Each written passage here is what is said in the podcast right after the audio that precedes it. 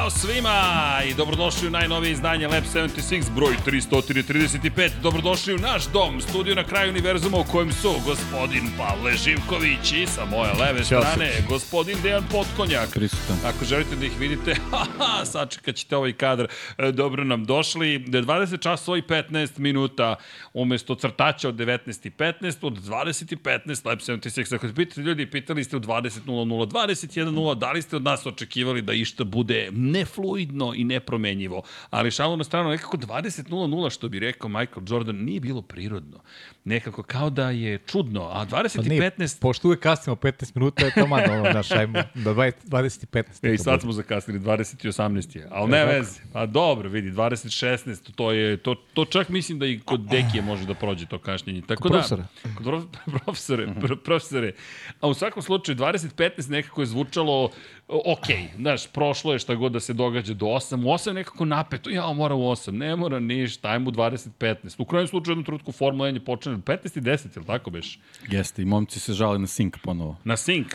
Na chatu. se žale. Uh, Vlado, resetuj Atem, molim te. Sad vlada vlada. O, čekao sam da izgovorim ovu rečenicu. Sad ćete vidjeti deke kako će da se ukoči na sekund i onda će odjednom Sync da bude... A ne ovako. ne, ne, ne, ima malo Atem, to je ne auto, a OBS i Atem vole da se tako poigraju. Vlado?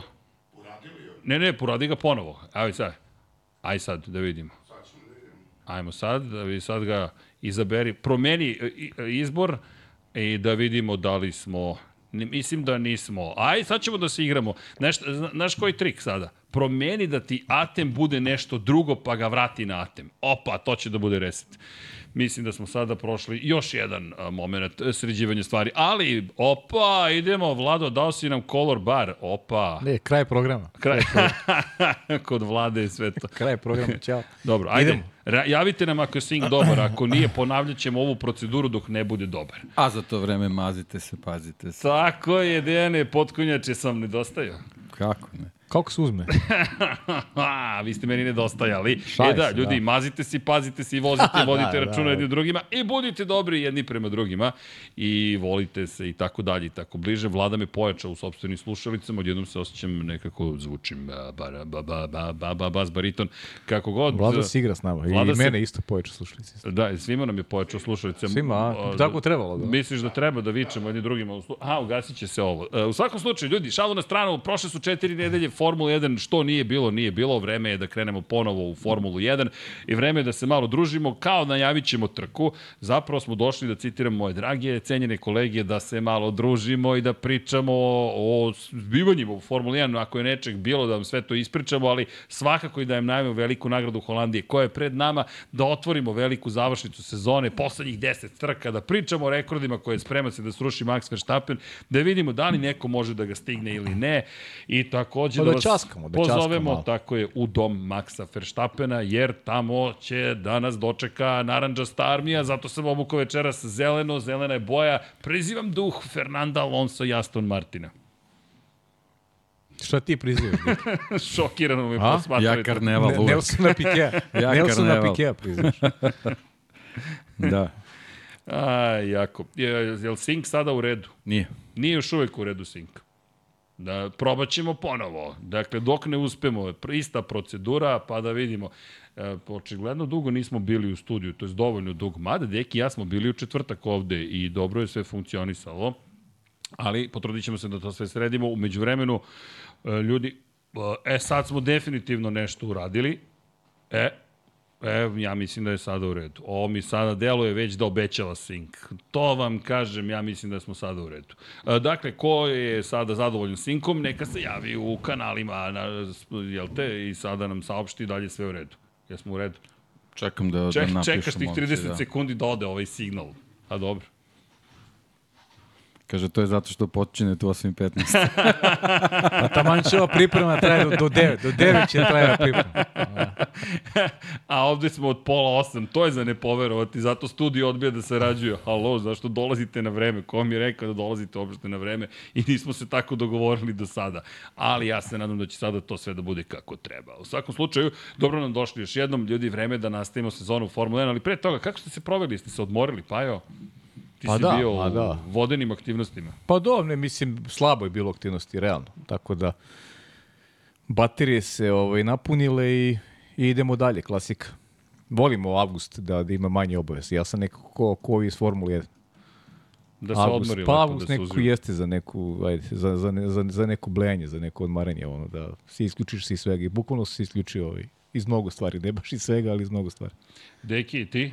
Pa dobro, mi smo ono u avgustu već imali na početku neke, neke naše aktivnosti i generalno paralelno sa tim još, još neke stvari sa strane, ali što pa ja kaže, ono malo, je- malo je opao ritam, ali dobro, mi smo imali da. Moto Grand Prix, tako da tu smo u principu. Da, da, dobro. Pa znam ljudi, ali nama, nama avgust, generalno kad pogledaš godinu, ono što radimo sva trojica, avgust je nekako mesec kada ima najmanje aktivnosti, realno. Mada ti imaš tu trku MotoGP-a, meni lično taj avgust prija, volim, volim svaki avgust. Pa ne, avgust je generalno Realno, lep, da. nego samo tako se potrefi Pa sa volim Moto zato Grand što Prix i kažem ti, Formulom volim jer 1 možda se isključiš, možda se isključiš iz nekih redovnih obaveza i to Verujem da je to svima prije da malo, da malo se resetuje. Da, mada nam se neki drugari žale, vlada konkretno koji kaže, ali ne naš Gavron 4000 koji kaže, Da, da, Vlada je- nedostajalo mi je Formula 1, četiri nedelje bez Formula 1, ko će to da izdrži? E, pakao. Jeste pakao iz jedne perspektive. Ali dobro, ko voli trkanje, imali ste Moto Grand Prix. Međutim, nastavljam mi sa Formula 1. E, moram da nam priznam... Oprečne informacije. Oprečne Evo radi, informacije. sad Evo je da. dobro. Ne dirajte ništa, all good. E, sad opet nije u redu. Top, sad je okej, sve je u redu, super je sada. Eto, to su informacije. Dobro, možda je se neko tek pridružio od onih kojima nije u redu, pošto to onda zvuči, a ja ovde nameštam da se u pozadini tebe vidi Formula 1. E, znaš šta mi se desilo? Smemo to da se vidi. A, smemo, smemo, Dobro. to sme da se vidi. Dakle, to čak sme da se čuje, čak se ni ne žele kad Dobro. ide, pošto ide zvuk iz same igrice. Dobro. Ali malo pre kada je krenula špica i sad razmišljam, mi su updateovali špicu u samoj igrici, se Ricardo pojavio u F1 2023 ili ne, i s druge strane kreće muzika ta, ta, na, na, na, i kaže, a, to nam nedostajalo, tako da meni, meni nedostaje. Da čekam petak da počnemo mi ponovo sa treninzima, počnemo sa kvalifikacijama, da Čujem, počnemo čujem da da se si trkamo. jutros malo igrao. Nije tačno, nemoj tako, nije. Ta, tako se priča, ne. Nije tačno, Nije samo da tačno, vam a? kažemo, da vam najavimo da ćemo voziti malo kasnije Deki i ja. Hoćemo voziti Deki. Hvala ti što si me obavestio. nisam ni ja vozio, evo, upalio sam igricu bukvalno. I kaže, Deki, evo, dobro da ne treniram. Nisam trenirao, imam svedoke. Ne, Deki znam da nije vozio, to ima pouzdanu informaciju. A za mene znaš Za šta? tebe čuo sam o, oprečna su ovaj mišljenje. Uh, ok, kako god pogledate, imat ćemo veliki duel. Malo pre smo imali veliki duel. Koleginica iz marketinga je zapravo tražila od nas da se ovde fotografišemo u, sa raznim knjigama, predmetima i tako dalje i tako dalje. Tako Prodao da, ti priču, gotovo. pa nisam rekao šta ćemo da Ma ne, radimo. ne, ne vredi. To, Ne to vredi. da znaš. Da, čekaj. Nema šanse da nešto uradiš Slušaj. da bude iznenađenje. To, ne to, što postoji si na, šanse. to što si namenila, boje da si negde na radiju objavila, manje bi ljudi čulo, 100%. pa, vrlo verovatno. Mislim, znam i Pajn novi nadimak, ali ne znam da li smem da ga spomenem ili ne. Pošto Pa može, slobodno, da- pa može, samo, ali, ali pod uslovom da kažeš ko ti je rekao. E, glupo je, glupo je da te spreči, pa ćeš onako reći. Tako da, Pa ne, ne, čače, ne, poštovo bih. Ako bi rekao, pa, ej, nemoj da pričaš o tome, ja bih rekao, vaš. Ne, pa zašto? Ali Pa nema stvarno, razloga. šta- šta Dakle, ima novi nadimak koji potiče iz biblioteke. Zovu ga Paja Kamilica. Tako da, Paja Kamilica za sve one koji vole Čika Paju Živkovića, Paja Kamilica, a ko mi je to otkrio koleginica koja se upravo pojavila na vratima, mahnulo mi ovako, prstom mi nestalo.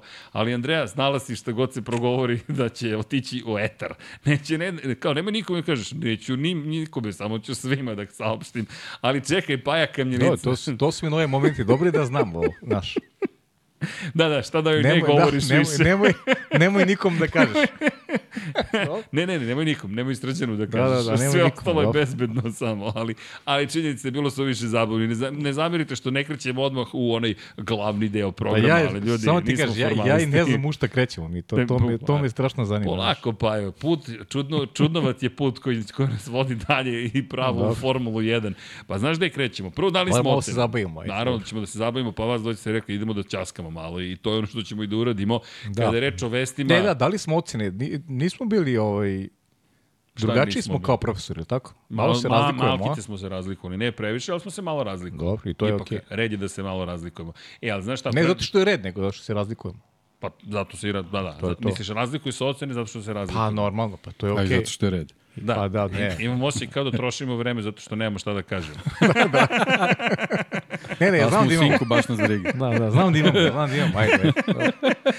Ali ovo mi je zanimljivo, nismo, a, znaš, nismo stigli da komentarišemo, davno beš, Nismo, kad smo, da, kad smo pa delili davno, ocene. pre dve nedelje. A pravi smo profesori. E, pa, Pa, pa, I profesori kad zaključu ocene odu na, odu ovaj, na na odmor. da. E, ja moram nešto da vam priznam. Meni je nešto palo na pamet. Ja se nadam Šta? da se niko, ne znam sad da li ću e, preći neku granicu pristojnosti ili ne, ali nemojte mi zameriti. Imao sam, e, po, pošto smo letovali u Hrvatskoj i sad sam slušao dosta hrvatskih radio reklama i sad postoje određene razlike u načinu izgovora i tako dalje, tako dalje. Ne zamerite kogoda iz Hrvatske i nevažno mi dalje ekavice i ekavice, koji god jezik, kako god da ga nazivamo, ali mi je nešto palo na pamet. E, I sad razmišljam o radio reklamama i pokušao sam da imitiram radio reklame, o ukusima sladoleda mi je palo na pamet. I po- pomislio sam da li bih mogao da budem radio, na primjer, komentator u Hrvatskoj, da li bih mogao nekako da se prilagodim, da, da malo drugačije govorim ili ne. I onda mi je palo na pamet reklama okus Red Bulla, okus, okus ljeta, ocena 10, s ovim sladoledom uvek znate što ćete dobiti. Znaš, onda se razmišlja da li tako nešto može, onda se razmišlja okus McLarena dobro počinje ili loš, uk, loš na početku, mnogo bolje kasnije. Okus Mercedesa, ko nam je stavio sol u sladoled. Imam utisak nisi dovoljno dobro odmorio. Ne, nisam sigurno, ali, ali Ti moja fali još malo odmora, ne? da mi fali nečeg drugog. Ne, ne, ne, ne, ne, ne fali. ti. Budi sigurno ti ne, nego odmora možda. Ali fali. odmora mnogo. Razmišljao sam kako bi to bilo zabavno da pretvorimo zapravo u različite ukuse sladoleda ekipe Formule 1. I onda sam razmišljao, pošto slušam radio, idu reklame, razmišljam da li bih mogao tako nešto da izvedem ili ne. I ne zamerite, stvarno nije... Ne, Meni je fascinantno, do, znaš, te tvoje vizije, ovaj, dokle to ide. Znaš, Limunko, šarenko i hladiše. da, da, da. A ne, ali stvarno, znaš, kupujem Šta sladoled. ste voli najviše? Ovaj? Slušam radio i šta smo volili najviše? Ja sam hladiša, recimo. Stvarno? Da, da. Ja sam kladišu volao kad nisam u kintu. volao sam kladišu i rumenka najviše. Ma, Hladiša Kada je ono bio po top. džepovima prebiraš po par dinara. Bilo Pa su nešto li, 5 dinara. pa znamo li nešto. hladišu, može, može 15 hladiša pojedeš ali ne možeš. ono, kad je bila kinta, pošto tad je bilo ono, nije, nije sad, nisu sad bili neki ono fancy ko danas, bili su ono Leni, Capri, to je. Pa dobro, to je druga priča, ali... da. Ali, Ali, o- ali, oni, si oni vodeni, ulici, vodeni ali si su na ulici bili, ceo da. dan vodeni su top. Pa vodeni su to, da. Ne, ja sam uvek bio sne, Ceo sneš. dan na ulici bilo Sneško. je paradajz, parče hleba. Ti si sav za. Sneško.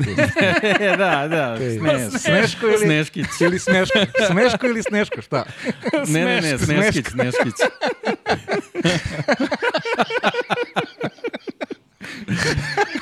To je činjenica. Čokolada Sme, vanila. Sneško, znao sam da je Sneško neki. I limun. Ali ne, ozbiljno, to je taj neki ukus koji se meni Ne, dopada. pošto nas gledaju i imaju 18 plus, ne, ne, ne, ne, ne sme da dodajem. Sram vas bilo, ali dobro, idemo dalje. Marko Lučić, welcome to svetio, sveti- svetioničar početnik. Pozdrav za Marka. Menjamo temu. I Pa menjamo da, da, temu, da. men, Izgleda menja temu. izgleda mu se dopada Ej, tema. Samo da znate, slikao sam dosta svetionika i nikako da izbacim, čak, evo, čak sam se skinuo sa društvenih mreža, ne previše. Našao sam neku tablu samo za pretplatnike, for subscribers only. To je bilo jače mene i na jednoj uh, stazi smo sreli koze, tako da sam morao da fotografišem koze. To jest kozu ili kozoroga, ne znam šta je. I eto, to je bila zabava letnja. I nemojte ići po planinskim stazama u papučama. To vam je topla preporuka. Pa to si treba odmah da pitaš. Pa, si krenuo. Pa da znam, ali bilo je kao, aj, kao, ajmo i kao, ajde, kao preko vrha, ajde. I onda negde gore na vrhu shvatiš, pa dobro, ove japanke možda i nisu baš pravljene za ovaj put. Negde tamo kod petog, spu, ali kad spušti je bio problematičan, uspon još i nekako, kad je krenulo Japanke nizbrdo, su pravljeni za Japana. Ti hoćeš da ideš Japankama. šljap, kozim šljap, putem, šljap, ne šljap, može. gleda mene koza, gledam ja kozu i pita se ono šta rade ovi ovde. Ništa. U Japanka- u Japankama. I da nisu iz Japana, ali nisu. Big in Japan. U svakom slučaju, eto, kao što možete vidjeti, mi smo se odmorili, lepo smo se zabavili, prešli smo na tamnu stranu, dakle, ali to ćete videti. Neću sve da vam pokvarim. U svakom slučaju, eto, da krenemo najzad u Formulu 1. ajde. Šta nas čeka? Čeka nas ljudi velika nagrada Holandije. Ono što je meni najlepše što će mi ponovo da izađemo na stazu i ono što je super je što ćemo u dve nedelje da imamo dve trke. Ni manje ni više velika nagrada Holandije, velika nagrada Italije, to je Zandvoort pa Monca i pritom, pazi sad, Deki danas šalje naslov Dobrodošli u dom Maxa Verstappena, to je dobrodošli u Maxovu kuću. I jeste kuća Maxa Verstappena, pri čemu 33. izdanje, a čovek je nekada nosio broj 33. Ja, Vlado, može ova fotografija našeg pregenijalnog prijatelja Hasana Bratića i kolege. Dakle, Hasan Bratić koji, kako, kako je čo, potpuno genijalna kompozicija, Morali smo da izdvojimo iz prošle godine koja se savršeno uklapa u naslov, dakle da bu došli u kuću broja 1 na 33. izdanje Velike nagrade Jeste. Holandije. Hasane, šta da ti kažemo? Ljudi, ko nije zapratio Hasana Bratića na Instagramu, ja vas molim, pozivam vas da to učinite, potražite ga. Hasan Bratić, dosta jednostavno korisničko ime, Hasan Bratic, jel te? To je naš prijatelj i kolega. Znači mu svaki pratilac zato što na taj način povećavate rič, povećavate kada lajkujete njegove fotografije, koliko će ljudi to da vidi. Kada to oni koji angažuju Hasana vide i kažu, aha, okej. Okay. Inače, Hasan koji ima, ne znam, 200.000 pregleda videa kako ide i snima kamione koji su se nalazili na spa i stvarno je fenomenalno. Bilo tako da eto, samo da se zahvalim Hasanu za svu podršku, pošto Hasan nam daje ove fotografije i omogućuje nam da legalno imamo fotografije sa trka Formula 1, pri čemu Hasan sve to sam plaća. Da I javi na nam kad smo u sinku. I javi nam kad smo u sinku. Da, sve, sve javlja, Hasan. Sve javlja. I javi kad smo u sinku, da, da, to je to. I, I tako, tako da je Hasan bio, bio ponovo potpuno genijalan. Znaš, u retrospektivi, vratiš se na Zandvort prošle godine, nađeš fotografiju i kažeš naravno. Naravno, Hasan. I onda ti se sve onako sklopi i kažeš, ma dobro, to ovo moramo fotografiju da spomenemo. Eto, to je mali apel u smislu podrške, a naravno uvek vas pozivamo i da podržite nešto lepo, da uradite, budete dobri, širite ljubav prema Formuli 1, Moto Grand Prix, kosmičkim istraživanja, Waterpolu, molim vas. Atletici. Atletici, da, kraljica sportova. Hitno E, da, nešto da, ti si, najavljuješ. da, da, ti si, ti si, da, pa ne, možda najavljuje, stvarno. Možda. Evo gledam. A, gla, Ne gledaš, gledaš, kažete, pa šta da, da, da, da, ne. moram. Pa svetsko Da prvenstvo. nije podcasta, možda bi bio i tamo. ali- Svetsko prvenstvo. Ajde, Stvarno? pa stvarno. Pa što nisi rekao? Pa zato što traje nedelju dana, nije u redu. Pa ne, što, što nije Ne, u ne, redu, sve deki. kakve veze ima? okej. Kakve veze Ma, ima, pa okej. samo, To samo, je, to je ulaganje, to je samo ulaganje. bi morao da nosiš te majice, ništa Pa drugo. da, dobro. To Kao- je, to je ulaganje, to je proces. I dopada mi se ta ideja, da znaš, to smo pričali, da mi se strašno dopada ta ne. ideja. Mislim, Atletika je ja kraljica sam sportova. onako, ja sam onako uh, skriveni ovaj, ljubitelj. Dobro, nadam se da ćemo uzbiljiti ovu priču. Gledamo te, Dejane, značajno Ne, te ne, ne, ne, ne, ne mogu, ne mogu za, za 100 ne mogu. Ja ne, ono što Ne, ne, ja ne ono, mogu za sto. Ono, ne. ono što u, u što nisam upućen dovoljno ne želim ovaj ne, to ne, da radim. drugo nešto. Znaš moju teoriju, ali ovo baš podržavam zato što je to onako jedna baza, jedna ozbiljna baza kada govorimo o sportu. U svakom slučaju, da se vratimo mi Formuli 1 i da krenemo polako li sigurno u završnicu sezone. Jel te završene, završene pauze od četiri Ferije, nedelje? ferije gotove. Ferije su gotove, na sve strane se polako ljudi okupljaju, počinje septembar, U evo, našem slučaju se kažu Ferrarije. Fe, Ferrarije. o, Ferrarije su Ferrarije, gotove. E, danas uh, kupujemo računar, nešto završavam, ulazi gospodin sa, od, nešto sa jednom limenkom, jednog energetskog pića, da sad ne reklamiramo nikoga i kaže Jurim neke nalepnice mi kao pa možda možemo ti pomognemo sa nalepnicama i kreće odmah priča o Formuli 1, gde je jedna od koleginica uskače sa pričom o Red Bullu i Maxu Verstappenu, a onda mi negde pretpostavljamo da je suparnička strana Hamilton. Nisam ja Hamilton, ne, ne, ne. Pa za koga navijete? Nažalost za Ferrari. Ali se i dalje navija, prati se Formula 1 i tako dalje. Tako da, da, pozdrav za ovde. Ferrarijevce. Ali, da nastavimo s ovim e, večitim uvodom. Dakle, 27. avgust, velika nagrada Holandije Zandvort, pri čemu u Zandvortu ćemo nastaviti i sa ostalim šampionatima. Ne sa ostalim, trojka pauzira, spava. Formula 2 i Porsche Tako, Supercup. trojka završava sezonu u Monci, oni ovde sad Jeste. propuštaju. Ovde imamo jedan preskok, ali već za 10 dana završamo, tako da znate da će biti još trka, ali ono glavno jeste Formula 1. I, izvini, i kad već Naravno. pričamo o ostalim stvarima, Porsche Supercup ima dve trke u Zandvoru. Jeste. Tako da možda, možda Ten Vorde nešto uspe da učini, mada mislim da nema Pa šanse. da, Risto Vuko dve trke. Risto Vukov, da. pre- Prebacimo Pre svega priču na region. Prebacimo priču na region. Ima dve trke, subota i nedelja, dve trke, tako da. Eto, lepo, iza njega lepo iskustvo. Jeste, i pritom je imao priliku da testira u Zandvortu. Ja nisam testirao u Zandvortu, deki, samo da znaš, od prošle godine nisam vozio Zandvort, ali Zandvort je 13. trka ove sezone od 22 i kao što smo rekli kada smo zatvarali prvi deo sezone sa velikom nagradom Belgije, nije baš bukvalno polovina, prošli smo polovinu sezone.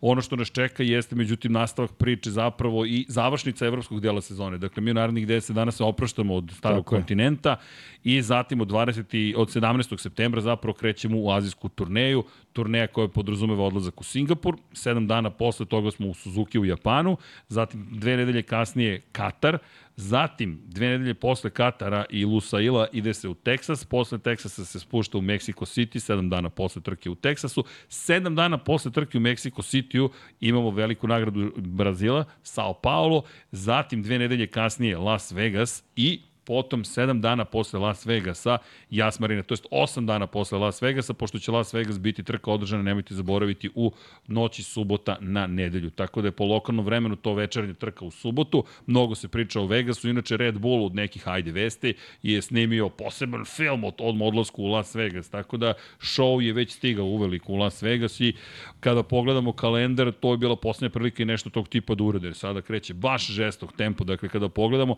sada imamo dve spojene spojene trke, pa potom imamo dve spojene trke posle toga, pa imamo jedinu pravu pauzu između zapravo Suzuki, Lusaila i Teksasa, a potom tri trke za redom, pa pauza, do to je pauza. Jedna nedelja slobodna i onda još jednom dve trke za redom.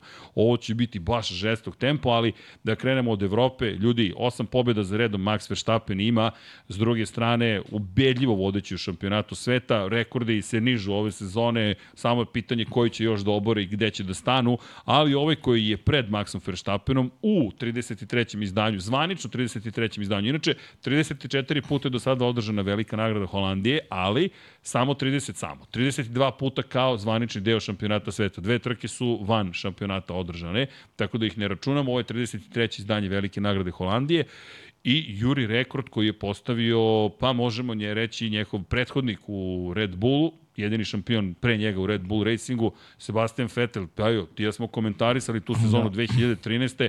To, to je tada bio kraj sezone. Dakle, poslednjih devet trka su obeležile pobede Sebastiana Vettela. Ljudi, sada smo u nekoj drugoj situaciji. Sad je polovina sezone, a on već ima skoro devet pobeda za redom. Ja se sjećam da sam te 2013. godine nismo imali podcast rekao da se nadam da se više nikad neće dogoditi da, da neko pobedi devet puta za redom.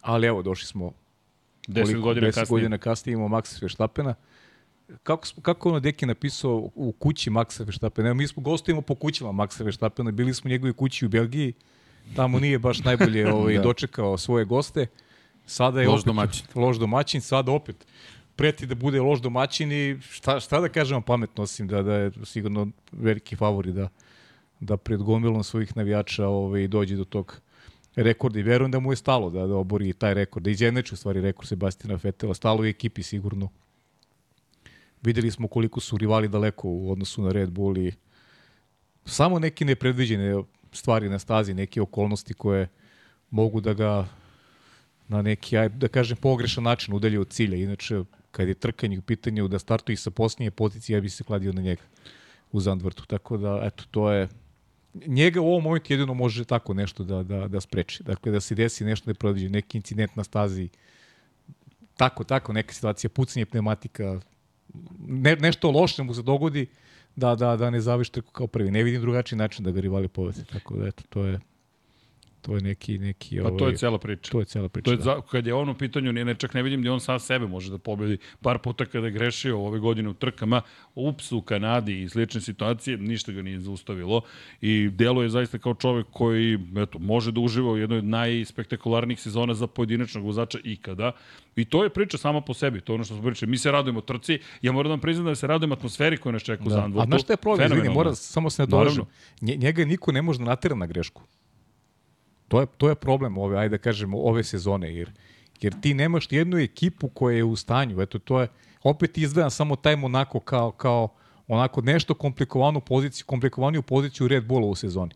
Nijedna druga prilika se, se nije dogodila, nije odigrala na stazi gde on ostio neki pritisak.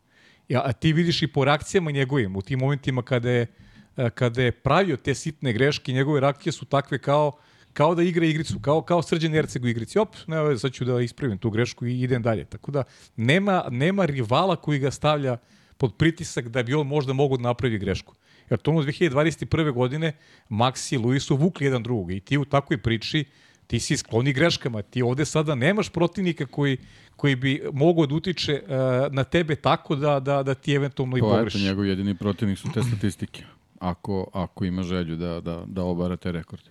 Ili nekad i to napravi pritisak Pa da, ponekad može, i ali- bespotreban. Znaš, Ali ja čak imam utisak da se on toliko ne opterećuje tim stvarima. To je Pa makar moj deluje, utisak, da. tako Mada mi izgleda. da ne smo ove sad ove poslednje intervjue koje je dao, on je, on je prilično uh, željan da u Formuli 1 bude isključivo u samom vrhu.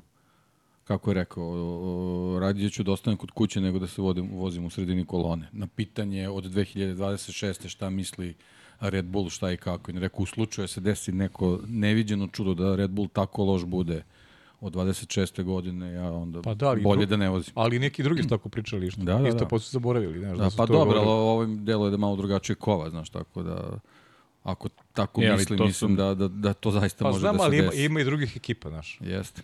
Ako Red Bull, Red Bull bude loš. Ne, Pa, ne, ne, dobro, ne bojim se ja nije za njega. rekao da neće da vozi, da, da, nije rekao da neće voziti za nekog drugog. Da, Dakle, ali da samo neće da, ne vozi u prosječnu Samo da bolid. neće voziti prosječan, mada okej. eto, kažem, iz- izrazio je sumnju da će Red Bull da bude prosječan boli. Dobro, dobro, mi se slažemo, mi se slažemo s tom da, da. uf, E, da, da, vidit ćemo. Ali, re, ali Da. reči nisu, neću voziti Red Bull, samo, to smo nije rekao Ne, za koga voziti će voziti. Formulu 1. To, Ako bude u Ako prosječnu bude. bolid. Pa da, ali mislim da ima ko da mu ponudi nadprosečan bolid ili da i može da ga traži u krajnjem slučaju mada e, što kaže Paja mnogo često smo se mi Al- naslušali ljudi koji kažu ko ja da budem tamo negde pozadi i da vozim nema To, šanse. znaš koliko puta se žotiš ko, I- ko ja? Pa bude za par godina, baš A to. to je ono što pričamo, nikad ne reci nikad. Evo možemo da se osvrnemo, ako ne u Formuli 1 i u Moto Grand Pa Prix, ne, u ovom sveže trenutku, primere. znači imaš na početku sezone, imao si Hamiltona, ovamo si imao Markeza, imaš Kvartarara, A da, pogledaj koliko se njih vrti. Na, ne, Pri, pritom ne se razumemo, sredini. ništa tu nije loše. preko noći. Iz, Preko e, noći. Ja onako, ja sam onako, živim u uverenju da samo glup čovjek ne menja mišljenje. Tako da uopšte to nije kritika neka. Ok, da ti danas misliš ovako, a da sutra okolnosti se promene, pa si onda skapirao da, znaš, ono, promenio si malo stav, malo drugačije gledaš, pa hoćeš ipak da učestvuješ u nečemu što ti možda trenutno ne daje neki opus koji si imao ranije, ali prosto želiš da budeš da budeš deo te priče. Tako da sve okej, nema ne ovde ovo nije nikakva kritika upu- upućena sada na račun Maxa Verstappena, makar sa moje strane. Ba, vidi, ja mislim da mi to posmatramo iz perspektive ljudi koji su i sami govorili, ja, nikad. Da, da. I onda ti se samo jednom, tri godine kasnije, pet, to stalno ponavljamo, vrati situacija. Tako da, okej. Pa evo ti deki na tvoj ga. teren, još jedan tvoj teren da prevedemo. Jürgen Klopp, recimo. Znaš o čemu govori? Ja ne znam. Pa o Čekajte. milionima, znaš. Ko, aj, uputite mi Pa ljudi. to je milionskim transferima, znaš. No, on ne shvata kako ti ide mi nikad i te, i te ovaj, priče, pa, pa onda je došao tada da, da i on troši 100, preko 100 miliona za transfere, znaš. Pa dobro, ali troše, mislim dobro, sad je to da široka priča, ali A, ali opet ti kaže, i sam je transfer rekao, Liverpoola je šest puta manji od, od Mbappe-ovog transfera. ne veze, ali sam je rekao, korigujem svojim i to, Mbappe, ja to, Mbappe vredi više od, od kampanje Ferrari u Formuli 1. Sve okej, okay, ali ti kažem opet, Da, da, ovo da. nije kritika na Ne, njegov ne, račun. nego, naravno, znaš, naravno. menjaju ti se, menjaju ti se vidici, znaš, Mislim, vremenom dobro, ali on i malo dalje... gledaš stvari, Sad prelazim neke, neke druge teme, ali on i generalno i dalje pokušava da u tim nekim razornim merama bude, s obzirom na kako neki Pa dobro, drugi Nemac, troše. Nemac. Da, da, da. Znači, Nemci su najracionalniji U futbolu je sad već stvarno da. neke stvari su postale smešne, onako, prilično što se tiče tog novca, ali, ali dobro, to je sad neka, neka druga tema. Digre, digresirao sam Jeste, samo, ali i- da ne širimo. dobro, A i u Formuli sport. 1 su budžeti onako diskutabilni, tako Da. da, tu Misliš, smo na istom smo terenu. Su, ej, kada smo Da. kod toga, ljudi, šta sam o, otkrio tokom mog leta? Bio sam vredan, vidite, da nije, ljudi, a moram to da proverim, pa me nemojte držati e, svi zajedno 100% za reč. Međutim, ono što sam otkrio, možda neko to i zna, javite se u četu ljudi ukoliko ste bili svesni toga, ja moram priznati da nisam bio svestan toga, a to je zapravo šta mogu da rade timovi koji sami sebi proizvode delove. Dakle, Red Bull, Ferrari, Mercedes, Alpina. Ako ja proizvedem neki deo, prednje Dobro. krilo, na primjer, ja mogu da upišem u budžetu da to prednje krilo vredi 20.000 funti. Ali ako prodajem tebi kao Hasu, ono vredi 200.000 funti. I sad, ti kao Has moraš da upišeš u budžet stavku 200.000 funti. Ja to isto krilo, pošto sam proizvođač, sebi dajem po drugim cenama. I prodajem samo, to jest ne, ne, ne prodajem, nego vrednujem kao 20.000 funti. Šta će reći? Ako si veći, bogatiji tim, ti plaćaš manje zapravo, a pošto je budžet ograničen, Haas mora da potroši mnogo više za isti jasno, deo. pa dobro. I onda otprilike kako su mogli da naprave toliko, no- toliko stvari u Mercedesu? Pa navodno, kažem još jednom, proverit ću pažljivo pravilnik da pročitam, možeš sebi da proizvedeš koliko god hoćeš delova i da spustiš cenu i da kažeš, to je takozvano napredno knjigovodstvo i da kažeš ja sam zapravo napravio delove po toj ceni i što kaže deki nabavnu cenu upišeš koliko te koštalo da kupiš ta ugljenična vlakna, toliko koliko vredi taj rad, ne, ali nema marže, nema dodate vrednosti, nema ničega i ti zapravo kao bogati, to je tim koji ima kontrolu nad proizvodnjom, sebi naplaćuješ mnogo manje, to je prijavljuješ u budžetu koji prijavljuješ Formula 1 mnogo manje. logično, to baš zvuči logično. E, I, I pazi, nije mi palo na pamet to. Pa nije ni meni iskreno, ne bi se, mislim, svaka čast se bavio uopšte time, ne Pa, bi ni meni pala na pamet. Ka, odmaro sam. Odmarao si, da, aktivan odmor. Aktiv uvek. A čekaj, ima naznaka nekih ovaj, oko toga ko je kršio budžet? Jeste videli nešto novo? Pošto ja sam baš odmarao. Pa, poslednje što je bilo je ostalo ono o čemu što smo što već smo znali. već tako je, nema, tako je, nema, tako je, novih, tako je. nema noviteta. Pa da, nema u suštini nekih novih informacija pouzdanijih, pa da kažemo, aj vidi, to se desilo ili to se nije desilo. Više su se dešavale neke zabavne stvari, neke zanimljive priče. Evo, jedna od najvećih priča, mada malo skačemo sa teme, jel te, mm, Pa nema veze, Maxa Verstappena, ali ljudi časkamo, jeste priča o Felipe Masi Da, da, i da. njegova tužba. Dakle, to je Jeste. možda i najveća priča koja se desila u ove četiri nedelje. Felipe Massa, za one koji ne znaju, čovek koji u malo nije postao šampion sveta sa Ferrarijem 2008. godine, će zapravo tražiti koliko? 20 miliona dolara odštete obeštećenja za izgubljenu titulu šampiona sveta, jer smatra da to što su znali za skandal nameštanja Renaultovog, da se Nelson Piquet mlađi slup u određenom trenutku kako bi omogućio Fernando Alonso da pobedi na velikoj nagradi Singapura 2008. Što je navodno prema mišljenju Filipa Mase dovelo do toga da on izgubi titulu, stražit će da mu se isplati 20 miliona dolara na ime štete. To je najveća vest, pre čemu to se desilo pre 15 godina i tema nije tako crno-bela, s obzirom na činjenicu, deki danas smo ti ja diskutovali o tome da zapravo to nije baš tako jednostavno kao što Felipe opisuje. I ima tu par stvari. Jedna je... Pa da, ako se pokrene priča na taj način i recimo dobije tu vrstu slučaja, to onda kreću neke neke druge priče. Pa nema toga ništa. Mislim, realno, to je prilično zastarela stvar. Mislim, i neki, neki mnogo ozbiljniji Sa- zločini u, u startu, za 15, u, u, posle u 15 startu godina su rekao, zastareli. U startu da. si rekao ključnu stvar. Da. Jer ako mu se da tu na neku znači, to je onda jedno brzino, ko tu se onda okreće ovaj, mnogo toga, možda se pokrene, tako da će to da bude, ostane ad acte, verovatno. Ne, nema priče u suštini. To je priča za, za avgust mesec, dok ne počnu sada, ovaj, dok se ne vrati formula ovaj, na stazu, mislim da tu nema priče nikakve. 15 godina. To, to, to nema, nema, nema priče uopšte. Pa da, ima tu još par stvari. Dakle, ako se vratimo na tu priču o toj velikoj nagradi Singapura, nije masa ostao bez plasmana zato što se desio samo taj incident, Tako je. već zato što je Ferrari tim pogrešio. Tako je. Šta planira? Da tuži ekipu Ferrarija za loše određenu strategiju. Pa stani u Ne red. strategiju, Onda za grešku prilikom promet dolivanja I goriva. kakve veze ima Lewis Hamilton sa celom pričom? Pa, to Lewis je Hamilton ono... na svoju titulu. Kakve on ima veze sa celom pričom? Ne, ali vidi, ko je pogrešio tada? I, i apropo i Luisa Pa Hamiltona... ne, on je osvojio titulu. Kakve on ima veze ima, sa, sa I celom to pričom? poen više. Pri čemu, Deki, ti si neko, jesi ti računao? Ko je Da, računao? nisam ja računao, na, naleteo sam, neko je bio vredan i, i uh, napravio je ovaj računicu u slučaju da se okay. takav Okej. neki slučaj pokrene i da se ustanovi da, da, da, da, da su bile te nepravilnosti. Ako dođe do situacije da se diskvalifikuju vozače Renaulta, Fernando Alonso i Nelsinho Piquet, da im se skinu bodovi iz čitave sezone, čovjek je uradio kalkulaciju svih plasmana bez njih i došlo se do toga da bi Lewis Hamilton ponovo bio šampion. Tako da, da citiram našeg dragog da. Nikolu Zagorca, Johnny-a, Johnny-a Zagora, dakle, koji je rekao, pa ne, zapravo duplirao bi prednost na kraju sezone, umesto jednog imao bi dva pa- poena. Duplirao bi prednost. ne, znači, Jo- Johnny ovako sedi mrtav lavan kao špricer i kaže, pa da, duplirao bi jer prednost. generalno neka, neka krajnja odluka bi bila ta da se njih dvojica diskvalifikuju iz te sezone i da, to- opet to. bi rezultat bio isti. A sve se svodi na to da su lepo iščupali crevo i da je čovjek izašao ispita kako treba, Pera ne bi uopšte morao da ide u Svega policiju. ovog Ti ne bi kažem, bilo. Pa, Nadam da. se da mi neće biti tako dosadno u penziji kao Filipe. Pa zavisi, ako dobro, imaš možda- 20 možda miliona zafalilo, razloga da, za da, to, znaš, možda pa Verujem da je to neka priča bonusi advokata plus neka nagrada koju treba dobiti od Ferrarija, to je otprilike taj iznos. I... Ako je to motiv jedini, Pa, da. okej. Vidi, pa jo, mi bismo te molili A i da to uradiš. 15. godine, Da. znaš, jubileje, prola- prora- prorade emocije, znaš, volovi da obeležiš nešto i onda kao... Ajde, Gleda da. onu trku, vidi onu radost oko sebe i Uf, to je baš bolan trenutak. Ne, ne, jest, nije stvarno, sporno, da. mislim. Ali, Ali- nije, a- ono, ja- ono ja je baš mislim, bilo on- bolno gledati. Znaš ko njemu treba plati oštetu? Pa znate ko treba plati. Njemu treba Timo. da se... Timo. Te kad Timo. zove Tima za oštetu, a ne... A, Ne, Timo. njemu Toyota treba da... Toyota, a Toyota. Što nije radila. Ako nema, Ali im je bila strategija svake im čast. ako nema broj telefona, neka zove Risto Vukova. Risto, a. Risto će mu da broj. Ne može da stigne Risto da bi ga pitao za telefon. Risto ga ostavio u prašini u Hungaroringu. Tako da, Risto koji je pretekao Tima Gloka i kaže, ja ne znam gde je on pošao, ja sam imao ovaj putagnik, stvarno jeste. Jeste. Timo tom analogijom, pošto je prestigo Tima Glock, on je svetski šampion. Da, Da. on je bolji od Luisa Risto, Hamiltona. bolji od Luisa Hamiltona. Risto, idemo bravo, like za Risto. Risto. Ej, ste kliknuli like, drugari i drugarice, molim vas, kliknite like.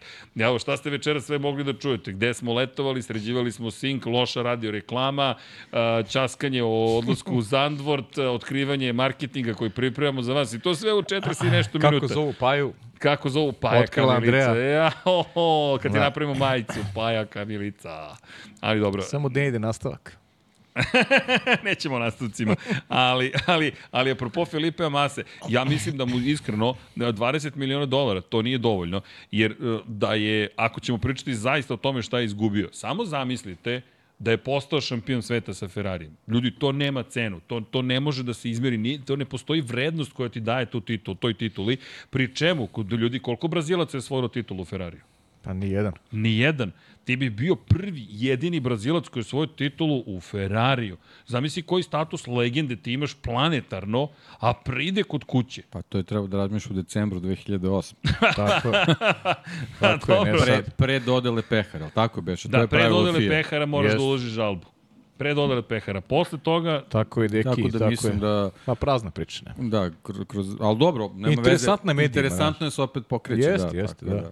U, u krajnjem slučaju zvanična tužba postoji. Ne možemo da, on je, ignorišemo. pa da, on je, on je najavio da će podneti tužbu i uh, prosto koristi tu priliku koju je na Mada, informacije znaš, koje je kad, dobio. kad, se, kad se pokrenu ovaj, u nekim drugim slučajevima a, priča o tome šta je neko rekao pre 10 godina, pa onda zbog toga bude kažen i ostranjen iz padoka, možda Aha. može i ovo u Formuli 1. Pa, pazi, zavisi. A ponovo je Brazil u priči, tako da... Pa da, da, ali... Šalim se, šalim se. E, pazi, ba, ono što je on rekao, prosto je posle, posle pismo, inače izvršnom direktoru Formule 1 Stefanu Dominikaliju i predsedniku Međunarodne pomorske federacije Mohamedu Ben Sulajmu o svojim naverama i e, prosto e, rekao je da motiv Bernie Ecclestona u to vreme da se izbjegne skandal njega koštao desetina miliona eura ili dolara, čega god hoćete, u desetinama miliona i da je to zapravo ono s čim on ima problem, da je on jednostavno bio žrtva jedne zavere.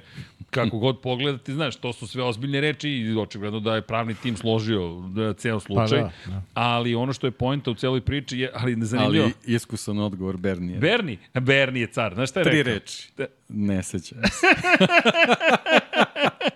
Bernie koji je rekao, Pa ne dobro. sećam se ovoga. A Da... samo ti kažem, da, da li je logično da se Berni ne seća?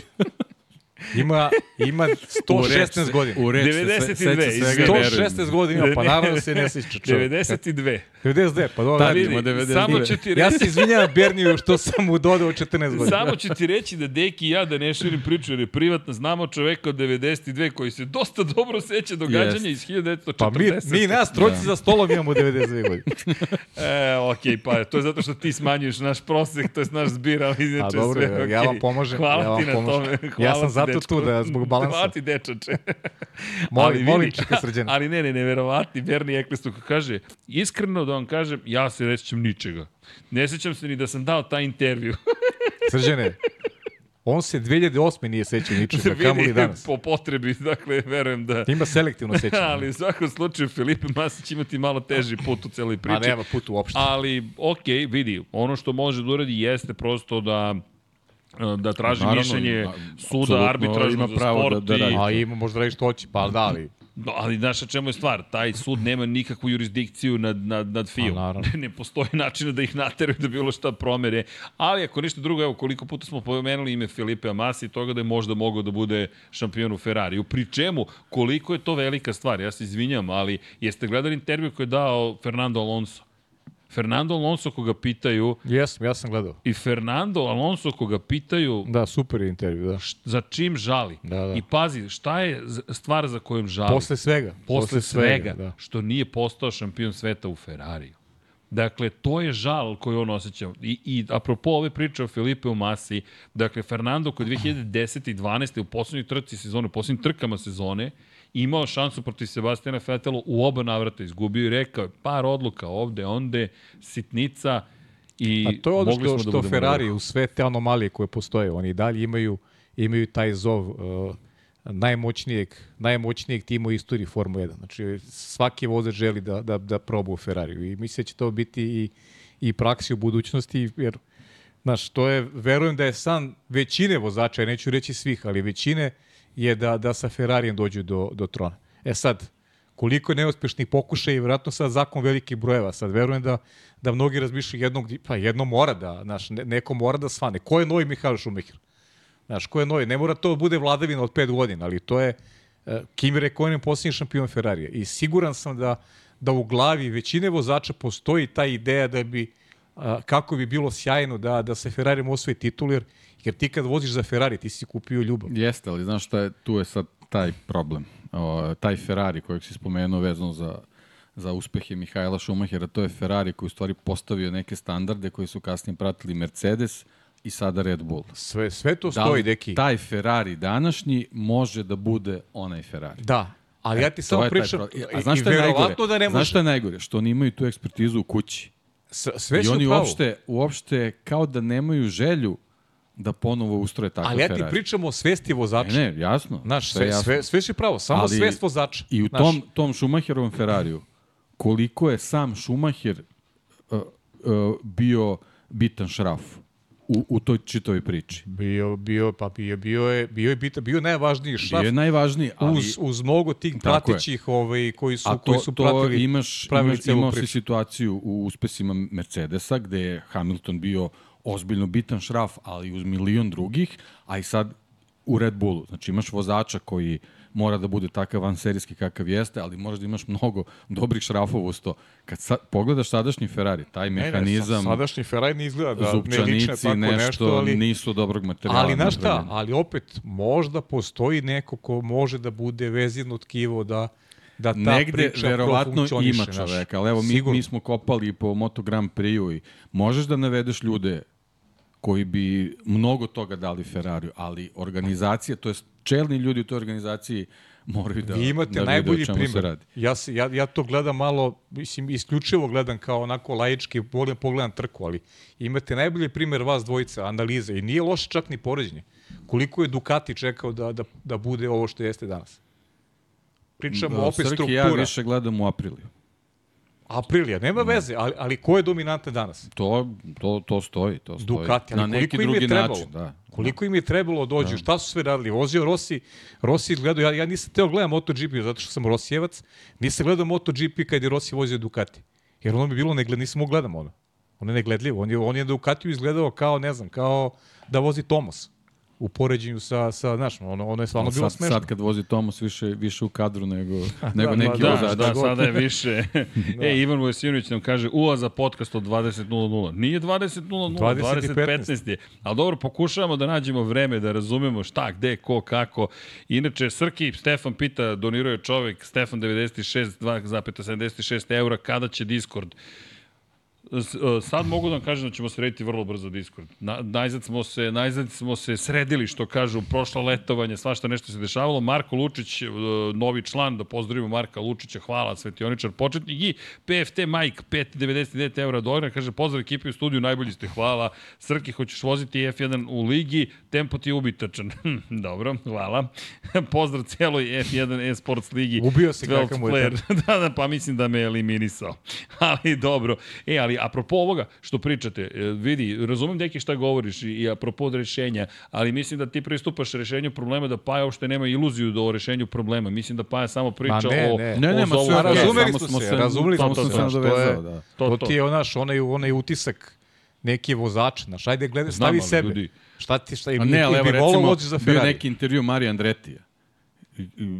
Ako, ako nisam pogrešio, mislim da on rekao kao šta je rešenje, on kaže vratite Luku di Montecemo.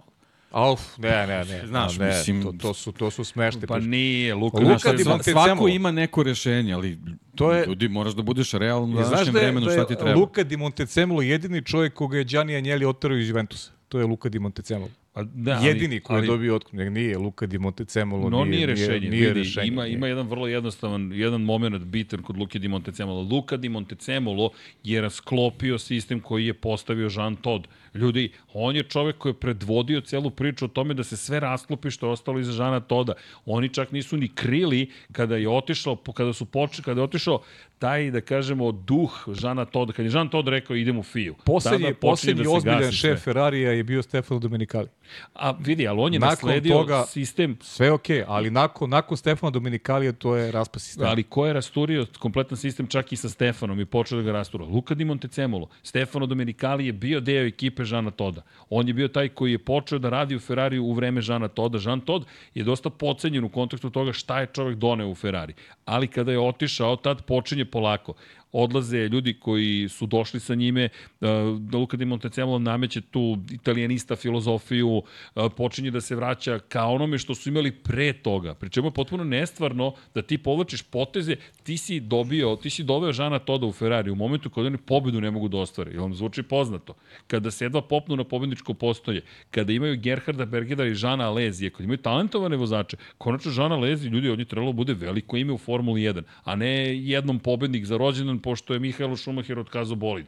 Dakle, to je potpuno neka čudna priča. Pa to šta su ti izbori naš u životu? Tako je. Pazi, on je Neverovatno šta su izbori. Odbiješ Williams 1991. godine, odiš u Ferrari. A da, Ej, to je. odbiješ Williams. Ali vidi, Ali su- to, je, to je ta priča, Deki. To je ova priča Dekijeva i Boja, znaš. To, To je ti, to. to. ti je pogled, znaš. Te, tebi, te, Zo Ferrari je bio i suviše veliki za njega da bi I možda... je. Da bi bio racionalan, znaš. Jer tu nema veze sa, sa racionalnim, ne, nema veze. Tebe zove Ferrari. I to je to. To ja verujem da je to i danas postoji kao neka kao neka A to ti dogma, te zove Real Madrid u futbolu. Tu Upravo nemaš to. racionalno razmišljanje. Nemaš. Real kakav god daje, znaš, da li, da li je, koliko Real dugo čekuje da bude šampion Evrope? Koliko, koliko vrhunskih futbolera je završilo na klupi Reala. Zato što je nije, nije sekundu razmišljao kad je stigao poziv iz Reala. Tako je. Tako je. Nemaš ti... Odlično pravo poređenje. Ali da. to ti je to. Real. Madrid i Ferrari, to je to. Je to, to, je to. Ćemo na Viga da se, Figa, izvinjam se, da se vratimo ono, i tako dalje. Čak Ma i ja te pa znam mnogo, skandalozne. mnogo momente. igrača sad. ko će da- pokaže da, znanje? Da nešto znam, a? Da, da, da. Sneškić. Da. E, ali vidi, e, evo i komentara, svi znamo da treba poništiti rezultati namještene utrke, masa pravi šampion, kraj priče. A ne znam kako se ponište rezultati te trke, da, šta, da li se onda onda postaje šampion Felipe Ma Massa. ne ako može ta tako. trka. Ne može Ne, ne, samo ne ta može to trka, da. tako da Pravo bude. je, slaži se ja s Deki. To- ne možeš ti poništiti tu trku. reakcija. Tako je. U svakom slučaju, kako god da pogledamo, Felipe će nastaviti svoju priču, borbu, pa eto, Naravno, palčeve. Ali meni, izvini, fascinantna je mnogo fascinantnija izjava Fernanda Alonso, koji sa setom priča o tim propuštenim prilikama da postane šampion sveta u Ferrari. Znaš kako, kako, aj vraćamo da samo zaključimo ovu priču. A, 2008. godina, Singapur, ta trka je morala tada da se poništi. Pritom, Lewis Hamilton, posljednju trku u sezoni, da li vozi onako sa spoznajom da možda bude i peti, šesti? Tako je. Ti onda voziš, ako ti treba pobeda, pa ti drugačije voziš tu trku onda. Znaš, to je, to je onako lančana reakcija, to je Pa da, ali baš široka je, priča, mislim, ljudi, sve, ne možemo sve pada polemišati u na vodu tu zato što temu. ta uopšte. trka nije mogla odmah da bude poništena, zato što je porodica Pike mnogo meseci kasnije iznela u javnost Da. šta se sve dešavalo zbog, zbog nesuglasica sa, sa Flavijom Briatorom. Pri- Tako da pričamo o niko nije momentu. posumnjao u tom je, trenutku da, da pričamo je o bilo momentu šta... koji podrazumeva i čovek koji svoju šampionsku titulu. Kako bi se on Tako je. ponašao da mu u toj tri strebala pobeda?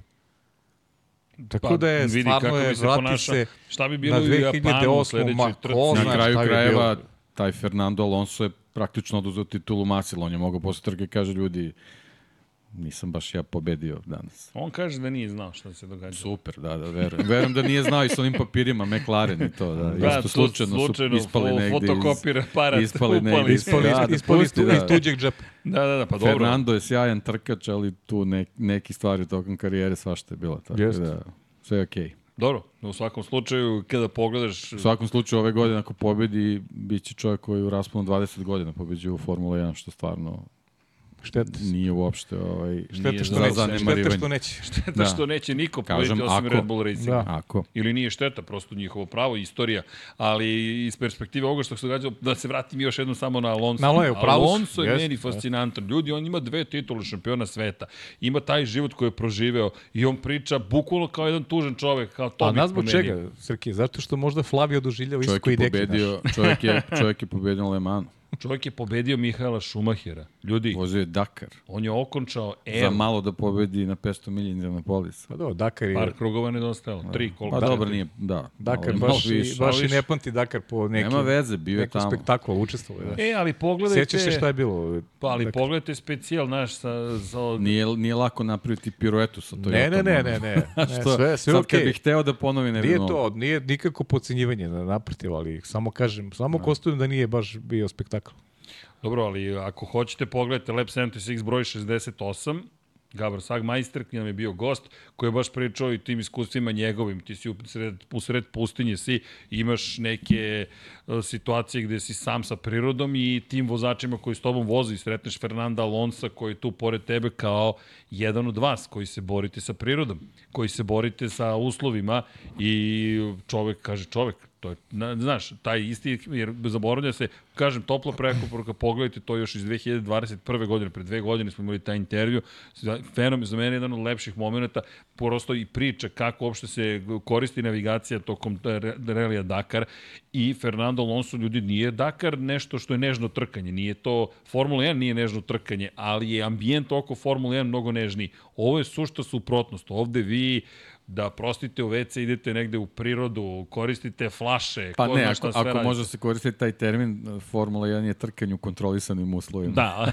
A Dakaru, A Dakaru- nisam baš siguran da možeš bilo šta da kontroliš. nema kontrole. E, u tim uslovima se trkao Fernando Alonso. Tako da ogromno poštovanje za njegovu ljubav prema trkanju. Meni su fascinantne pa- neke, neke od momenta u poslednje vreme kako je gledao sa Danielom Ricardom onaj čuveni kvalifikacioni krug u Saudijskoj Arabiji Maxa Verstappena 2021. On čovek daje intervju, ali njega njegov intervju ne zanima. On gleda šta Max radi u tom momentu i svi smo omađijani tim krugovima Maxa Verstappena gde on kači jedan zid, drugi zid i Fernando koji kaže "De- Deni, Deni, Rik, ovo će biti dve desetinke za ostatka kada ono ljubičasti sektor i obojica kao, o wow, kao čekaj, čekaj, i oni već odustaju od ideje da će da pogreši Max Verstappen, jer ide duga krivina u levo i onda još jedno skretanje u levo i to je to. I počinje da se vraća intervju i Max pogađa zid.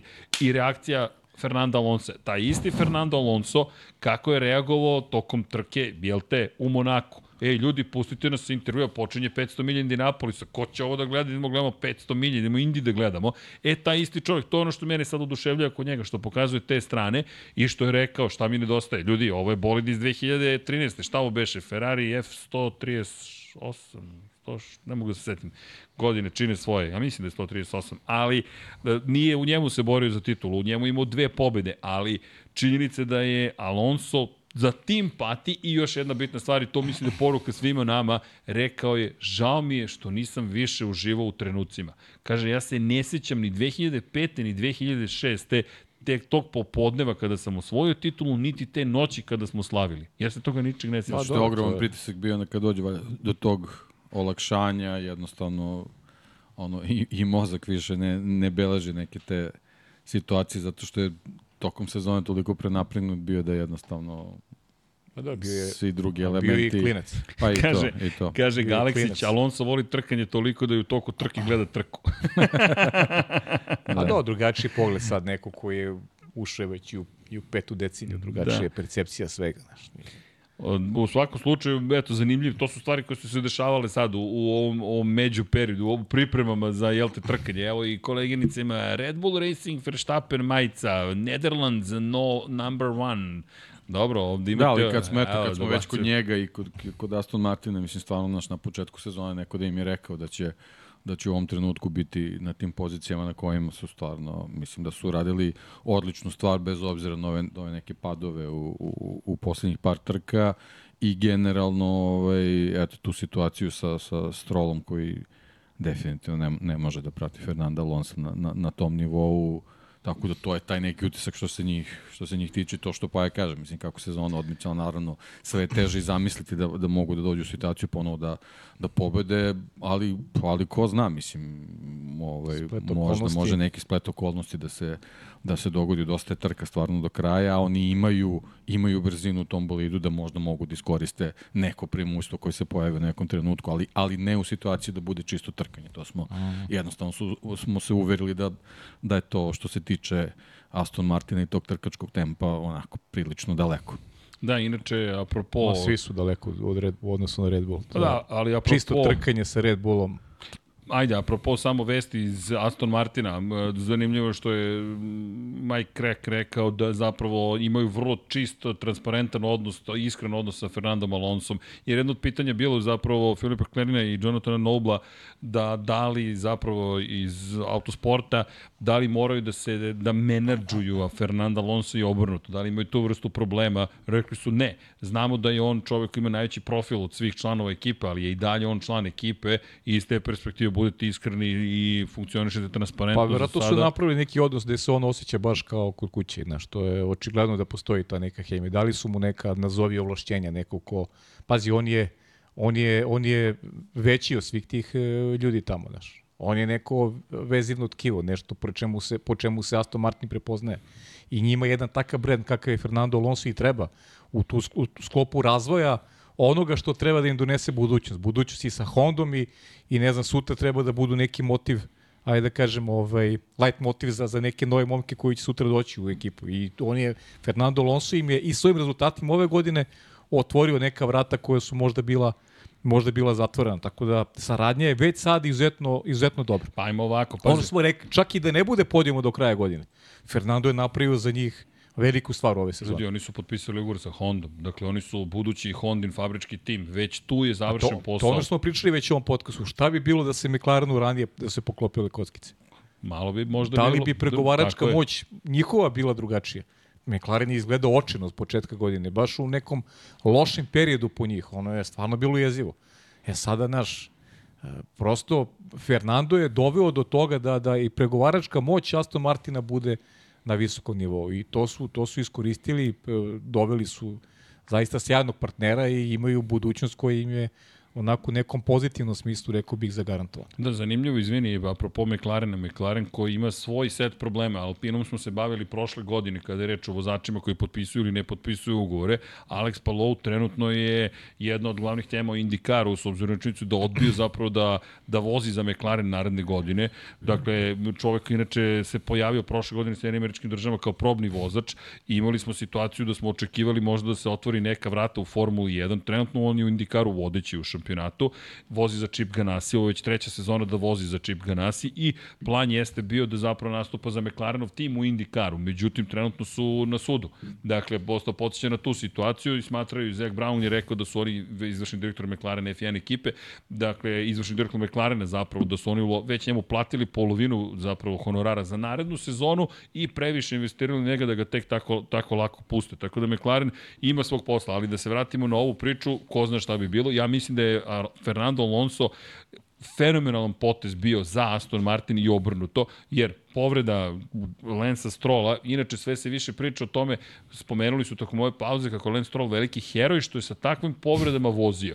Ja kažem, ok, da nisam siguran da bi tražili heroja, da nisu neki Pa šta drugi si odnosi. mislio će se priča? Pa da, ali očigledno da naša slutnja da te povrede su ozbiljnije ili da utiču ozbiljno na njega nije bila neosnovana. Pa ali ne ne, znam, puštaš ja- sedište. Ja i dalje, ja i Da, dalje, pa možda ta prva trka posle već. da, ja i dalje ne Realno. verujem u te priče i omlati. Aha, okej, okay. vi, vi ja gledate mislim, to da, drugačije. ja mislim da je priča svesno, pa mislim, naš, treba, treba i opravdati tu razliku između ja dvojice vozača. Dobro. Da. Tako je, a, a očigledno da je ideja da on i dalje bude tu. Pa, ja, ja, ja deluje. tako čitam tu poruku. Ali. Fernando Alonso iskoristio bolid i doneo im ono što je sada pozicija broj 3 u šampionatu sveta. Inače, tu ima mnogo bitaka na koje ćemo, ja verujem da se sve više fokusiramo. Ferrari tu zaostaje 5 poena za Aston Martinom i Aston Martin vrlo teško može da odbrani Teško, poziciju pa broj ne- 3. ne može- mislim- Protiv Carlosa Sainca i Charlesa Leclerca. Nema šanse, da, pa Lance Stroll. Pa, to je to, nedostaje ti, ali ok, imaš svog heroja. Kakav je Ferrari bio s početka sezone, a kakav je, kakav je Aston Martin? Aston Martin mora da ima 70 pojena prednosti sada. Da, da. Da su imali iole pristojnijih vozača na mestu Lance Stroll. Fernando Alonso, treći u šampionatu, 149 poena. Lance Stroll, deveti u šampionatu, 47 A, to poena. je, sve si 100 rekao. Naš, drugar. Borislav Vuković je bio baš vredan tokom, A, Bora je uvek tokom vredan. Autosveta. Dobro, dobro, Ovaj, Pozdravljam ga ovom prilikom i postao mi neke zanimljive statistike. Šta kaže? A, neću vam čitati sve, možemo se zadržimo samo na, na Ajde. Aston Martinu u ovom trenutku. Ajde. A, krugovi provedeni izvan top 10 u 2023. Alonso jedan krug. Lance, uh, Lance Stroll 276 krugova. E, Provedenih krugova? Iz, izvan Iz, top 10. Izvan top 10. Izvan top 10. Da. Alonso jedan krug, A, Lens 276. prosečna, prosečna a, razlika u kvalifikacijama između a, a, klubskih kolega. Na 2, 4, 6, sedmom mestu su momci iz Aston Martina. A, Alonso je ispred Strola bio a, 38 stotinki, u stvari praktično 4 desetinke u kvalifikaciji. Ili ima neko mail Lorenza Strola? Ima Fernando Alonso, očigledno. Daj da mu pošaljamo ovo. I recimo ovo je, ovo je dobar podatak vezano za ekipu. Da. A, prosečna brzina pit stopova u 2023. Prvi naravno Red Bull sa 2,6 sekunde, Ferrari 2,7 sekundi, treći Aston Martin je sa 3 sekunde, 2,98. Tako da ekipa je super radila, Fernando Alonso po ovim brojima se vidi i eto jedina onako da, baš anomalija. slaba karika je Anomalija. a, Lens, s tim što sad je pitanje da li bi s nekim njegovim boljim rezultatima mogli da budu ovaj, više u plasmanu konstruktora, ali generalno i ova situacija koja su trenutno, ako tako zadrže taj trend, mislim, znaš, to je za, za takvu ekipu kao što je Aston Martin, ako jedna glava obolja manje, jer ti sa, sa, o, sa plasmanom na trećoj poziciji u šampionatu konstruktora dobiješ priličnu sumu novca da praktično jednog sponzora ne moraš da juriš. Pa da. Da, ma nema šanse da ostanu treći. Pa ne, ja mislim Ne, da ne, nemaju ka- šanse. ja ali, samo ali, kažem, ali, ako da su zadrži. doveli. Pa Da. dobro, evo imao Hoću si... čisto da kažem koliko vredi taj, Čekaj, taj rezultat pitanje. Kako ne? Fernanda Znaš šta Kako palo na pamet? Zamisli da si pozvao Daniela Ricarda i rekao, ok, hoćeš da voziš Aston Martin. Pa da, okej. Daniel Ricardo. Zamisli To, ti Daniel si- Ricardo u brzom bolidu. Ja bi opet nekog drugog, ja bi opet nekog Umesto drugog. godine. Alonsa? Umesto, Ne, ne, ne, ne, umesto umesto. Lensa Stroll. A ne, ne, ne znam okay. zašto postoji to ako. To, Ma to da. ako ne postoji. Aston Martin ima jedan bolid. Mislim, ne, Ne, samo ti kažem, problem. Srki, znaš šta smo mogli, šta smo mogli? Da, Da. postaviš pitanje koga god. Znaš, ne baš Logana Sargenta, Da, ne zna, baš... čitaš mi misli. Da, ali, ali ti kad, znaš, pogledaš, ja stvarno, Lance Stroll taka boli da taki rezultati, ma, mislim, to je katastrofa. I onda ćemo naravno da širimo priču kako je povreda. Pa, mislim, to je očekivano. Ali nisam ni mislio da će biti da je Lance Stroll mnogo lošiji od Fernanda Alonsa, nego ide priča o povredi. To je klasika. A to ono što sam ti rekao, Srki, ne, nemoj da čitaš ovaj, šta se piše. Pa kažeš ti Sneško. Dosta je jednostavno. Sneško. I to je to, možemo dalje da imamo. Ali dobro, u svakom slučaju, kada govorimo o, kada govorimo o Aston Martinu, cijela ta priča nekako krenula zapravo od Fernanda Alonso i cijele te njegove, nje, njegove izjave koje me stvarno s jedne strane oduševila zato što je toliko iskren, s druge strane ti samo pokazuje i dalje šta je Ferrari. I dan danas šta je Ferrari. A je će da jedno- bude, i- Srki, I to, to je je- to. Ba- baš je jednostavno iz te perspektive. Inače, ima vesti da, da, da ne pomislite da, da, da, da, da, da se ništa nije dešavalo. Dešavalo se, de, dešava se, samo što ono glavno tek će da se desi, to je trka u Zandvortu.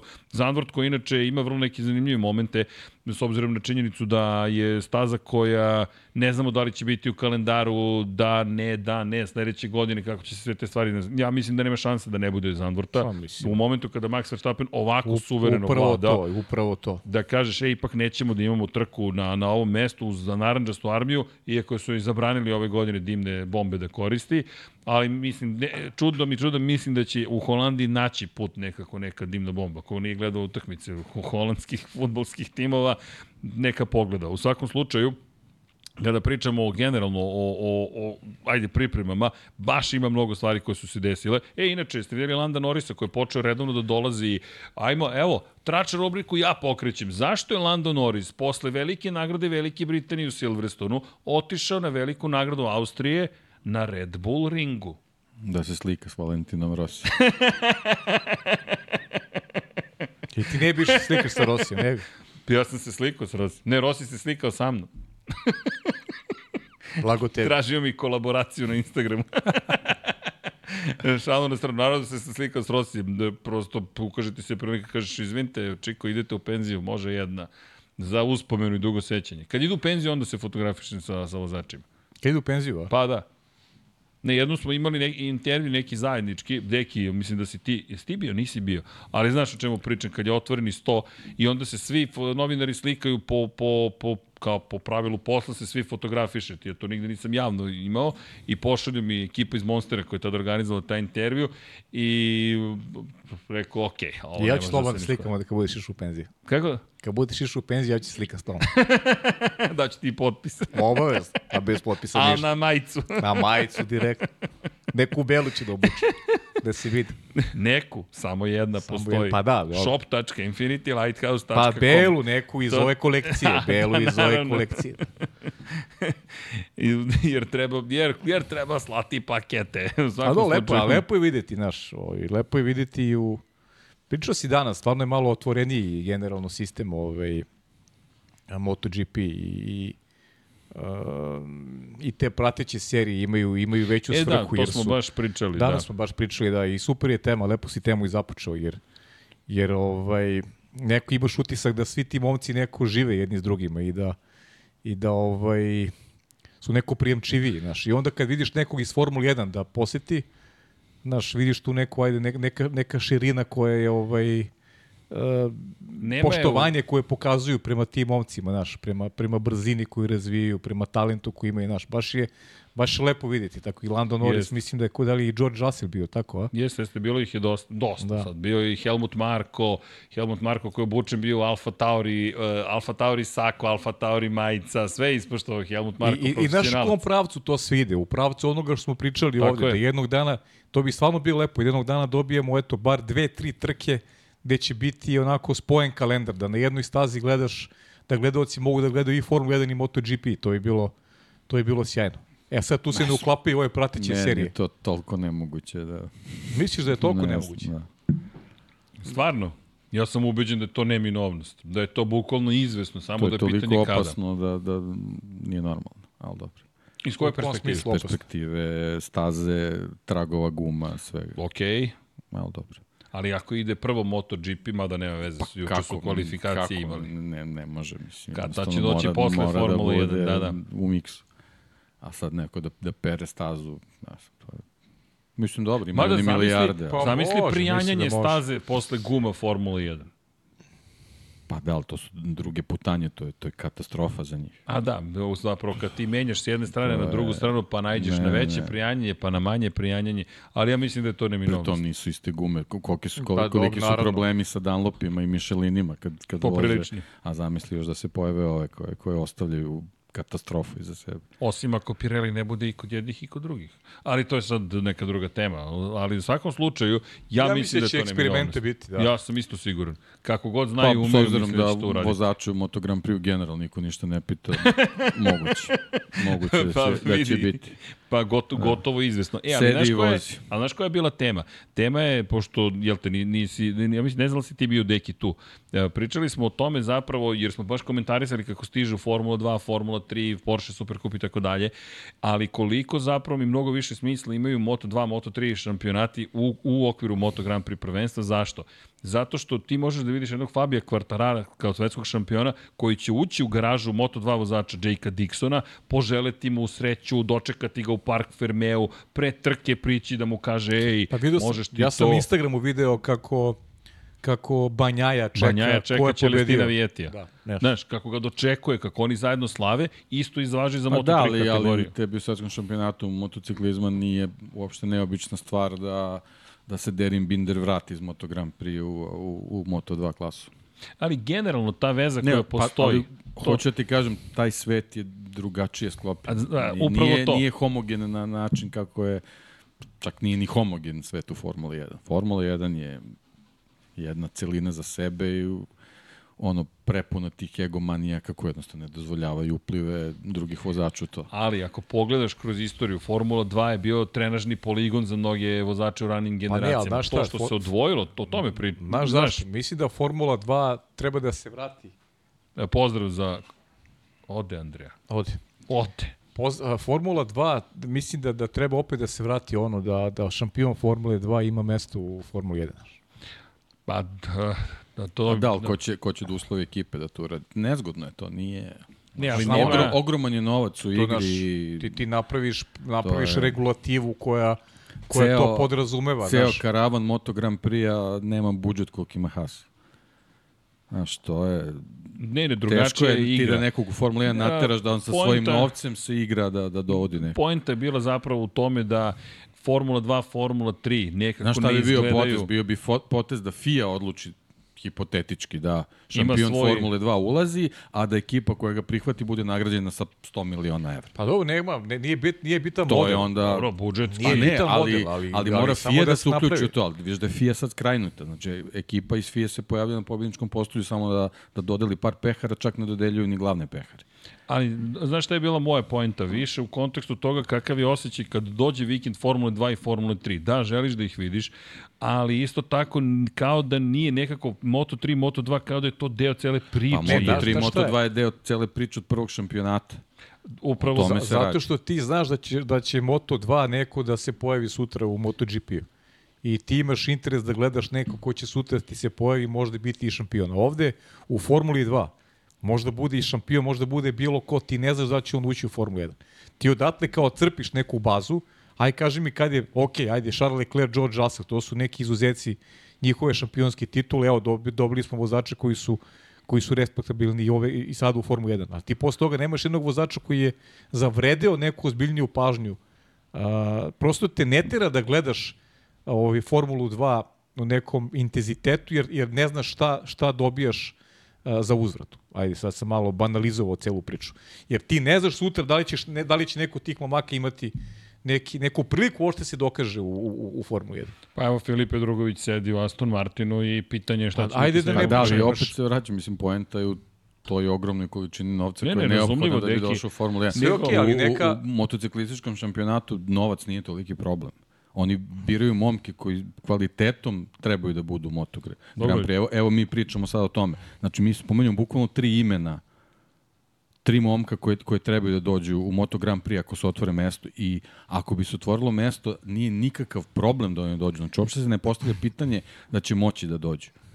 Formula 1 jednostavno to je, evo Mick Schumacher, ako, ako ga Toto Wolff ne pogura, on je završio Pa s Formulom 1. Ali napraviš Kraj nešto, znaš kako, ti iz Formulu 2, znaš, misli da bi bilo gledanije, sa- automatski, automatski neki sponzori, možda jači, kad bi ti znao da Formula 2 donosi neki sportski Znaš je benefit tu onima problem? koji Problem se je bore za što titul. vlasnik Formule 1, kako se zove, stalno ih zaboravim, kako, Liberty Media. Liberty, Liberty Media, Media. njih ne interesuje Formula 2 i Formula 3. Formula 2 i Formula 3 je tu zbog FIE, koja gura neku, neku tradiciju koju je započeo Bernie Eccleston u nekom trenutku. E, To je problem. Sad dolazimo na ono što smo pričali na početku. problem. Fo, ja, znaš šta verujem da će se dogoditi? Da će pre uh, MotoGP biti deo neke, nekog inventa koji će podrazumeva 4-5 susreta tokom godine, upravo zbog onoga što smo rekli, novac je najvažniji, a da Formula 2, Formula 3 u jednom momentu neće ni biti prateći deo Formula 1 nego ćemo ići ka tome da možda MotoGP da se upari sa Formulom 1 i da pravimo, ne mora bude isti dan trke, ali da se napravi neka, neka opcija u kome će vikend biti obuhvaćen sa Znaš MotoGP to da i Formula desi? 1. Ako Formula 1 bude, znači sad ću možda, čisto ću da, da, da lupim cifru, da bi, da bi e, dočarao o čemu se radi. Znači, ako Formula 1, to je Liberty Media, bude sigurna da će na tom trkačkom vikendu da bude milion ljudi, oni će uzeti Moto Grand Prix.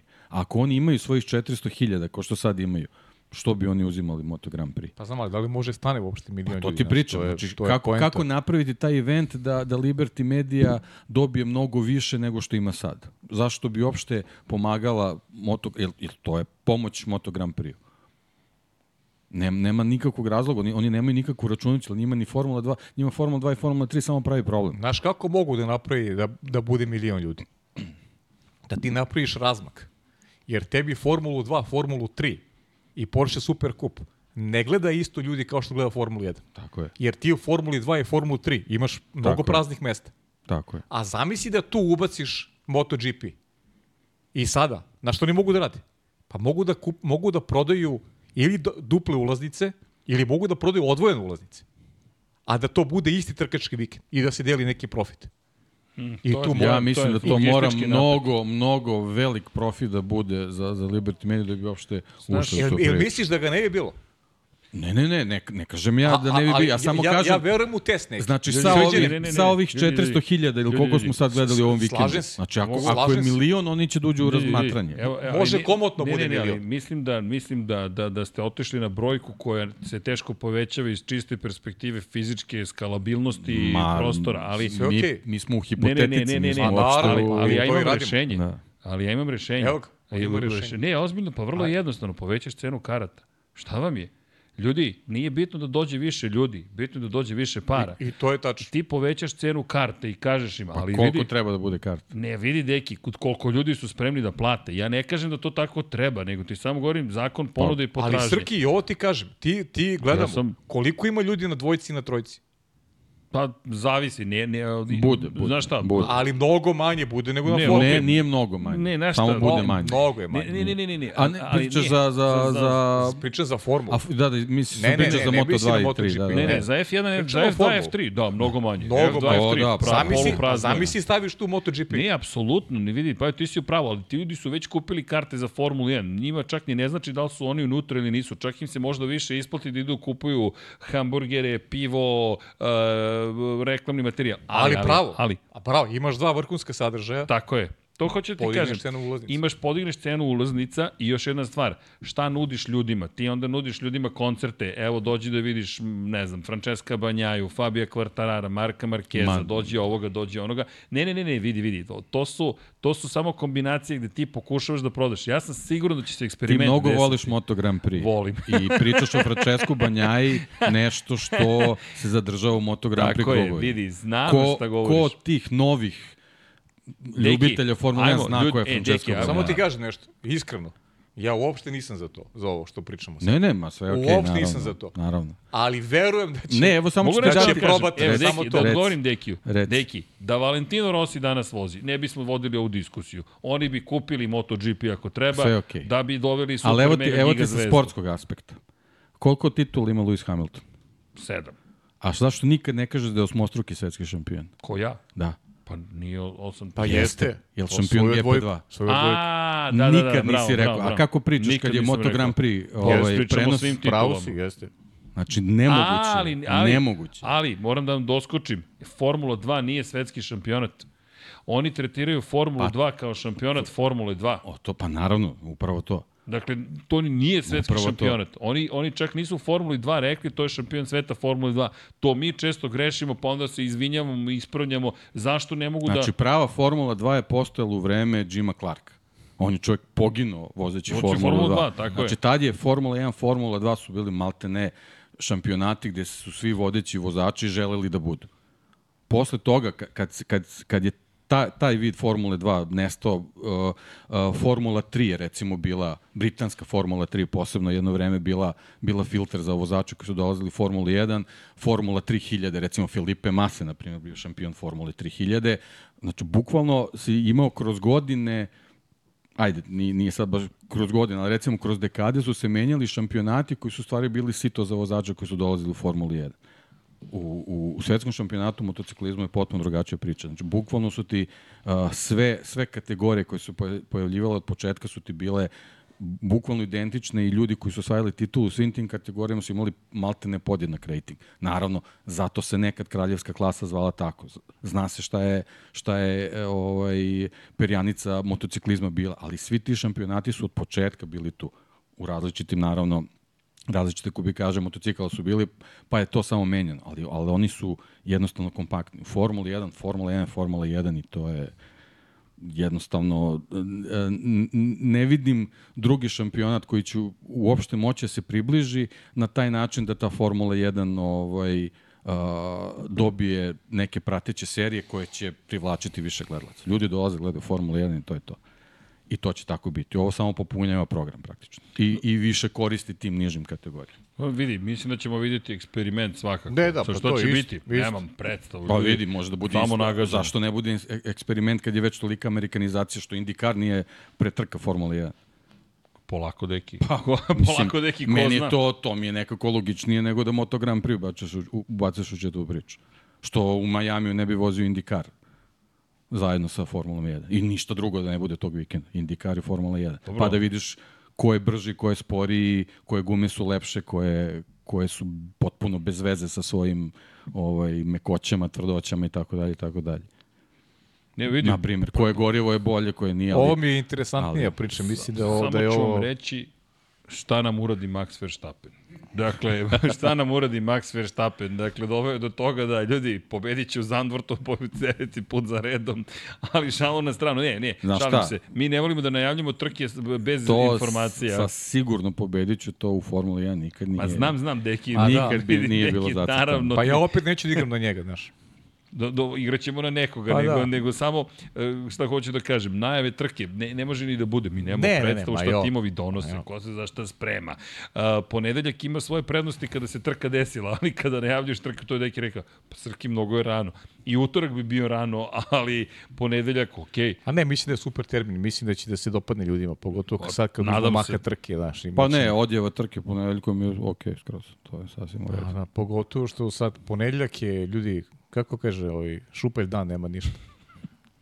Više, Samo mi, samo više mi. nije. Samo mi Više nije. Ali da, da, zanimljivo bi to bilo uh, videti Indikar, zato što mnogo ljudi zanima kako uopšte funkcioniše Indikar. Ima svako sve, ima svoju lepotu.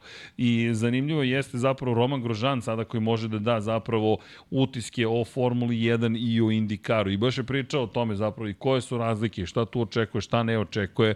Ali, Kako izgleda ne završiti trku Indikaru i Formuli 1. Zato tu samo može da po, podvuče paralela, ovo sve ostalo mu je prilično nedostižno. A i on je čovjek šampion isto. F1 Kro kaže, ne znam da li znate, ali Hamilton i Rosberg su jedini for, fe, prvaci Formule 2 koji su i prvaci Tako Formule je. 1. Jeste, jeste. GP2, Da. ne GP2, Formula da, tad se GP2. zvao GP2. Jeste. Zapravo, pre nego što je reimenovan u da. F, F2. Uh, da, inače, Moto2 i Moto3 imaju legende, F2 i F3 nebitni su potpuno, El Mesija. Nije to legenda, nikad nije osvoji i tako dalje. Pa to su sad, kažemo, ali samo, To smo, te, samo smo da. diskutovali o tome koliko drugačiji pristup vikendu kad imaš F2, F3. Ne, ali što je loše. Što je šteta, Što naravno. je loše, što je šteta. Ne, da. o, to smo, davno smo još pokrenuli tu temu. Glavni problem Formule 2, što ne dozvoljavaju veteranima da voze tu. I ne možeš, Iskusnim pa ne možeš da braniš titulu. Evo, neko je prokomentarisao, To je ne možeš problem. Ti, ti, titulu ti da ne možeš da iz- izgradiš rating šampionata zato što tebi stalno Bravo, Novajlije Deki. voze E, a tu. zamisli da Niko Hulkenberga vratiš Na primer. 2019. je završio karijeru ili ovi momci i što, ode tamo ili ovi momci što voze po, po Formuli 1 na primjer Nick De Vries zašto ne bi vozio Formulu 2 Pritom, ponovo pritom to su iste formule.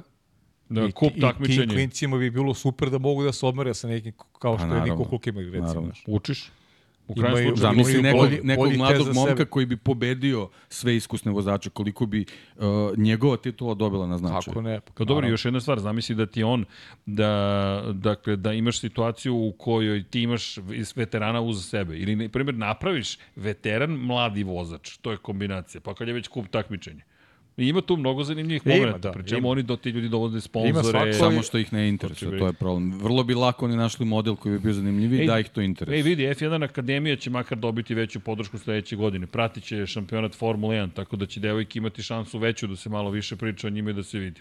Bar nešto, ajde. Možda sam ja opet Sneško, ali kako god. Pa vidi, to... to Sneškić. Sneškić. Dobro, interesantna je tema, da. Jeste, vidim, samo mi smo na nekom emotivnom nivou, ali perspektive Pa ne, zato, znaš zašto? pravu, Mi smo na emotivnom nivou zato što mi to prolazimo svakog vikenda, pa vidimo Tako Znaš, mi, mi, mi, to, ka- kako, mi volimo to da, da, da, i, da, i da gledamo i da radimo. Ali vidim koliko to nema dodirnih tačaka sa Formula 1. Ti, da ne, ti ove godine, pa ajde možda grešim, ali, ali najviše pažnje izazvala ta pobjeda Olivera Bermana u Baku, kada je došao ceo tim Ferrarija da, da ga isprati. I by the way, Oliver Berman koji će ove godine voziti uh, za ekipu Hasa jedan trening, Dakle, momak onako počinje da ga aktiviraju, ako nema baš onako idealnu sezonu, ali je Haas već obelodanio da će da će Oliver Berman voziti jedan trening ove godine. Tako što je što je onako dobar vez za njega i pokazati da da se da se na njega računa. Ali samo tada sam video neku konekciju da da je praktično ceo tim Ferrarija došao da da podrži taj triumf. Svi su gledali tu trku jer kažem očigledno da u njega neke nade za budućnost polažu, jer ne bi se tako ponašali. Ove drugi ja stvarno znaš, ne vidim ne vidim jasnu konekciju sa znaš to su momci koji dolaze iz nekih Ma akademija. evo ti Filipe Drugović ti je konekcije. Sve, Filipe sve, Drugović- ni- niko ne mora ništa ti kaže. Samo pogledaš njegove sezone. To ti je to. Niš, niko ništa ne mora ti kaže. Koji je na razne načine dokazao da je kvalitet zbog uh, pristupa vožnji, svog talenta, uh, uh, čitave te organizacije da preživi u Formuli 2 i da dođe do tog rezultata. Na, na mnogo, na mnogo, u, u mnogo aspekata je pokazao da, da, da vredi, da je kvalitet, ali eto, jednostavno ne postoji mogućnost da, da, da u Formuli 1 pokaže bilo šta. Teško će i postojati. Baš Tako je. će biti teško. To nemoguće. Kada pričamo o, o mladim talentima, možemo samo da se nadamo da će im se nekako vrata otvoriti. Nema tu mnogo šta, ali vrata se otvaraju tako što si u dobrom menadžmentu. I tu ti je sada bitno da, Da, to je ćeš, da li sarađuješ sa Totom Wolfom. Toto Wolf, Ili- Nikola Stod, Tako je. To su dva to ključna je imena. u principu, Sin inače Žana Todd. tako je. I ako si u njihovim kampovima, budućnost je mnogo Generalno bezbednija. i Lewis Hamilton i Nico Rosberg, kad smo ih već spominjali, su došli iz ekipe Nikola Satoda. Nažalost, došlo vreme, generalno, i to je već duže vreme, u stvari da u sportu pričamo kroz tu prizmu, znaš, da je možda budeš ne znam kako talentovan, ako nemaš dobrog menadžera, Ne, ne, oni završavaju oni gro završavaju poslove, a... Pa, generalno u profesionalnom sportu, Pa da, bilo kojem. generalno. Pa, pa zato i kažem, pre, prevodim to na, i, i na druge ove sportske ove grane. Ja, kada smo tu kod sporta, da ne zaboravimo samo apropo sporta, ono što smo i rekli, ne znamo baš tačno šta će se sve dešavati, ko će se sve pojaviti, sa čime će se pojaviti u Zandvortu, ali ima mnogo zanimljivih, makar ja mislim da zaista i dalje ima nekoliko neverovatnih stvari, neverovatno, aj možda preterujem, pošto mi nedostaje Formula 1, ali ono što mi je bilo zanimljivo iz perspektive ove priče koje su se desile jeste Red Bull koji se oglasio po pitanju DRS-a i njihove tajne, to jest tajne koje, koje smo pričali. Dakle, uh, rekli su da im je šokantno zapravo koliko je vremena bilo potrebno da shvate kako uopšte funkcioniše njihov DRS sistem. Mi smo ga analizirali i baš smo pričali o tome, pozdrav za Anisa Begovića, dakle da pozdrav za, za ekipu koja je pomogla oko toga.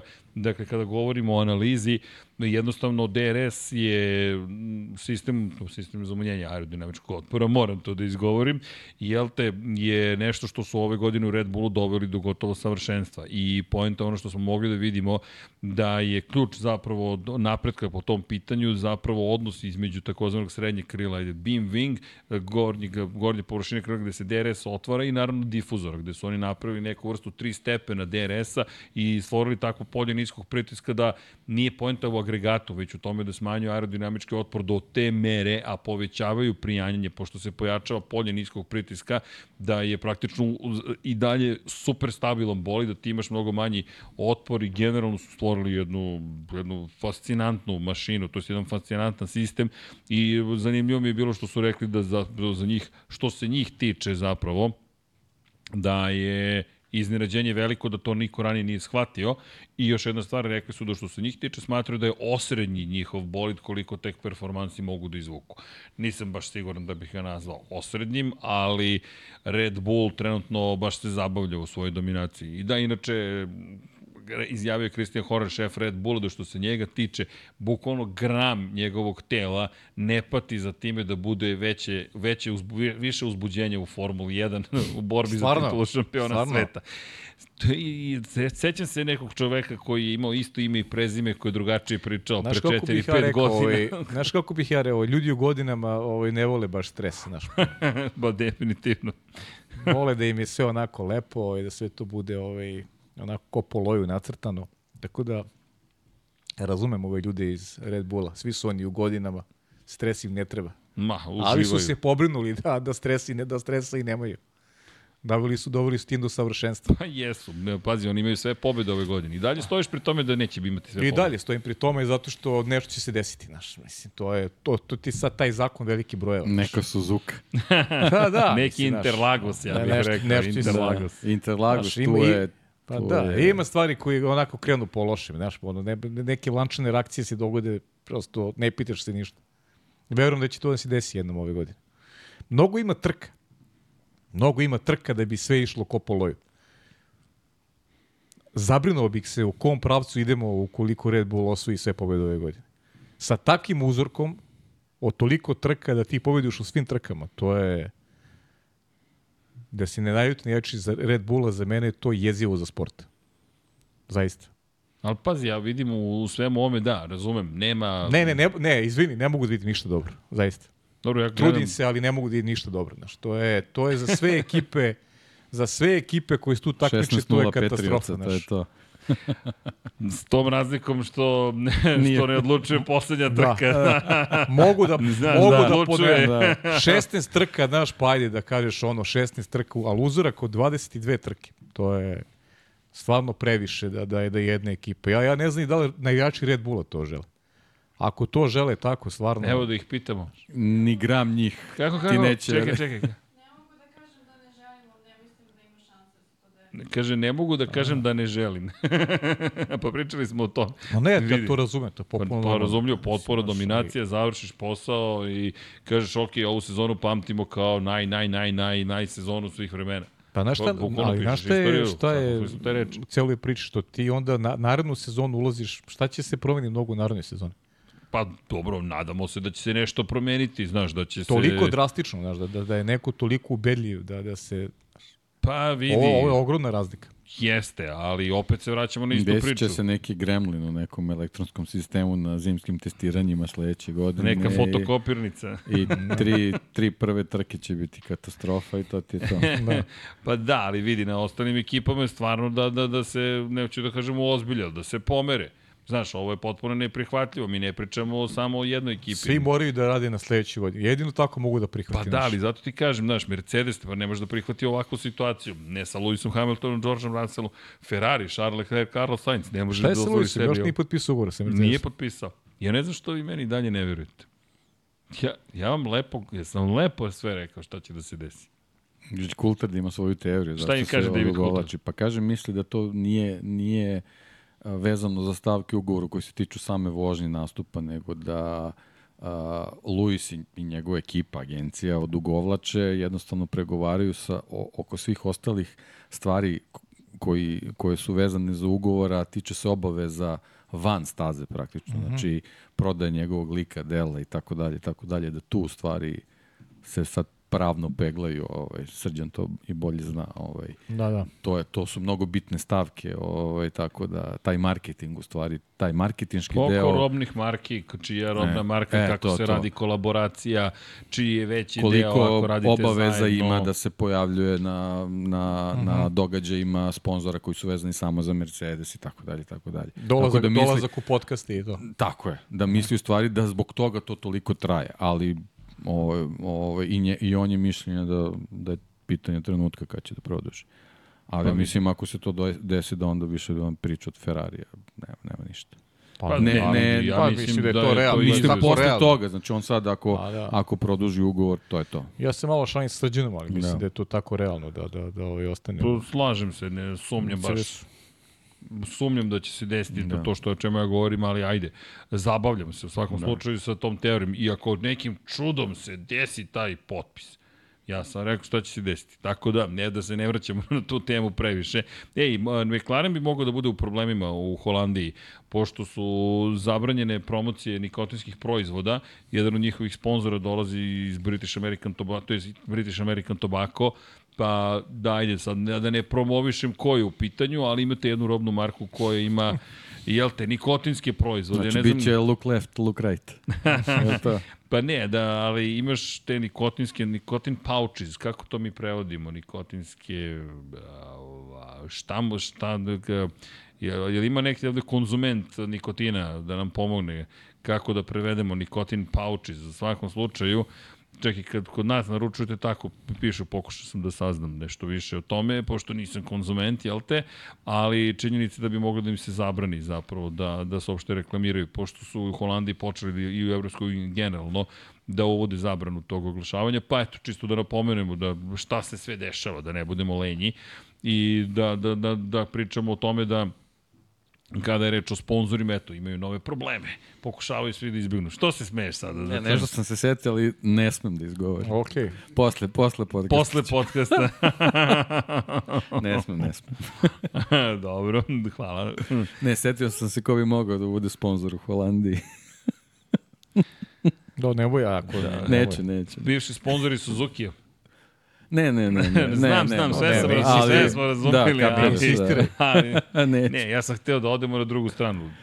Rizlu imaš ličnu kartu, Da, nemaš. nemoj, Da, da, nemoj da. da odemo na drugu stranu. Ne, Rizla Suzuki je bio čuveni zapravo Suzuki koji se pojavljivao do 2011. godine. Bukvalno im je bio to title sponsorship, zvali su se Rizla Suzuki i onda mi je nama to uvijek bilo zabavno i Rizlu imaš ličnu kartu, nemaš da. za one mlađe, mnogo mlađe, nije ni bitno, to je neka stara pesma, priča, nije ni bitno. Nije, Vlada, znaju, se sećaš toga? ovi, ovi mlađi su gledali drugi deo filma, tako da.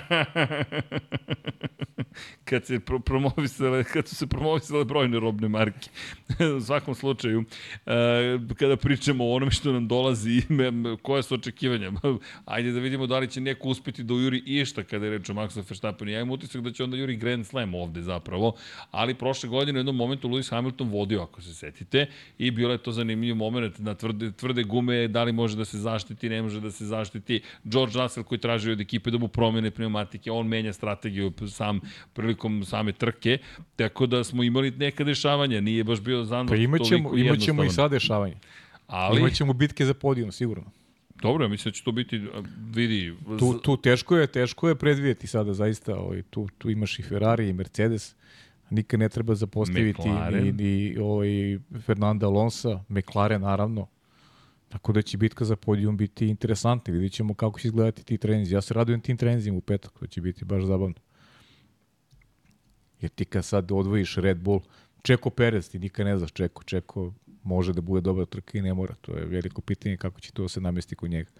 Ali od Maxa naravno, svi očekujemo da da bude maksimalan i ovog puta. Uh, apropo mm, ajde, bitke mm, i priča o tome šta bi moglo da se desi, vraćamo se opet na jednu te istu priču, to ti Mercedes, Ferrari, Aston Martin, da, ja bih da. dodao celu priču McLaren. Mislim Ne, da ne, obavezno može da bude McLaren, zabavno, obavezno McLaren. Jer McLaren i dalje ostaje neka vrsta nepoznanice. Čudno je bilo trka Landa Norrisa na- u spa, dakle do momentu ga nema nigde, pa se onda pojavi kao jedan od najbržih, pa imaju super strategiju za meke gume, a ne znamo da li funkcioniš ove druge gume Znaš, ili ne. mene je malo posjetio McLaren i, i imam utisak da će se ponoviti priča kao onaj period kada su sa Ricardom i sa, i sa Landom imali onu pobedu u Monci, pa, pa je onda ispustio šansu Lando da pobedi u Rusiji. Imali su jedan, jed, jednom momentu savršen deo sezone, a onda opet je ta forma onako, onako bila problematična. I mislim da i ove godine da nas isto čeka. Sad je pitanje samo do kada će McLaren da bude u tom nekom ajde da kažem, ekstra, ekstra ovaj ritmu i, i nekom dobrom fokusu. Malo su nas iznenadili negativno u Belgiji i da vidimo kako će, to, kako će stvari funkcionisati u, u Zandvortu. Uvijek u Zandvortu budu loši, bojim se da opet ulazi u jedan period godine kada će se McLaren mučiti da osvoja poene i kada će biti onako ekipa koja, koja će mera da bude negde recimo Alpina. Naš pitanje je da li mogu u kontinuitetu da ostanu u tim borbama sa, pre svega sa Ferrari i Mercedesom. Da ja stvarno mislim da će Mercedes i Ferrari na kraju biti drugi i treći u šampionatu konstruktora. Pa, znaš šta, ostaje ti veliko pitanje zapravo, apropo Alpine, ko će uopšte da preuzme taj tim? Priča Pa dobro, se to je- dosta to o Matiji najveće- Binotu, ali mi nemamo predstavu da li da, će da, se to to- zaista desiti na kraju ili neće. Pa bojim se to nećemo skoro ne saznamo. Da. Znaš, to je ogromno pitanje, ko će da preuzme Kako tim. Inače, Sergio Perez je rekao da je njegovo mišljenje, on je radio sa Otmarom Safnauerom, sada već bivšim šefom Alpine, da je trebalo da mu daju više vremena. Da je smatra da jednostavno su mogli mnogo više da postiru, da su malo više verovali zapravo u njegov, u njegov pristup celoj priči. Ja neko gledam, mislim da se tu nešto valja oz- ozbiljno u, u celoj priči i da, da oni imaju da oni imaju ovaj da već imaju rešenje, ali da da će to da ćemo to onako postepeno dobijati neki obris onoga što kako će izgledati Alpina u narednom periodu. Jer i suviše se naglo sve izdešavalo da da da da se nešto ne krije u pozadini. To je makar moj onako pogled na na na tu priču vezano za francuski tim. A vidjet ćemo. Ne, stvarno nemam informacije o tome šta šta se kuva i, i, i ko će preuzme brigu o timu. Niti možemo trenutno. Ali sam ubeđen da stoji nešto krupno iza, iza, iza, iza cele priče. Veruješ da je... Da je Zaista zapravo- verujem, da. Ba, upravo zbog- načina na koji, na koji je, je cela, ta, cela ta priča aktuelna, tačnije ak- aktuelna garnitura sklonjena bukvalno u, onako, bukvalno u jednoj sekundi. Ono, si dobio samo informaciju, odlaze taj taj i, i to je to. Znaš, mislim, da, mislim da tu nešto ima iza. Teki, kako tebi ovo zvuči sa Alpinom? Pa nešto iza postoji, samo nisam siguran koliko će bude efektno. Zato što Formula 1 je stvarno kompleksna i ono što smo i ranije pričali, nemaš ti na tržištu toliku količinu umova koji, koje mogu preko noći da, da dođu, of, oforme neki, neki inženjerski tim i, i, i da naprave neki vrhunski rezultat, a ono što je najvažnije, ovaj, oni trebaju da se usmere pre svega na, na sezone koje dolaze da, da ovaj, u tom periodu naprave nešto što će biti značajan pomak u odnosu na ono što imaju trenutno. Tako da prvo za ovu sezonu mislim da ne znam šta može da se desi da, da, da, da, da preko noći Ove postanu baš, baš konkurentni, a za sledeću godinu to je stvarno velika nepoznanica.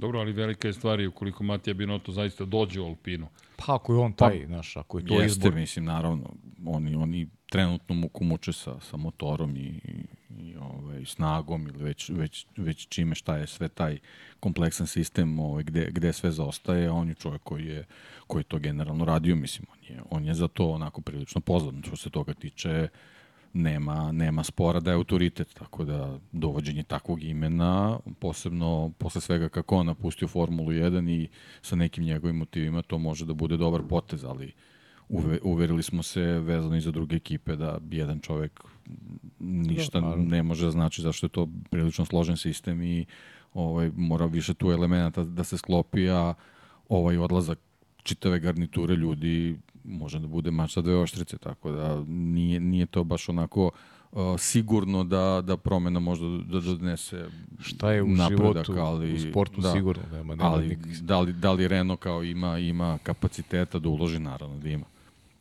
Tako da, mislim, možemo samo da navijamo da, da, da su to pravi potezi sad.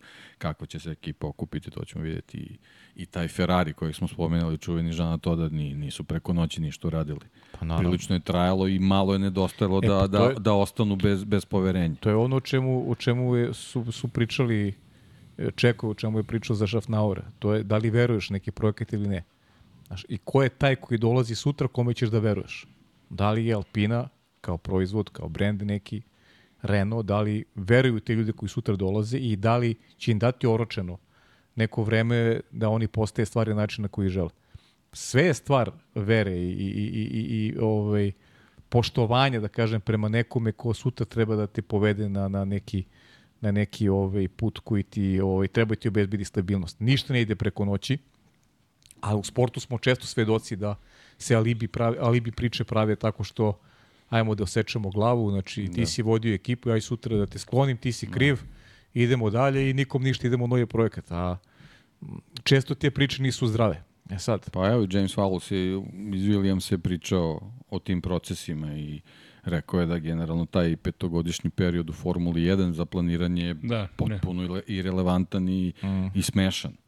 O, o, o, o, dolaskom Petra Fraja, njih dvojica su seli pa su razgovarali o tome šta je sve potrebno raditi, ne razgovarali, pravili su plan koji trebaju u Dorlingtonu da, da, da, da predoče i videlo se da oni bukvalno trebaju da prvo krenu od zastarele infrastrukture koji se nalazi u Williamsu i, i, i, i kompletnog tog sistema koji, koji treba da, da omogući da u stvari se krene u, u razvoj nekog bolida gde recimo neki zadovoljavajući cilj, cilj, cilj bi bio da, da Williams u jednom trenutku bude u, u treći pa. u šampionatu konstruktora. On je rekao, to je za pet godina, za pet godina je nemoguće da se to uredi. Ali ne samo to, znaš da on je rekao da je taj pristup kod potpuno e, izgubio svrhu bilo kakvu i rekao je vi imate suviše nepoznanica da biste Tako je. mogli tako da planirate. Možda se njima desi da 2026. budu treći u šampionatu sveta, ali oni to ne mogu da planiraju. E sad- Problem je manjak mogućnosti Izvini, da da, i on, planiraš. se, i on se tu dotakao, pošto pričamo o Alpini. Schaffnauer posle godine i po dana je dobio otkaz. Da, da, ali, A ali šta, ko je taj koji je procenio da E, e, pa si, to je- to sistem je- koji je Schaffnauer postavio ne je, valja? to je ključno pitanje. Znaš, to je Kako si ti pitanje. posle sezone i po to zaključio? Zato, zato ja i kažem da mislim, bojim se da se tu valja nešto ozbiljno iza. To ne garantuje Alpini ništa u buduće da će biti bolje, ali bojim se da se tu pojavljaju neki igrači koji su vrlo ozbiljni i ovaj, e, kapiram situaciju tako da žele da postave neke druge ljude na to mesto.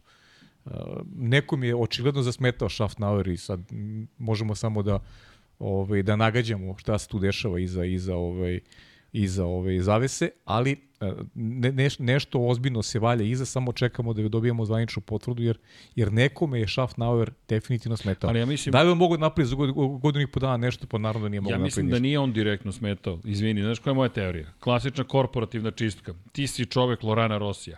Ti si čovjek prethodnog Pa menadžmenta, ima toga, ti moraš pa da ima ideš. i toga, moguće. Znaš kako to ide? Dolazi neki novi izvršni direktor, uglavnom su potezi sledeći. Došao sam, e sad možeš vaserovim sistemom da ideš, ajde da vidim ko šta gde kako, pa ću onda da menjam ili da čistim ili kako god. I imaš ovaj drugi sistem, postavljamo novog izvršnog direktora, a svi vi ostali ste ćao istog trenutka, jer vi niste podobni zato što vam ne verujemo.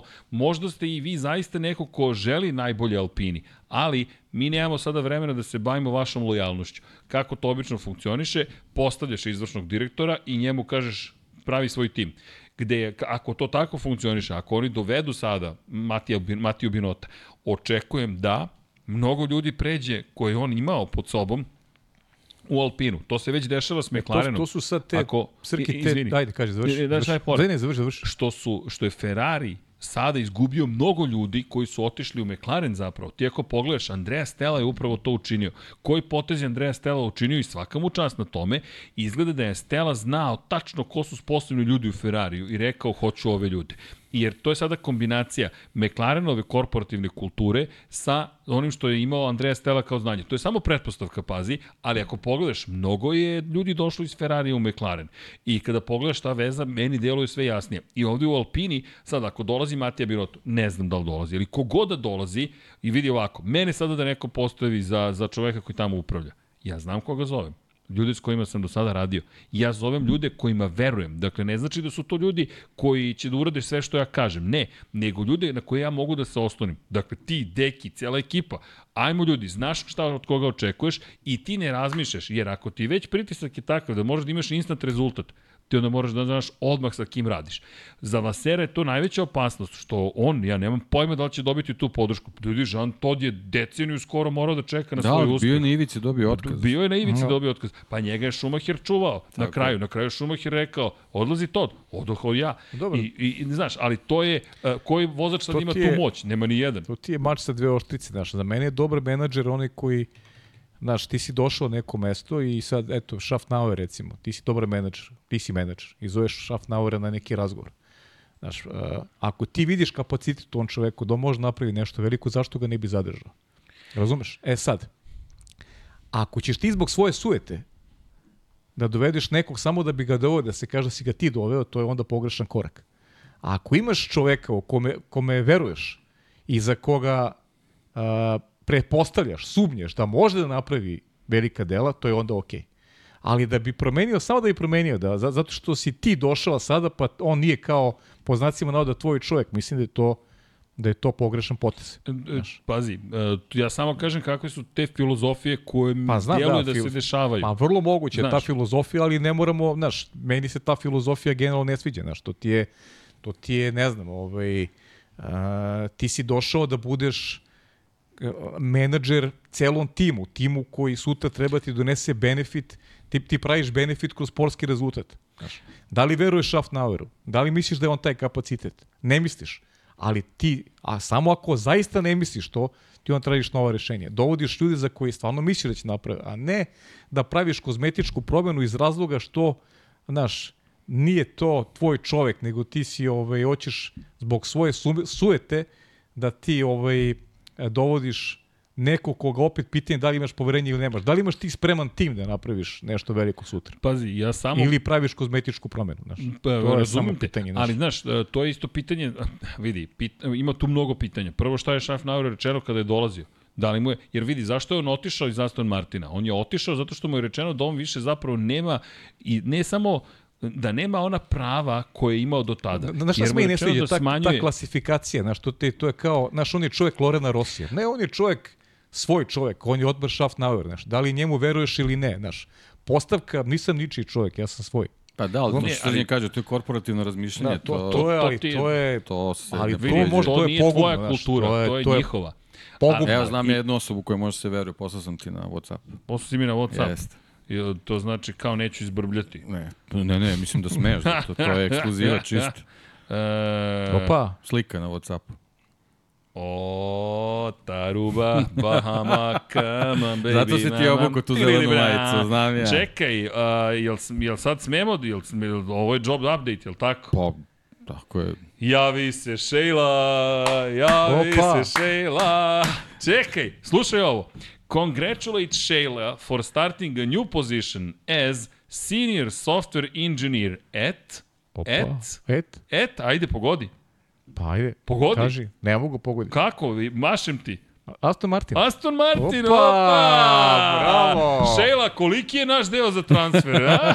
Opa, idemo. Bravo, opa, Šejla. bravo, Šejla, čekaj, Poč- senior software engineer. Počet ću da pijem u to ime. Kamilicu ili Da, Nanu? Prelaziš na. Nanu, šta? Prelazim na Bio je idem, bi idem, na, jaka Bio je sam. Pavle Kamilica, sad je Pavle Nana. Ne, ne, ostaje Ako Kamilica. dođeš do Žalfije, to je već Ne, preterivanje. Žafija, ne, ne, ne. Ali, Ne čekaj, čekaj, čekaj. To je ozbiljna pozicija već. Je, opa, Šela, ako ne pratiš podcast i dalje, srce si nam slomila. Šalimo se, ali evo vam inspiracija. Šejla Čebirić, dama koja je na svoj entuzijazam i svoju ljubav prema Formuli 1 i svoje zna, i prema znanju i veštinama koje posjeduje, napravila website, pratila Formulu 1, pisala, nama pomagala, dakle... Pobeđivala u fantaziju. Pobeđivala u fantaziju. E, e, e, sad moraš da dođeš po trofej. Ili ćemo mi da dođemo ti donesemo, mislim da je bolje to. sam? Mislim da je bolje da je posetimo. Krenulo je od ljubavi, a pobedilo je Ja, znanje. ja, Da. Meni istekla viza za Britaniju. Produžit Šela, šalji pozivno pismo za Au, tri, za to- tri Amigosa. To mora da se, to mora se rešava. Kaže, ko ste ova trojica? Kolima idemo. Bez, ne, bez brige. Vodim vas preko La Manche. Vidi, on je vozio do Škotske Toyota, ali, ali Ne, samo Aston Martin. Nisam kaškaj. Kaškaj, a Kaškaj, izvinjam se. Kaškaj. Dakle, molim vas da onda Šela sredite jedan mali Aston Martin za nas trojicu, staćemo nekako unutra, ali čekaj, to su fenomenalne stvari. Skupit ćemo se. pa ne, divno, ali šta hoću da kažem? De, ljudi, školujte se. I koliko god godina imate, školujte se. M obrazovanje zaista obogaćuje. M formalno obrazovanje može da vam pomogne da otvorite vrata. Šela je krenula, inače za one koji ne znaju da Red Bull Racinga, kako to zvuči fenomenalno. I Šela je živela u Sarajevu u momentu kada je dobila taj posao. Nemoj niko da vas slaže, to važi za nekog drugog. Ne, to je izgovor za ništa. Dakle, ne ni za šta, za ništa. Nemojte to da slušate. Pogledajte Šejlu, neka Mona bude svetionik, bukvalno to je ono što je pojnta cele priče. Da, mi volimo da pričamo o Formula 1, kao što vidite, pričat ćemo o temama tek tako koje nam padnu na pamet. Nismo se spremali izme jedni između drugih, mi pratimo samo sve svašta i onda pričamo. To je pojnta cele priče, ali sa Šejlom je pojnta da vam bude inspiracija. Meni Šejla si ti inspiracija i hvala ti na svemu. Ako se sećate njenih grafikona, taka, taka, taka, taka, taka, Aleksa, Vuča i čekaj, to je sledeći. Da, da, njega To već. je već vidimo, ali on neće Mada dalje od da Red ti Bull kažem Racinga. nešto, ovaj, pošto sam ja njegov menadžer, mora i mene da zovu da vidimo Trebalo za je sa. Šelom ugovor da potpišemo na vreme i onda kad zove da, Kristijan, Aleksa- kažemo, Kristijane, čekaj. Sve ima cenu, gospodine Kristijane. A, fenomenalno, ali, ej, ovo je mnogo lepa vest. Šela, evo ti jedno srce veliko. Pau. Tako da znaš, Deki, hvala ti na špionaži. Hvala Borislavu, on je, on je, Ko je? Boje bio vredan, Vukojević, Boris. da. Bora, Bora, Bora je Bora. vredan. Bora je vredan. Boro, Da. šta radiš u slobodno vreme? Mogu bi da budeš zvanični Pa, i, Boro, i, i istražitelj. Snima, snima podcaste u slobodno vreme. Lab 76. Molim? Snima podcaste Bora u Stvarno? slobodno vreme. Pa da. Nisam ispratio. Stvarno? Moraš da pratiš. Van Pratiš? tokova sam, skroz. Kako nisi ispratio? Pa slao je čovjek. Jer nisi, ja sam ostario. I'm too old for this. ja sam prestario, Ma, Bora, izvinjavam bre, se. Bora. U svakom slučaju, e, kaže Šejla, a, Šejla se javila, mislim da je bolje da donesete trofej. To, Šejla, pa odmah to sam rekao kažem. to. Daj dve nane. Ne, ne, meni kamilica. Ne, ne, nana, ne zelena, kroz providnu Da. čašu. Od sad samo Limunana, nana da piješ. limunana. Limunana, to. A, Bravo, dobro, bravo, ponosni smo, bravo, bravo. Čekaj, Bravo. pa ne, sad, sad njen podcast za dve, tri godine, kada se malo oslobodi, da nam priča kako idu pregovori. Znaš, zovete, znaš, kao, Nije, kad- zovete Aston Martin. kad, kad je prođe ta gužva, cela dovešćemo u Infinity. Kad bude šef ekipe neke, nećemo na ovim, na ovim nižim pozicijama. Šef Lab da. 76. Ma, Možda je Šela, Ekipe. možda je Ferrari, Šela ta. Ferrari. Ferrari. E, to ste joj A, kaže. Možda je Šela, Šela ta koja će Ferrari da Žela, povede. žela kad ode u Modenu, razumeš? Pa kad bude lupi šakom da, u kao sto, pa da vidiš. Ka, ti si, ja sam Giuseppe Mali. Aj, izađi napred. da, ali, ali, molim vas, da, tamo neki, ne, neki specijalni sto, Lab 76. Krećete tako što pobedite u fantaziju. Tako je. To vam je Ko- odskočna daska. O, deki. Znači, znači, Znači, ozbiljno, molim vas. mene nema u toj priči, da. pošto sam A, mi 3613. smo... 613. fantasy. Ali ti si Teško će zapravo... primetiti. a, u mini liga se otvorilo. E sad mi još treba Ja. i mini liga. Ajte ljudi, molim vas, uzbiljite se. E, čekaj da nađemo fantasy. Ne, ja samo dajem primjer ljudima kako treba da veruju svojim izborima. Tako znaš. je, tako Znaš, je, Samo tako to je, tako je. samo primjer. znaš. Tako je, ne, ne, ne, mnogo su lepe vesti i, i to su divne stvari, baš čast i zadovoljstvo. Baš čast i zadovoljstvo. Tako da, e, Šejla, pobednica prvog fantazija, vice šampionka drugog fantazija, u trećem, ne, a, a dobro, sad znamo zašto je bila odsutna. Znaš, Da, menjala bila bi treća, posao. bila bi treća, zato nije htjela zbog da toga. Pa ne. da, i sad lomljenje, znaš, mora menja ekipu u fantaziju. znaš, ne ide. Ja ću da vam kažem da sam ja 231. Ja ću samo da kažem, ja, ja, ja sam sve vreme imao Aston Martin u, u fantaziji. ja sam se žrtvovao. Ja, Šela, šta ćemo sa strolom da radimo? Mislim, juniorom, juniorom. Teške teme. E, ali čekaj da vidimo kakva je trenutno situacija. Dakle, Zašto out- gledaš to, ne razumem? Out of sync vodi trenutno. Milje F1 Out of sync. je drugi. Da. Zašto se tako zove ekipa? Zašto se tako zove ekipa? da. To je vladina ekipa. To da. je, to je priča ove Vladine sezone. Priča ove sezone Out of Sync. E, to nam je naziv... Večera sigurno. E, ja, kogod je ovo smislio, to nam je naziv benda. Out of Sync. A večera sve zabavlja the band Out of Sync. I muzičari koji piju kamilicu. Out of Sync je prvi, zatim Milje F1, Jel, jel, jel tako, Milje, dobro je, čekat ću Ravko da vidi. Banjac je treći, Smiljane, Tilis i e, Tarik 13. je na četvrtoj poziciji, pa Dača 1979 F1. Šesta pozicija za lagano zadnji, zatim sedma pozicija Pavela D, pa Vuksa 2332 je osmi, LH44 koji nema Luisa Hamiltona u svom timu je deveti i All Good, way, all good Always deseta pozicija. Dobro, da vidimo uh, Aston Master Plan. Pazi, zvala se Master Plan. Sad je Aston Master Plan. Sheila, priznaj, Koja je? e, vidi, ako je ovo Sheila, Aston Master Plan, dakle, tako mi zvuči. tako mi da je zvuči, neko nešto ove godine pala je na razmišlja. 15. poziciju. Ali 15. Au, čoveč. Ali vidi ti Sheila, ako, e, Sheila, Da je da li si ti, bila je Master Plan, sad je Aston Master Plan. Možda, ne Dobar je znam. plan bio i Pa, svaka čast. Ona je svoj plan Pa neko ostvarila. govori, nek nam prizna. E, Ne, ne, ne, sledeće godine, a kako da znamo ko je ono od 3000 i kusur ljudi? Ako se negde postavi, pojavi master plan, pa kad bude pisalo Ferrari master flan, master flan, onda znamo da je on. Ja. Šta je iznad mastera? E, šta je, kako iznad master? Iznad mastera. Pa, gradacija. Gradacija master, po... Kako? Jedi master, šta. Doktor. Do, doktor. Doktor, E, da? to će biti Ferrari ško- doktor, ako školovala, bude Ferrari velika. doktor plan, to Doktor, je to. doktorski PhD, a? Eto, Ferrari PHD, ako Njima treba bude, MD, ovaj, ja da ti ako bude kažem. taj tim, to je to. Ali Znaćemo da, ko je. da, znaćemo ko je. Dakle, to može tako. Post-doc. Post-doc. Imaš i postdoktorski okay. studije. Ima, ima. O, pa, znam da ima. Kako to veze ima sa mnom? E, dakle, e, Miobra 15. pozicija, u Greenov F1 Pivo 11, ovo ne veze s tobom, Alonso Naravno da tri nema. puta WC, dakle, opa, tri puta World Champion i Raven, zajedno sa Opel Šnjevka dele 19. poziciju. Green Red Bull i 22. Dobro. Dobro. Dobro, ajmo da vidimo ko će sada da bude dobar u Holandiji. Da vidim ja šta se meni dešava. Dobro, dobro, dobro. Ništa ja ovde ne bih dirao. Sve je u redu. Ja ne diram u svakom slučaju. Moje isto. Samo da vidim. E, vidi Samo da se ovo. podsjetim. Čekaj, manage team, a zašto mi je promenio ko mi donosi duple poene? Halo? Ja ne koristim duple pojene kao što ne koristim DRS u igri. Isto. E, Ja e, duple pojene, to pojma nema. Pa imaš DRS boost nekom da si dao. Kome sam dao pre? Pa nekome. Zašto mi da. svaki put traži da prihvatim ove cookies? Pa zato Cookies. što ih čistiš. A šta bre mini čistiš liga, cookie? šta je ovo? Što, čistiš- ko, ko što čisti čistiš ne što voliš, ja. kad voliš kukis? Šta view mini liga, šta je ovo? Kako gasim ovo? E, Samo moraš da nastaviš i onda će da ti se nastavi Kako dalje. nastavim? Ništa, samo klikneš View Mini League. Problemi.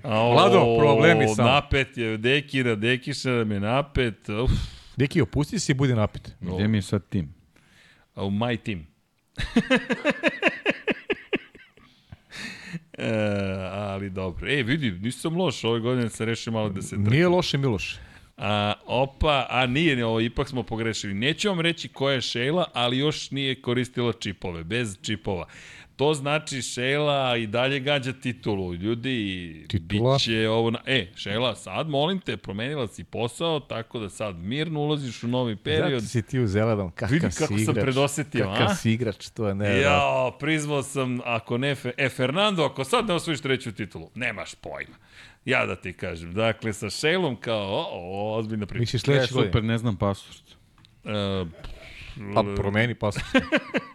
Vidi, neću uopšte se bavim više. Ako sad ne pogodim, E, ali znaš šta mene zanima? Jel Pera i Milica, jel se uvećalo brojno stanje?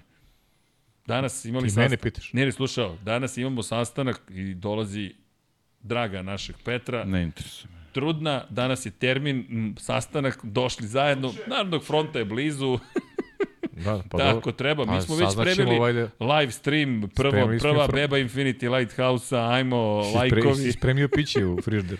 Kamilica se hladi, ne se hladi kamilica se hladi bez brige. Tako da, se hladi. sve je u redu. E, ljudi, Ne znam samo koje ćemo majice cepamo. i rekao sam mu, pitao me, jel mogu dobijem Lab 76? Rekao, možeš, shop.infinitylighthouse.com. Molim lepo, jesam, do, jesam dosledan u Ne, ne, komercijalizaciji. tako i, tako i treba bude. Bravo, sređen. Ponosan sam na tebe. Ali Andreja i Helena su mi srušili sistem. Rekli su, sram te bilo. Ovo što me cinkarilo. tako je, tako je. Ali dobro. E, čekajte ljudi, da se pokušamo da se vratimo u Formulu 1. Ljudi, e, sada vas čeka ono što ste čekali celo veče zapravo. Deki, jesi spreman? Misliš da je to vreme za to? Pa Ajde, vidi, jesam. šalu na stranu. Ne, ne, ne. Ima, ima, ima još par stvari u kojima se treba zaista pozabaviti. E, sitnici zapravo. E, imamo, imamo i NASCAR Watkins Glen. Znaš, nije, nije mala. I podeljene su pozicije, čini mi se, za playoff. E, molim? Watkins Glen, Da, da. Watkins Glen, da, da. Baš me čudi da ti spominješ Watkins Glen. Pa zato što, znaš da je moja omiljena staza. E, da. I, I, I Kevin Harvick koji je ušao u playoff na, na osnovu poena. Nije pobedio, ali eto, lepo opuštena godina njegova. Jeste, i, Ide u penziju i ušao u playoff, što je, eto, super, lepa vest. Za sve one koji vole Kevina Harvicka. E, hoćeš da, spomenemo NASCAR ili ćemo to posle? Ili Možemo i ćemo? posle, ajde, kako Ajmo hoćeš. posle. Možemo posle. Ajmo ajde. posle. Ajde. E, Znaš gde smo stali samo? James Fowles, apropo petogodišnjeg plana. Tu bi se samo na kratko zadržao, zato što ima tu par stvari. E, apropo te priče, mislim da je mnogo dobro što je Pat Fry stigao u Williams, jer e, je sada imao, seo sa, konkretno je rekao je Fowles da je seo sa Patom Fryem i da su počeli da analiziraju zapravo pristup. I zašto bih se zvratio na tu priču posle ove mega giga Sega Drive dig, digresije, ali point je u sledećem, a to je zapravo da je Alpina sebi postavila plan od 100 trka. To je praktično petogodišnji plan. I znaš na koga me podsjetilo to? E, Pa ti ne pratiš toliko američki futbol. Me podsjetilo zapravo na Majka Ne McCartija. izvini. Uh, ok, ali na Majka McCarthy dok je bio trener Green Bay Packersa, koji je imao gotovo nedostižnu prednost u, u finalu konferencije NFC-a protiv, Green, protiv Seattle Seahawksa i njegov pristup je bio sledeći, da on broji takozvane e, pokušaje i broj prvih, novih prvih pokušaja, dakle kada će dobiti first, first down praktično, nova četiri pokušaja i da ukoliko izbroji njih dovoljno, to je metrički gledano, ukoliko njih bude dovoljno do kraja utakmice, da će on zapravo dovesti ekipu do pobede. Šta je bizarno u celoj toj situaciji? Čovek je zapravo ignorisao rezultat i bavio se brojanjem toga koliko će pokušaja njegova ekipa imati u celoj situaciji. I stičem utisak da je ovo slična filozofija. E, imamo 100 trka, pa mi polako. Znaš, mi ćemo za 5 godina negde da stignemo. Potpuno jedan uh, slabo adaptivni plan, plan koji propušta da se bavi današnjošću, nego ti si u nekoj budućnosti. Pa da, super je rekao da bi bilo pogrešno da, da, da ovaj, uh, žrtvuju budućnost svoju zarad ovogodišnjeg bolida. Što je Znaš, E, Ima, a pazi sad ovo, gledaju, gledaju, gledaju u pravcu onoga što, što dolazi sutra. Ali kako gledaju? Tako što se oni sada već prilagođavaju i pripremaju. Ono što, što je moj utisak zapravo, da je Wows počeo da uvodi jednu vrlo modernu filozofiju u Williams, koji je zastareo bio u svakom smislu te reči, to je makar moj utisak. Pri čemu Alex Albon je lepo rekao, ljudi, nama da je neko ponudio sedmu poziciju u šampionatu konstruktora pre početka sezone, mi bismo sve uradili, mi bismo odmah prihvatili taj rezultat. Dakle, istog trenutka bismo rekli, sve ok, mi prihvatamo ove uslove. Jer ti kada pogledaš, Williams je sada sedmi. Oni su ispred Hasa, ispred Alfa Romeo, ispred Alfa Taurija. To, to zvuči Pa to- Pa nestvarno. pogotovo zvuči dobro nakon ovoga što si rekao, nakon tih njegovih reči da, da je njih- njihova filozofija ono što će biti sutra. Jer kad ti imaš tu filozofiju, a već sada pokazuješ neke naznake napretka, znači da Williams ima dobru strategiju za budućnost, ali, makar tako ali zvuči. ne gledaš pet godina unapred. Ti, gled, ti se baviš sadašnjošću kako možeš da unaprediš ono što će doći i istovremeno, jer ja mislim da će Williams sada prestati da razvija ovaj bolid, ukoli, ja, osim ako- ukoliko... ukoliko, ukoliko već ti su i prestali. Ali da. osim ukoliko, pa ja i dalje stojim pri mojoj teoriji, da ti zapravo moraš da promeniš pristup razvoju bolida, da sada više nema revolucija na, na sezonskom nivou, da ti moraš da pristupiš iterativno, evolutivno svojim bolidima i da ti zapravo treba budžet pamet da podeliš po cijeloj sezoni i onda da samo nastaviš taj razvoj u sledećoj Ja godini. iskreno ti kažem, ja sam njegovu izjavu protumačio baš tako, da oni više razmišljaju o tome šta će biti sutra, preko sutra, figurativno pričam u odnosu na ono što, e, što ekipu čeka ove godine. Da oni po, onako, stvari se dešavaju spontano ove godine, a da je njihov fokus ono što će, što će, što će biti sutra, preko sutra, što će, što će biti važno pogotovo 2026. I, i zato i, i, sam negde optimista kada pričamo o Williamsu nekoj, nekoj bliskoj njihovoj budućnosti. Pa- Jer hoću da verujem uh, u ono što, u, u, u, u njegove reči. E, Ajde da budemo precizni. Apropo onoga što je Deki prvo rekao. Dakle, njegove reči su za 10 godina ćemo možda doći do ovog nivoa ako i želimo, a s druge strane, ajmo na dnevnom nivou da rešavamo probleme s kojima se suočavamo. Konkretno, imamo zastarelu infrastrukturu, tehnička struktura je takođe zastarela, to moramo da rešamo. To je kao kad bi rekao, znaš šta, za 5 godina ćemo mi biti šampioni sveta, ali umeđu vremenu nećemo imati ni novi vazdušni tunel, nećemo srediti softver, nećemo dovesti nove ljude, nećemo ništa suštinski promeniti, ali smo mi sebi upisali cilj koji kaže bit ćemo šampioni sveta. Moraš da se menjaš, moraš da se prilagođaš, ali isto tako sa svešću da zapravo ne možeš da planiraš na taj način. Pri čemu ja se ne slažem samo sa njima, ni jednim i sa drugim, da 2026. nije jedna prilično velika prilika. Konačno, Valtteri Bottas je takođe, e da, Valtteri Bottas se oglasio, inače vozio je bicikl, koliko, 100 milja, tako nešto je vozio, rekao je da je na kraju osjećao ozbiljne zapravo grčeve u nogama, i da, ali da mu je bilo zabavno i da zapravo mnogo više smisla ima ostati u Formuli 1 dok ne dođe Audi. Tako da Valtteri Bottas, makar ja prvi put čujem da je vrlo specifičan bio po pitanju Audija i njegovog dolaska 2026. u trenutnoj ekipi Alfa Romeo, koji je zapravo Zauber, koji će postati Audi za tri godine. I Valtteri ima ugovor do kraja sledeće sezone, dakle on je miran, ali ne bi me čudilo da zapravo ispregovara do kraja 2026. Tako da mi deluje da nije ne- nemotivisan, nego kao da u ovom momentu Alfa Romeo je nekako odsustvo možda potrebe za nekim agresivnim pristupom i da čeka zapravo da. taj dolazak Audi. Ja. To je utisak koji sam stekao. Jeste. I ja sad više potenciram na, na ovome što si pričao vezano za William za Vausa. I Meni se mnogo sviđa filozofija, ta filozofija, ukoliko on čovek koji očigledno ima kapacitet da tu ekipu i meni se dopada ta njegova strategija gde jasno govori da je cilj 2025. 2026. I mnogo lepo, to mi onako baš zaparalo, ovaj, ajde da kažem, uh, negde pogled i, i, i, i ono što, što hoću da, da mm, uh, kad ima čovjek viziju, da je, ovaj, kako je rekao, da ako žrtvuješ malo, uh, makar malo onoga što možeš dobiješ u budućnosti, ovaj, to, je, uh, to je pogrešan put. Znaš, i, i, i čini mi se da, da oni zaista imaju imaju neku, da Vaus ima jasnu strategiju u kom pravcu Williams može da ide i, i zaista želim da verujem da, da, da, da, su, da su sa Petom Frajem pogotovo našli naši čoveka s kojim mogu da izađu iz, iz ovog civila prosječnosti koji ih obuzima već godinama da. Nazad, da pritom imaju i sjajnog vozača. I nekako tu, tu sad možda dolazimo i do odgovora zašto Jos Capito nije, nije prošao u Williamsu, ovaj, zato što očigledno da, da nije bio čovek koji je gledao neko dugoročno rešenje, rešenje, nego je gledao nešto da uradi i brže, mislim što je ono generalno i okej, mislim potpuno su različite generacije, Mhm. Jos Capito ima ne znam, 64-65 godina, Valus je 20 godina mlađi. Tako da možda i u tome nešto ima, verovatno su i tu neki, neki pogledi ovaj, vezano za strategiju kad treba stići do nekog cilja možda malo Drugačiji. drugačiji, da, tako da, da možda bi tu mogao da, da pronađemo uzrok, pošto ja sam stvarno u kapitu kad je došao video čoveka da koji možda, pričao, da. da. koji možda uh, po receptu kako je do nekih stvari stigao vodeći Volkswagen Motorsport, da možda na sličan način može da uradi stvari u Williamsu, ali moguće da i on u jednom trenutku shvatio da sa Williamsom to neće tako ići brzo upravo iz tih razloga što što ta infrastruktura i generalno to, ta, to, ta tehnička opremljenost jednostavno više nije na tom nivou da može da prati modernu Formulu 1 ne- nego da to zahteva ozbiljno ulaganje.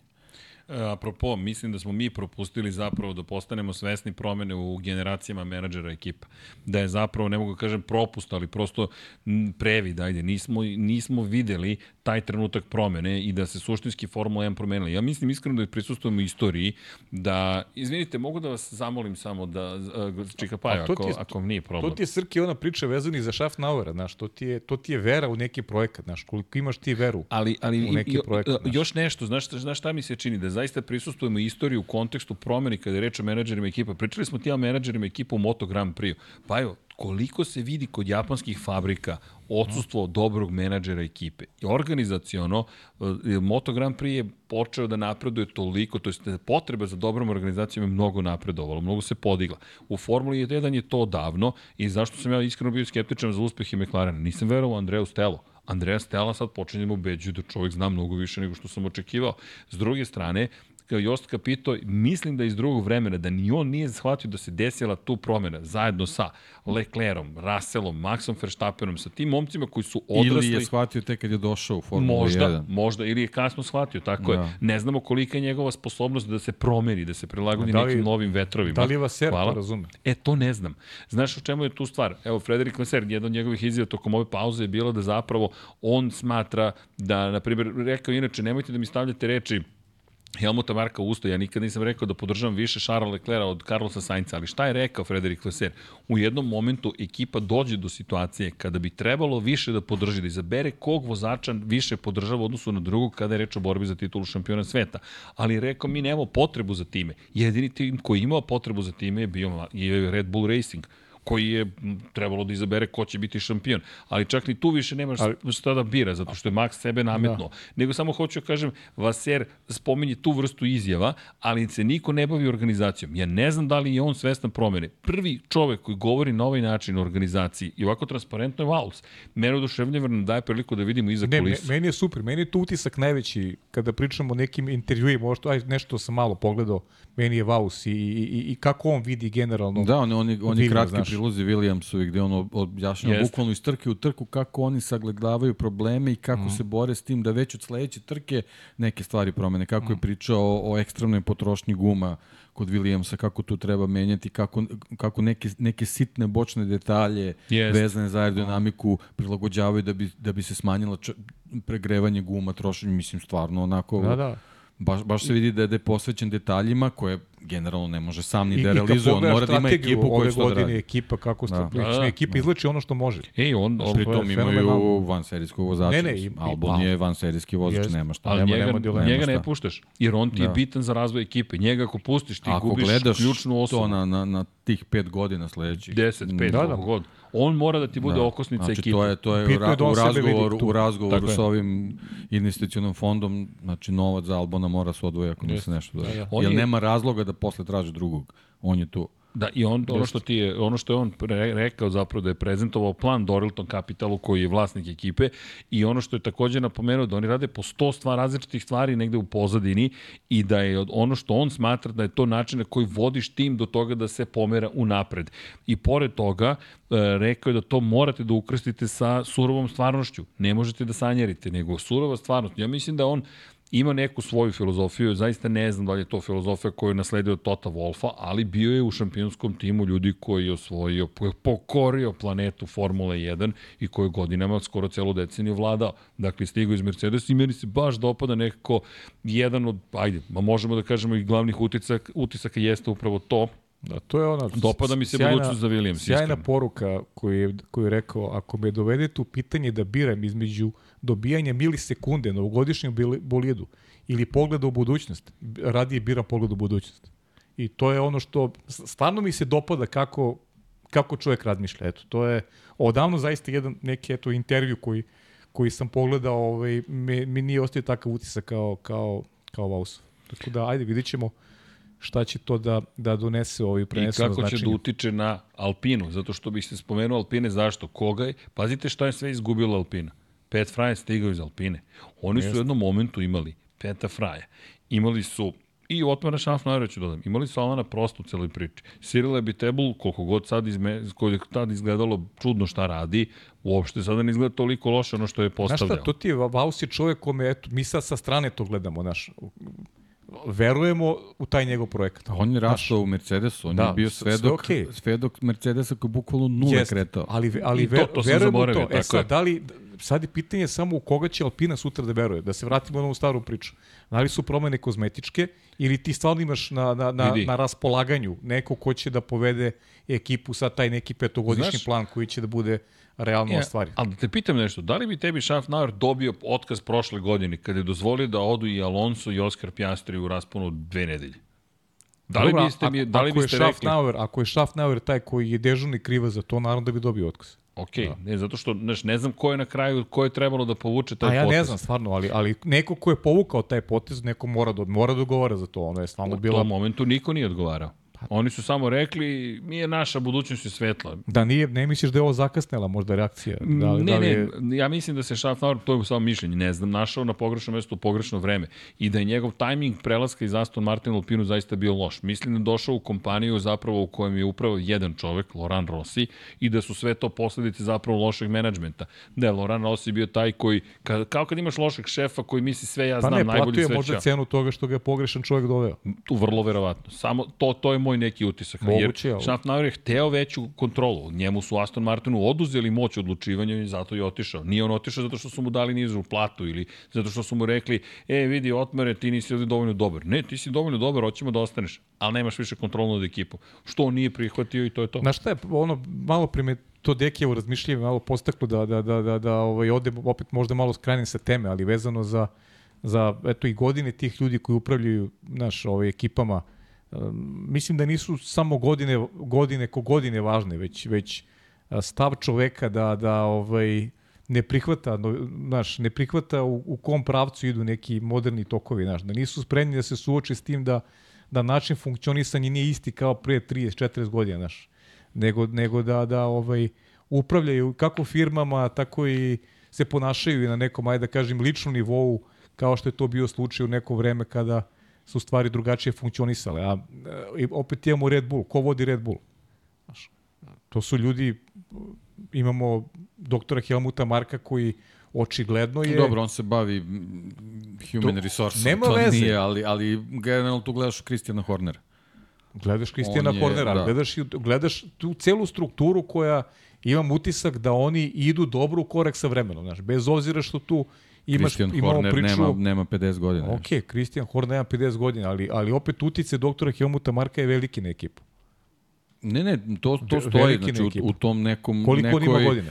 U nekoj strukturi savjetnika, to je ono što je Niki Lauda radio u, u Mercedesu i, i nijedna druga ekipa nema u ovom trenutku osobu uh, ovaj, takvog autoriteta i tog iskustva koji može da, da, da drži ovaj, Ja samo mislim konce. da ima, da ima ljudi koji ali, mogu da se prilagode, znaš, ali da, da nisu godine ne, ne, sve okay, naš. nego u, point, u pointi o, o, o priču o ovim menadžerima, Christian Horner je taj koji treba da se stavlja u koš ovim momcima, ali kažem, to, on, on čovjek 50 godina. Dobro, ne, on je mlad čovjek, Tako ali, da, ali, ali znaš, generalno... godina već tu. Znaš, to je, to je ozbiljno iskustvo koje on ima. Generalno neka i lična da. iskustva. Ti imaš ljude koji, znaš, bez ozira što što s godinama stare, naš, i, i ovaj, da. robovi su nekih navika, ali imaju tu to u sebi moguće da se prilagode i da se e, da da neke savremene tokove uspevaju da isprate Ne, ne, na adekvatan sve- način. A imaš ljudi koji to Apsolutno ne te mogu. razumem, to je znaš. to, nego recimo, eto, konkretno slučaju Joska pita, poenta godine je u tome što, što su čisto uh, vezano za stvari oko razmišljenja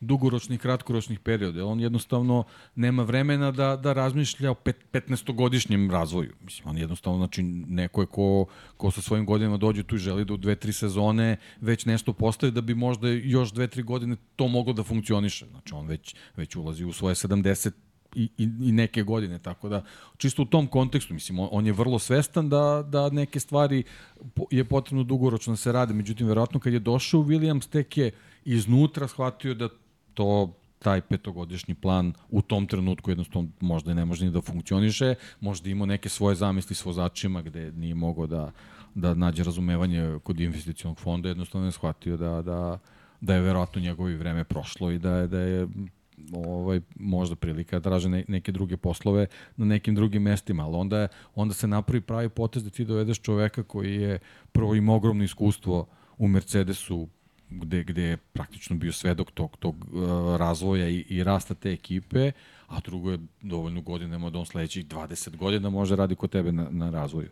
I to, je, to, su, to su ti neki pravi potezi. Samo u tom smislu sam, sam Ne, ne, ne, spomenuo ne, godine. ne, ne, ali nisam, ne, sve Naravno, okej, ali ti kažem- za, za iskustvo i za motivaciju, mislim da ni, kod nikog od njih to ne može da bude, da bude pitanje. Ne, ne, ima ljudi, da su- i, ima, ima ljudi koji stvarno nisu spremni da, da odstupe onoga što su oni navikli, kako su oni šlifovani, kako su oni ponašali ovaj, u nekoj mladosti i ne mogu dostupe od tog nekog modela, ponaš, modela ponašanja. I to možda bude ozbiljan problem kada pričamo o, o, o, nekoj strukturi rukovođenja i tako da. E, zato kažem, eto, recimo, primjer Vasera, znaš, da li je Da li on može da se uhvati u košta sa, sa nekim objektivnim problemima koje Ferrari ima, sa nekim načinom razmišljanja koji ne znam koliko je prilagodljiv vremenu u kome, u kome sada živi. Znaš, to, to, su, to su ozbiljne stvari za, za, ovaj, za, neku, za neku analizu. Pa pazi, ima tu par stvari. Karon Čanduk se inače plaši da za budućnost same Alpine, da uopšte da li oni mogu da zapravo, i to se negde poklapa sa onim što je izjavio i sam Schaffnauer, koji je rekao da je njegovo mišljenje da viši menadžment u Renault zapravo ne razume šta je neophodno da se trenutno uspe u Formuli 1. Da zapravo tu postoji odsustvo razumevanja. To je njegovo mišljenje. Naprimjer, jedna od stvari koje je rekao jeste zapravo da, da konkretno izvršni direktor Renaulta, Luka De Meo, je, želi trenutni uspeh u Formuli 1. I da je to suština problema. Jednostavno tako ne funkcioniše Formula 1, što se poklapa bukvalno sa onim što je Vauls izjavio. S jedne strane i sa onim što si ti rekao malo pre, koliko ste vremena dali Schaffnauer da uopšte postavi svoj sistem, da postavi svoje, ne ljude kao svoje, mogu da budu to ljudi koje on zatekao Evo, tamo. da, možemo sistem, da izanaliz- sistem, lako, sistem, lako je. možemo da izanaliziramo. Znači, pogledaš sadašnji Red Bull i pogledaš kad je počelo to. Kad je počelo? Pogledaš 2005. Mercedes pre dve godine i kad je počelo to. Pogledaš taj Ferrari Schumacheru i kad je to počelo. Tako je. Pa Pa da. Niko, niko za dve sezone nije uspeo ništa. Pa da ne možeš. Ne, ne, To tako ne, ne postoji ide. šansa. Jednostavno, Ajmo, ajmo ovako, izvini, Christian Horner, kada je doveden, on je doveden kao najmlađi menadžer ekipe ikada. Dakle, on je doveden kao klinac, bukvalno. Ljudi, on je doveden kao To ti je klinac. samo dokaz teorije moje da, da mladim ljudima treba dati šansu. Naravno da treba to je, davati to je šansu. suština cele priče. Pa vidi, to je, to je nešto u što sva trojica verujemo. Ja apsolutno verujem. Pozi, i ne samo to, to nisu reči, mi stojimo iza, iza toga. Apsolutno. Dakle, kroz naše karijere to možeš da ispratiš. On, Kako ono, ne? ono što se ne vidi iza kulisa, ali duboko verujemo u to. Jer vidi, to dolazi generacija ljudi koja razume svet na drugi način. Tako mi je. ne vidimo tim očima. A mi treba da oblikujemo sada svet, ne znam, za omladinu, no omladinu. Vi ste bukvalno Pa ne, omladina. dobar- dobar je Vi ste primer, ozbiljni baš ona, ljudi. recimo, dobar je dakle, imaš primer, da. zrelu osobu koja već ima dovoljno godina da odlučuje o sebi, već ima više od 18, odlučuješ o sebi, ali ne, sad ćemo mi da ti kažemo koji smo Pa ne, ima i- bili u tvojim ima- godinama pred 30 Ima i, godina. obrazo, Čekaj, ima i obrazovanje, ima inteligenciju Tako i sve, je, samo treba pustiti samo da to pokaže. drugo. obrazovanja Tako je je. kroz naše iskustvo. Tako je, to sam teo da više. kažem. više, Mi samo treba da više. damo iskustvo, ništa Tako više Tako je. i to je to. A pusti mlade. Zašto ja mislim da je... Ali, Ali, to pazi, su te uloge... Uh, Horn, Hoga, ne, ne, ne. Niki Lauda, Laude i- tako je, i i, Helmuta Marka. E, a samo ti kažem. E sad je to pitanje, znaš, da li, da li razmišljaju tako kao nas trojica svi, znaš? Pa. Da li mladima daju tu vrstu šanse ili žele da budu autokrate koji će da odlučuju, a ne A prihvataju mladi su im figure. a ne prihvataju tokove u kojima žive, ne prihvataju da žive sada u nekom drugačijem periodu, da je ovo sada jed- jedno vreme Drugo koje vreme. apsolutno ne pripada, ne pripada njihovom načinu razmišljanja uopšte. Znaš, to su, to su vrlo, vrlo teme zanimljive, a mi ne znamo strukturu recimo Alpine, ne znam, zašto se meni dopao Vaus? Jer ja tu prepoznajem nešto što je, što je, što je dobra strategija. Ma savremeno je. Znaš. Ej, vidi, to je u korak s vremenom. Ti Definitivno. pratiš, vidi, ti sad samo na informatičkom Evo sad nivou ti imaš reći, znate koliko je godina imao Ross Brown kad je došao u Ferrari? Koliko? 41. 41. Eto, to je to. Kapiraš? Znači nije, nisu angažovali nekog ko je sa 60 godina je. došao da nešto uredi. Ajmo ovako. Ali Jean Todt je okupio ekipu ljudi koji su 35-40 Šta si rekao za Hornera? 49. Sad ima trenutno Sad ima 49. 49. Pa Čovjek je počeo ima- sa od 31. 40, Sa manje od 40, imao Sa 30 30 nešto. godina. Komu je dao tu mogućnost? Komu je dao? Čovjek koji je izmislio novu kategoriju pića. Čovjek koji je od uh, energetskog pića stvorio mega giga sega industriju. A. Ali je bio dovoljno inteligentan da, da shvati da se ne razume u formulu. Tako je. je, I ko da organizaciju. voli. A on je, on je A ovo- doveo je čoveka veliki. koji je Tako je. prvo bio trkač, bio je već dovoljno iskusan kao menadžer. On, on je bio u baru. Jeste, jeste. On je, on je iskusio On neuspeh. je u nižim kategorijama on je bio. Tako iskusio je. neuspeh. A, Tako je, tako je. Ej, vidi, kada pričamo o, o, o Dietrichu Matešiću, izboru Kristijana Hornera, wow, kakav izbor. Znaš, mnogi pocenjuju Hornera ili im je simpatičan ili im nije simpatičan. Ljudi, taj Znači, čovjek pa iza dobro. sebe ima Pa pre... zato je uspešan, Dietrich je Matešić je kao, ili nije. Dietrich To, to. Matešić je kao uspešan industrijalac, možemo slobodno Tako je. kažemo, verovatno ima talena da otkrije uh, menadžerski kvalitet Kristijana Hornera, koji je već imao uh, uh, veliku ulogu u, u Formuli 1, gde je shvatio kako može da, da izgleda taj neuspeh. Znaš, ono kad kažu, prvo moraš da, da, da izgubiš da bi pobedio. Doveo čoveka i pustio ga da uči kroz godine.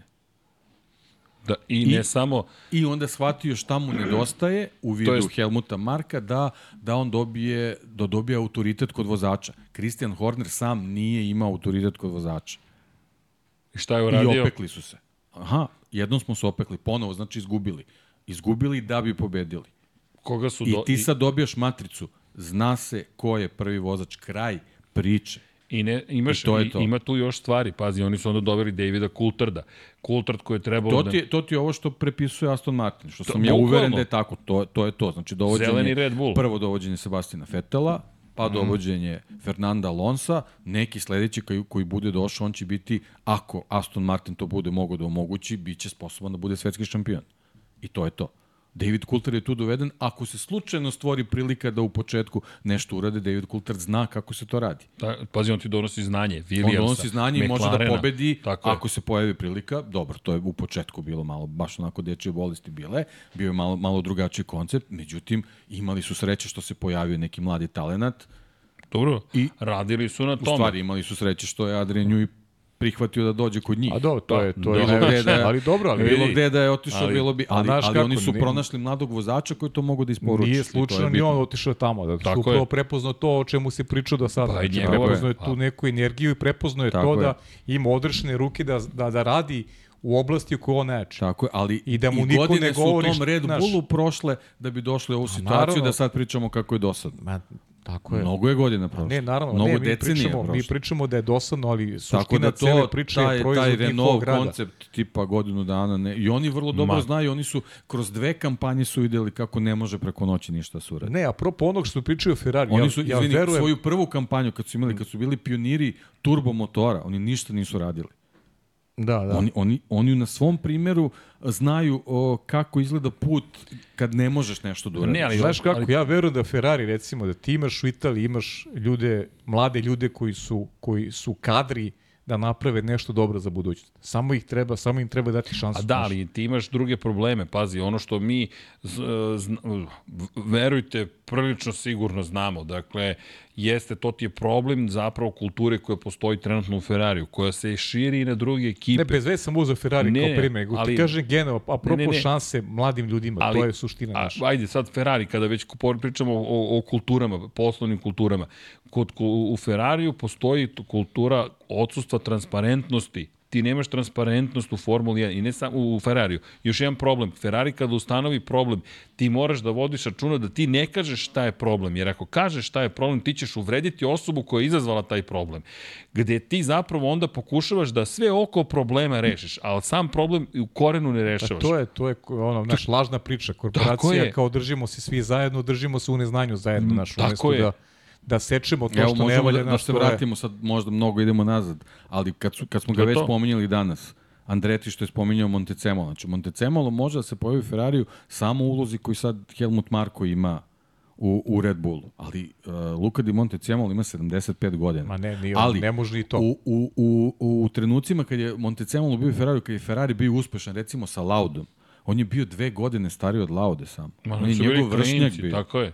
Ali a, Enzo Ferrari je Luku Di Montecemelo prepustio ali- da, da, da, da uklopi tu čitavu Jeste, priču. ali ovo- Momka koji ima 30 i nešto godina. Izvini, ali ovo što Paja priča, ovo je, ovo je mnogo bitno, zato što ovo ti je kultura, dakle, pričamo dve stvari, to je daješ mladim ljudima priliku iz druge strane, ako ti dovedeš mlade ljude, daješ im priliku, a zapravo im govoriš, e vidi, povinuj se sistemu koji već postoji, ćuti kad vidiš problem i zamaskiraj ga nekako. Nema toga ništa. To je, da citiram Paju, šuplja priča. Pa nema to je, toga to je, ništa. to je, pa to je, Napredak kažem ne ti, postoji nikada. Mnogo bi se vratio mnogo na, na Luku di Montezemolo, ali to je suština što si rekao. To on je, tad je bio mlad, ali ima mnogo neuspešnih priča njegov, u životu Vidi, njegovom. ne, je, ali ne samo to, vidi, to, je cijela kultura, zašto je meni wow super i zašto ovo sa... A pazi, Renault ima dva problema i ja ne znam da li će oni stvarno moći da ih reše. S jedne strane, oni su postavili petogodišnji plan, onda im to nije bilo dovoljno dobro, pa su ovog otpustili čoveka posle 18 meseci.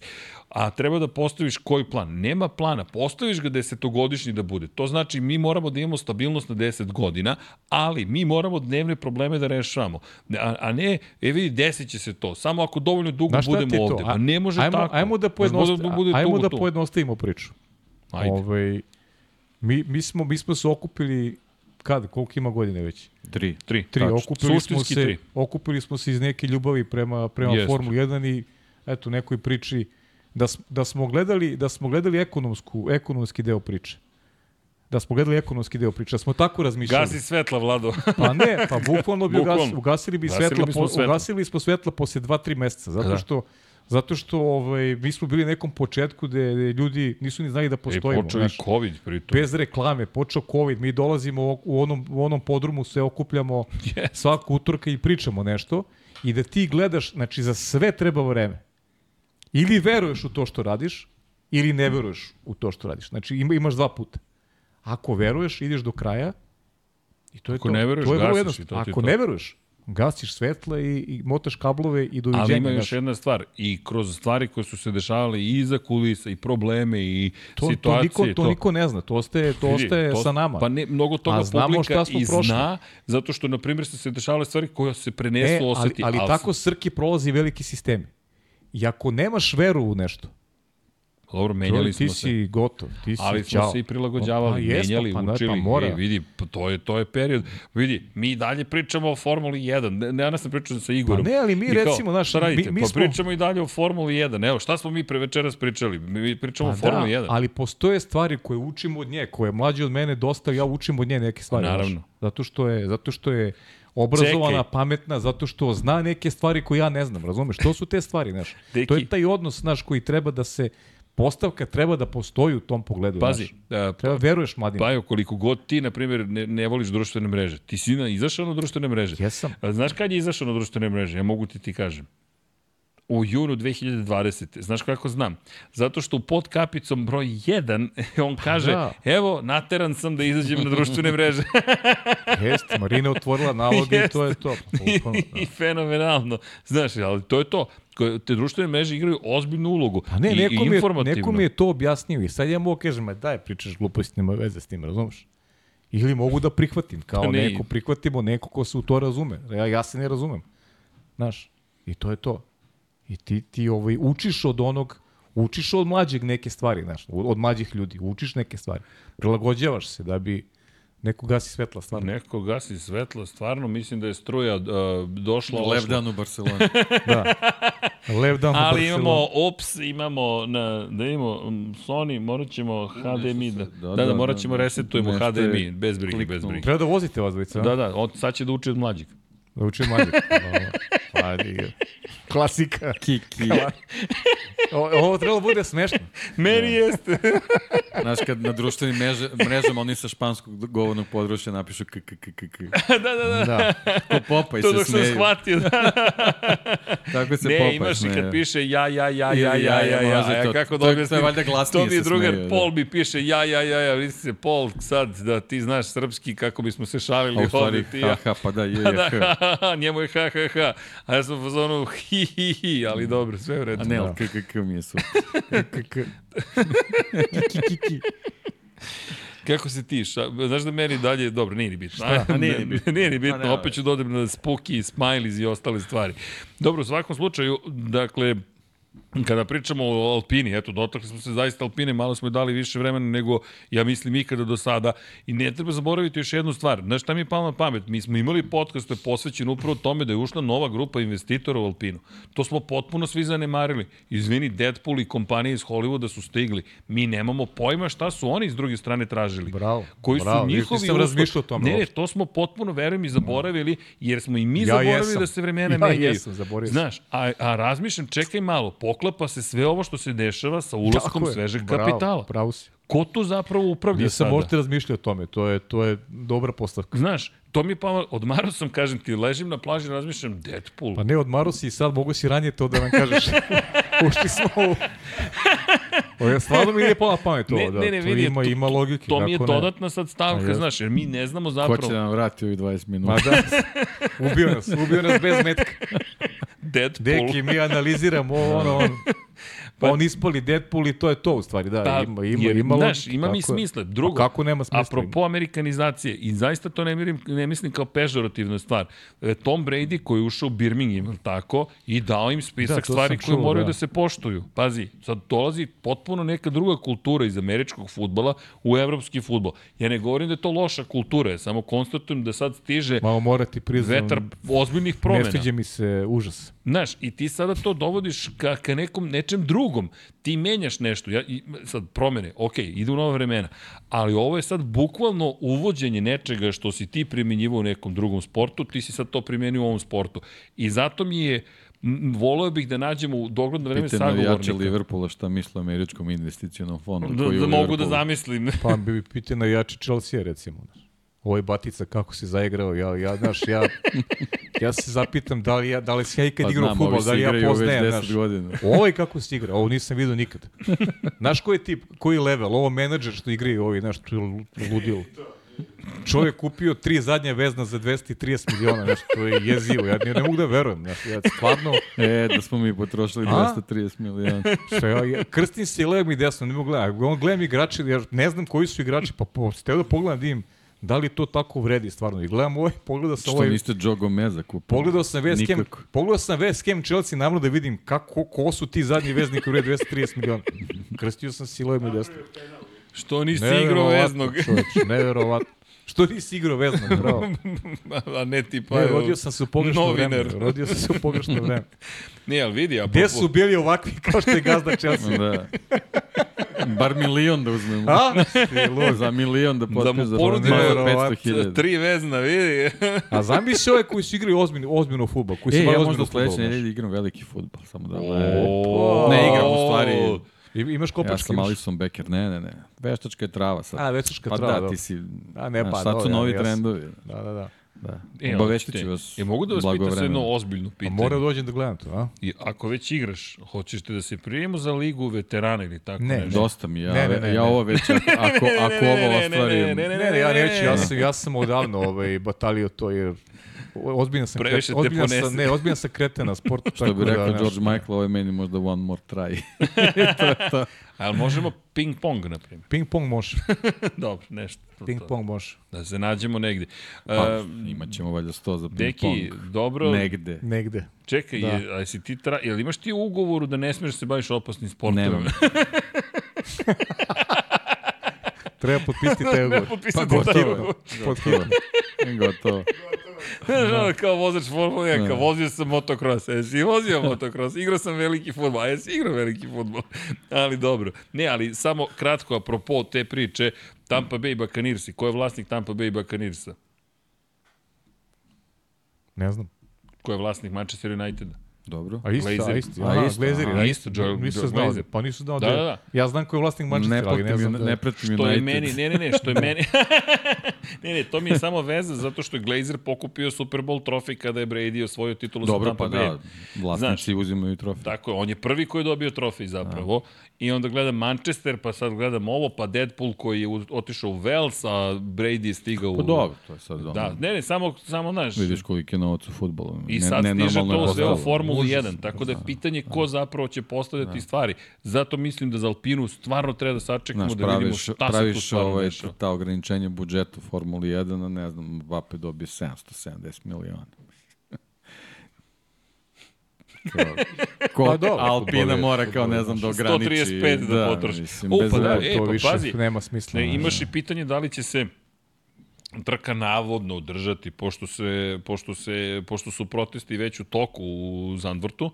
Ne znam da li ste ispratili, ali uh, borci za zvanično deklarativno bore se za jel te, održanje, očuvanje ekologije i prirode su zauzeli svoje pozicije već sada u, u padoku koji se gradi. Tako da postoji mogućnost da će slično Silverstone uticati zapravo na, na, na trku, mada tamo nisu previše uticali na, na kraju na trku, ali eto čisto da spomenemo i tu informaciju. Zašto kažem da sam malo skeptičan? Zato što mi je malo čudno da se boriš protiv nafte, a onda uzmeš farbu koja je napravljena od naftnih derivata i petrohemije i ofarbaš nešto. Ako si već borac Nisi protiv... dovoljno upućen onda. Da, da. Znaš, kao, ok, boriš se, ja, sam, ja te podržam, ali onda moraš da skineš i svoje patike i svoje te gumene satove i moraš svu opremu koju koristiš da skineš i da kažeš, sorry, to je petrohemija. Jer to samo je... Sve je petrohemija. Pa sve je petrohemija. Jel piješ lekove? Petrohemija. Jel imaš plastiku kod sebe? Petrohemija. Većina stvari je petrohemija. Nije to tako crno-beli svet kao Kako što bi pereš se... veš? Pa, pa deterđent odakle dolazi. Spakovanje isto u plastiku. Tako da, S čim se mažeš protiv sunca na plaži? ne, i u šta se to pakuje. Ne, ne možem se. Ne, ne, idem na plažu. Ovo je bilo, provalili smo Sedimo, ga. sedimo u, u ladu. E, sad ćemo i da sedimo u trkačkoj kabinici. E, samo brzinski. A, Williams smo spomenuli, Alpinu smo spomenuli, Haas je, samo da napomenemo, uz MoneyGram mm, sponzorstvo ove godine u mnogo boljoj poziciji, tako da, apropo budžeta, da napomenemo da najzad mogu da ne, ne brinu o platama i sličnim situacijama, jer to je zaista postalo bizarno u trenutku, ali mislim da nijednog momenta nisu zaista bili toliko ugroženi. Kao ni Kevin Magnussen izgleda kao da će bez problema da ostane i Da, dalje da, u Hasu. da, izgleda da će ostati Mm. u Hasu. Priča se da, da su, da, čak pričaju sa oduševljenjem zapravo i jednom i drugom vozaču. Ok, e, imaju neku stabilnost, ono što se kažu navodno dopada Hasu u cijeloj Nadam ekipi. se da će neki, neka ekipa iz Enduransa prići Niku Hulkenbergu, iskreno.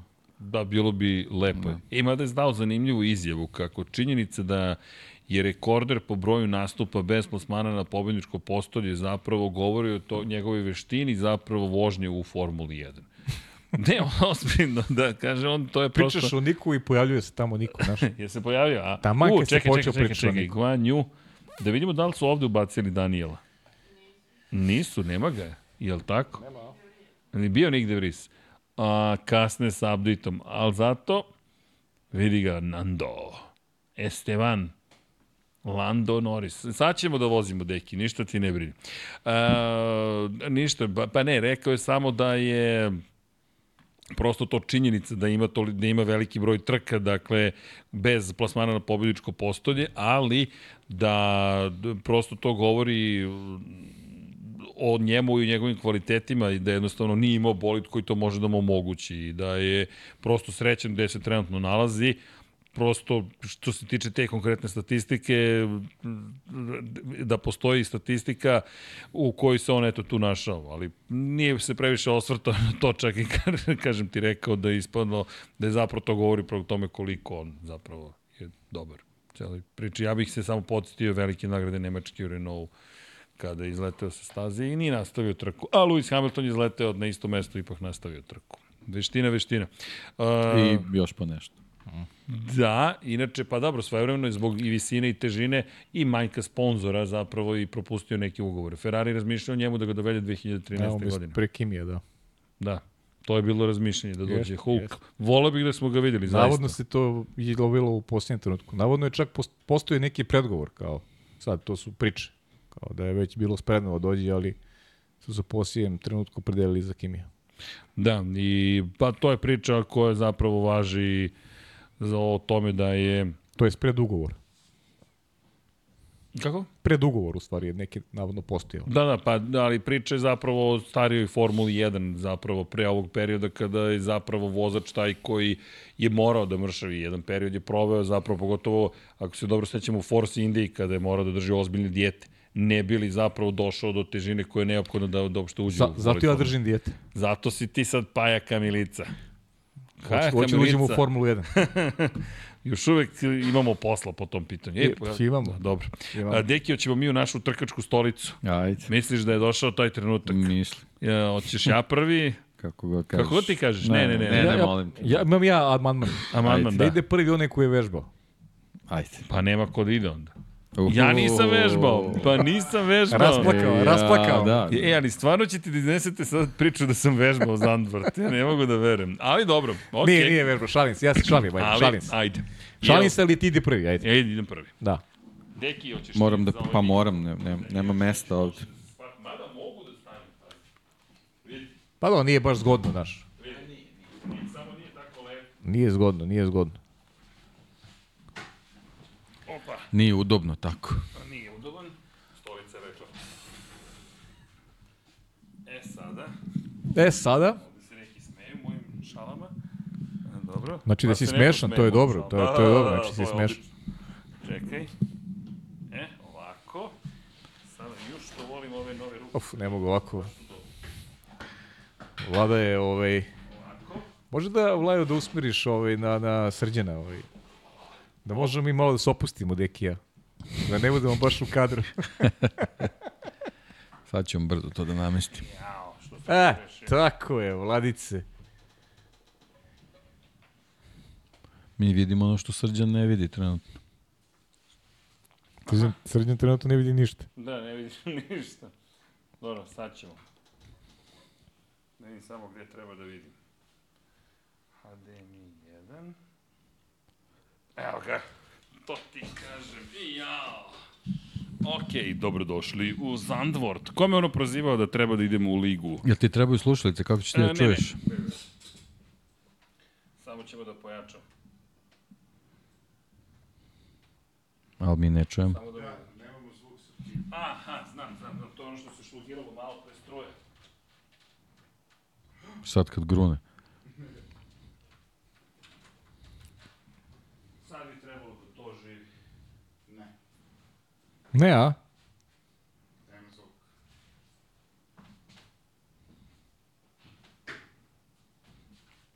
A znam. Špica ide, u stvari nema više špice, sad je gotovo, ajmo. Ajmo. Opet se resetovalo. Zvuk šalje na slušalice standardno. Znam gde ide. Sound. Audio output. Aha, evo ga, čuje se. Idemo. Okej. Jeste spremni? Kako ne? Za Da li spektakl. ste spremni? I da birate vozača dana. Jao, vozač dana. To da stavimo u pol. Ko je vozač dana? Deki ili Srki? Ili Paja? Ja, ja sam gledalac dan. Poručio ti Kasan Bratić. Da. Kaže, ona crna traka, to je stazi da probaš tu da ostaneš. o, o, o. Dobro, dobro. bravo, Hasane, bravo. Hasan Surovo. Da, Kako je muzika, da... šta je ovo? Da, da, to je neka muzika u pozadini, to će sada proći. Izgleda Bakidoš. Nego, jedno pitanje za Hasana, kad će doći da, evo, biramo Red Bull pošto je Maxova staza, ili hoćete Alfa Tauri pošto je nikada je Misliš, kad će Hasan dođe u podcast? Ne, ne, kad, pa kad će da dođe da fotografiše kako vozimo. Kad će dođe u Beograd? Hasana čekamo već godinama da dođe, ali, Ozeblo sunce. ali od njega ništa. Preće da dođe Frederik Vaser. Ok, go to track, flying lap. U, kakav zvuk. Idemo, Nije srđane. vežba, gle, pogledaj čoveče. O, nisam ja vozio do Savršena, sada. gle, savršena idealka. kao sad kao Bajagi izgubio kontrol. E, sad ga vidimo na ovalu. Maj, idealno.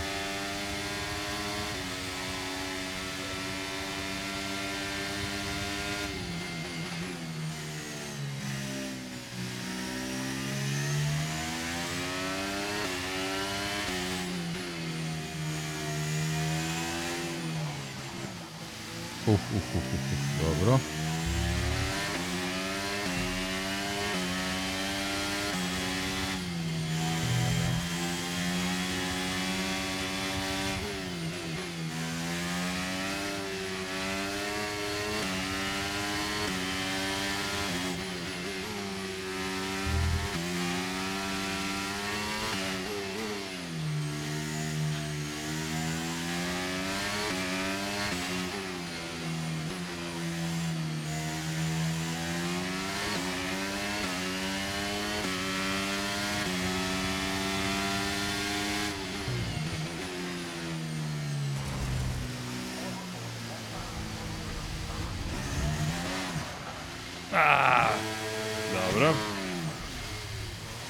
Dobro. Polako, polako. Da ne bude Niko Hulkenberg. Niko Hulk.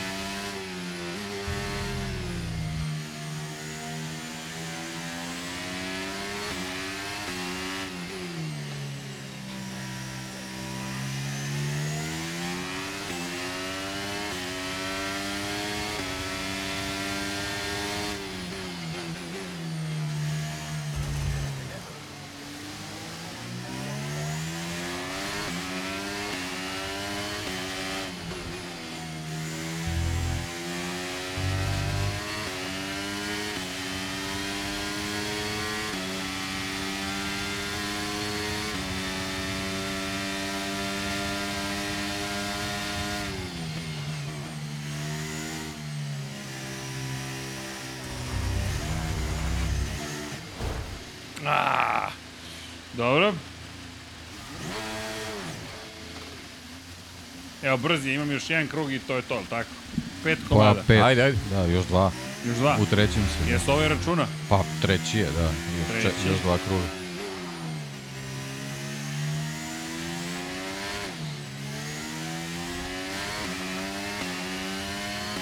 Dobro.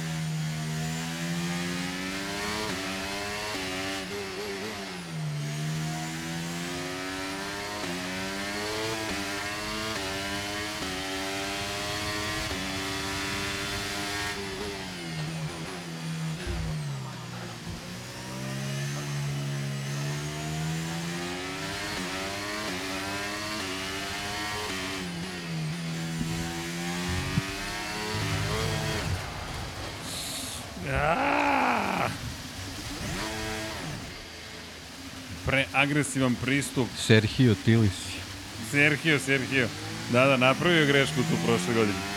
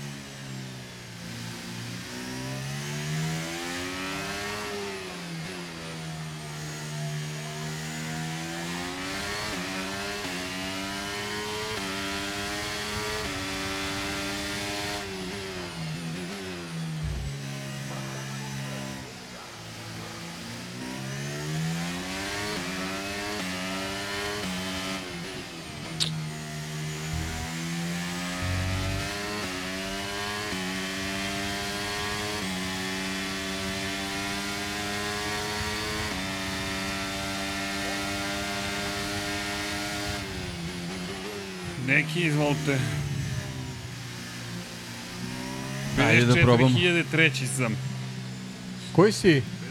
54.003. Pa to je sjajno mesto. I jedna Ko, fantastična ko, ja, predstava. ko ja u fantaziji? Poing. Boing. E, I tako. Samo da ne polomimo ovaj mikrofon. Dobro. Nisam toliko loš. Dobro, radi. O, čekaj, pa mi daleko. E da. Luka Martinović kaže ne koristiš bateriju uopšte. Pa nisam. Kaže Boris, kaže, ma nije vežbao na obali mora u peni talas. Ne.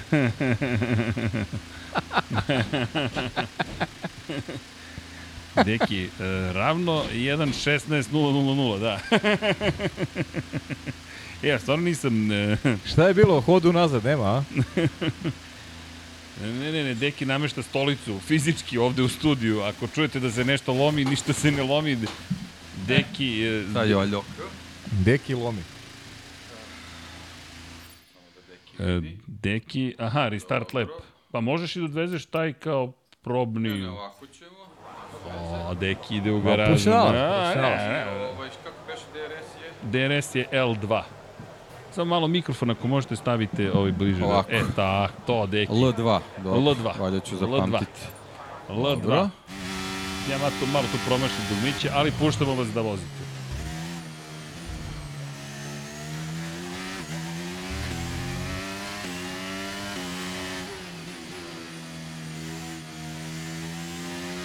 Dobro.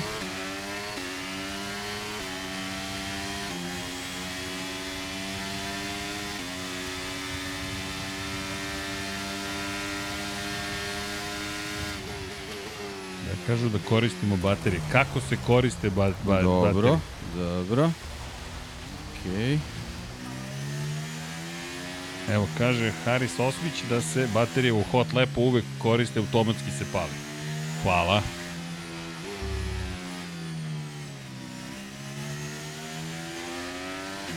I da, čekaj da proverimo još par stvari.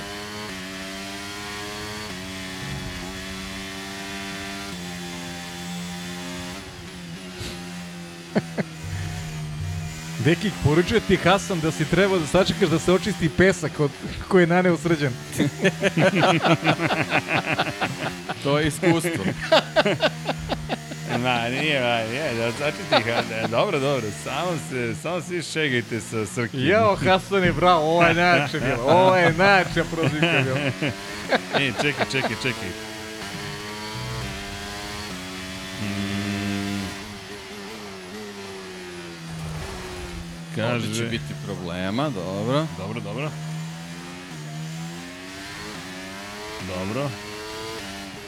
Vidi, moram da vidim. Dobro, 1.16. Ajde. Ima tu još posla.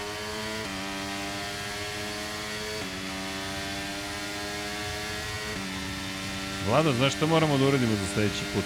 Na 60 frejmova u sekundi da prebacimo naš prenos. Ovo 25. Eh, Mrka kapa.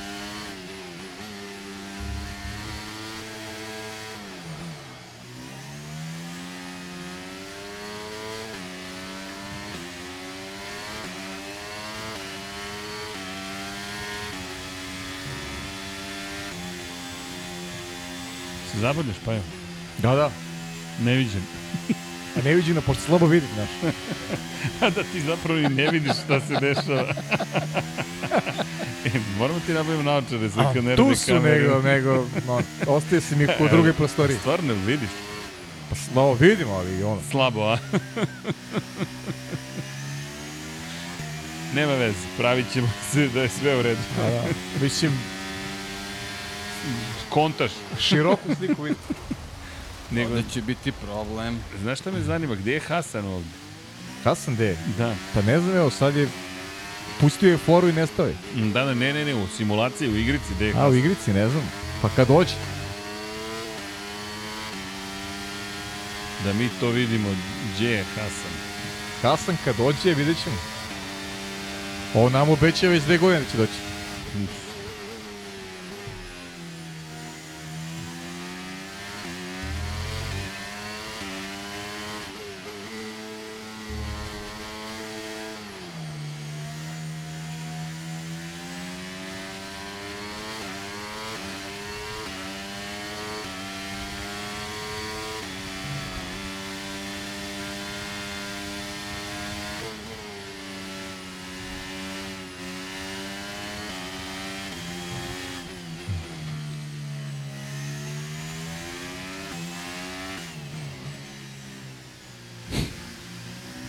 je Hasan?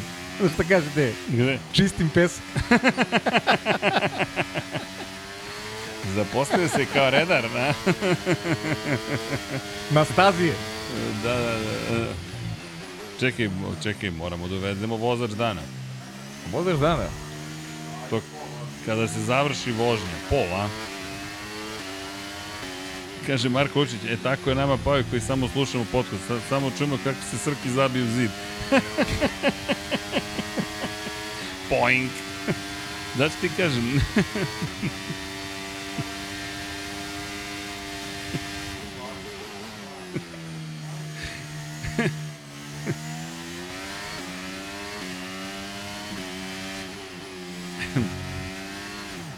Kaže Srđan Lukić, kako dete Srki, no, ono, imam sve u životu, igram PS5, vozim formulu, malo me nervira lik. hvala, hvala Srđane. Jeste, sedim s drugarima i pričam o formuli. Šta ti je posao? E, komentarišem Formulu 1, a onda jedam Formulu 1, a onda, onda s drugarima pričam o Formulu 1 i usput vozim Formulu 1. To tako izgleda. Tako lepo izgleda. Moram malo te branim. Ma, naravno, naravno, naravno.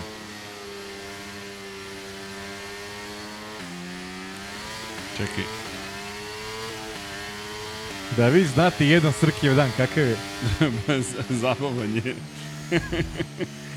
Zapravo da, mnogo više se odvija stvari nego što bi čovjek rekao. Ovako na prvi pogled.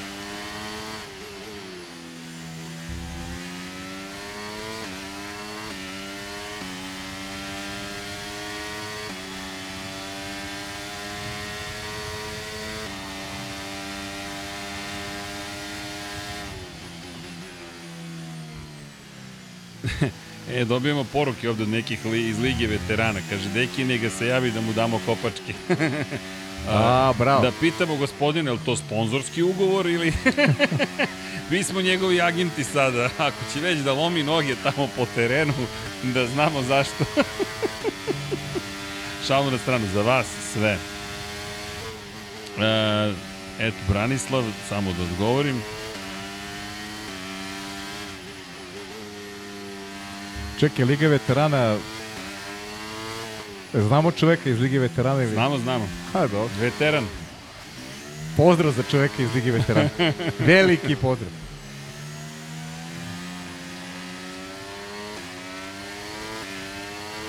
Ali dobro, dobili smo i poziv da igramo. Bez, bez mene. Ali čekaj, zar nisi napredovao umeđu vremenu? Ne, tu nisam napredovao. Dobro. Zato i ne igram više. Da, moramo za one koji slušaju samo podcaste da pričam. Volim da pobedim i ovaj, baš sam ovaj... Takmičarski nastav. Da, da, da, Ah. ja.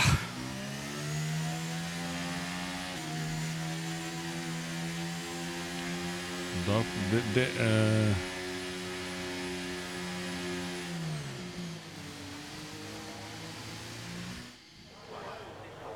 Kaže, a Srki, gde je knjiga koja... Šta bi, deki? Pa imaš još jedan. To je peti bio. Pa Deki? Deki je pošten igrač. Dobro, dobro, nisam znao. Mislim, znao sam da je pošten igrač, nego nisam znao da je peti krug. Dobri, ko je bio bolji? Šta, ovaj... I to drastično. A to je Mislim da je Srki jedno dve sekunde. Ali, ali ja ipak glasam za tebe za vozača dana. Evo, glasanje za vozača dana. Starta pol. Ko je vozač dana? Evo ga. Da, Deki, Srki, Paja. Pa sta, pa ne, sad. Neko će se znamrći šale za paja. Ali eto, da nema da nije da... im- Ali ja mislim da si stvarno imao još jedan krug. Kaže Marko Ne, ne, Lučić ne, da ne. si ima, Lučić da si imao. Ma pet. A, da, da. E, Da ugasimo zvuk.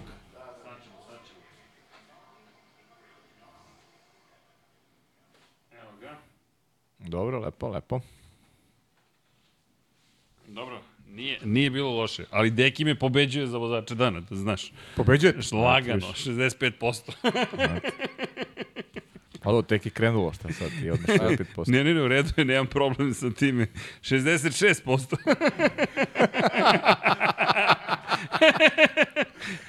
E, Razbija me. Elegantnije vozi. Manje ima kontakta sa zidom. Sergio, ti... Preciznije, preciznije. Neka, tako i treba. Ti, sve ti to. voziš kvalifikacijni krug, on vozi trku. Da, da, da. Bravo, pa je. Bravo, pa je, tako je, viš kako To smo je dobar to. tandem. Ali dobro, on je endurance vozač, to je zato. Mene su tako učili. Ali dobro. Deki, if you got a problem, change the car. Tako je. Evo sam Haas da uzmem. Ne mogu ja ove Red Bullove. A, dobro, zabavno. Ne, trebali smo Aston Martin da uzmem. Aston nismo, Martin, Nismo tako je. razmišljali. Tako je. Da, da, treba, bravo, bravo, deki, to je trebalo da vozimo Sledeći put, večeras. Sledeći, put, sledeći put samo Aston Martin. Ne, to sam ti kažem, samo Aston Tako Martin od sada vozimo. Samo I Shayla to da vozimo. Strola. Jao, ali čekaj, Shayla će sada da bude deo fabričke ekipe Honda. I jao. Ne znaš treba ovde... A Sa, ne!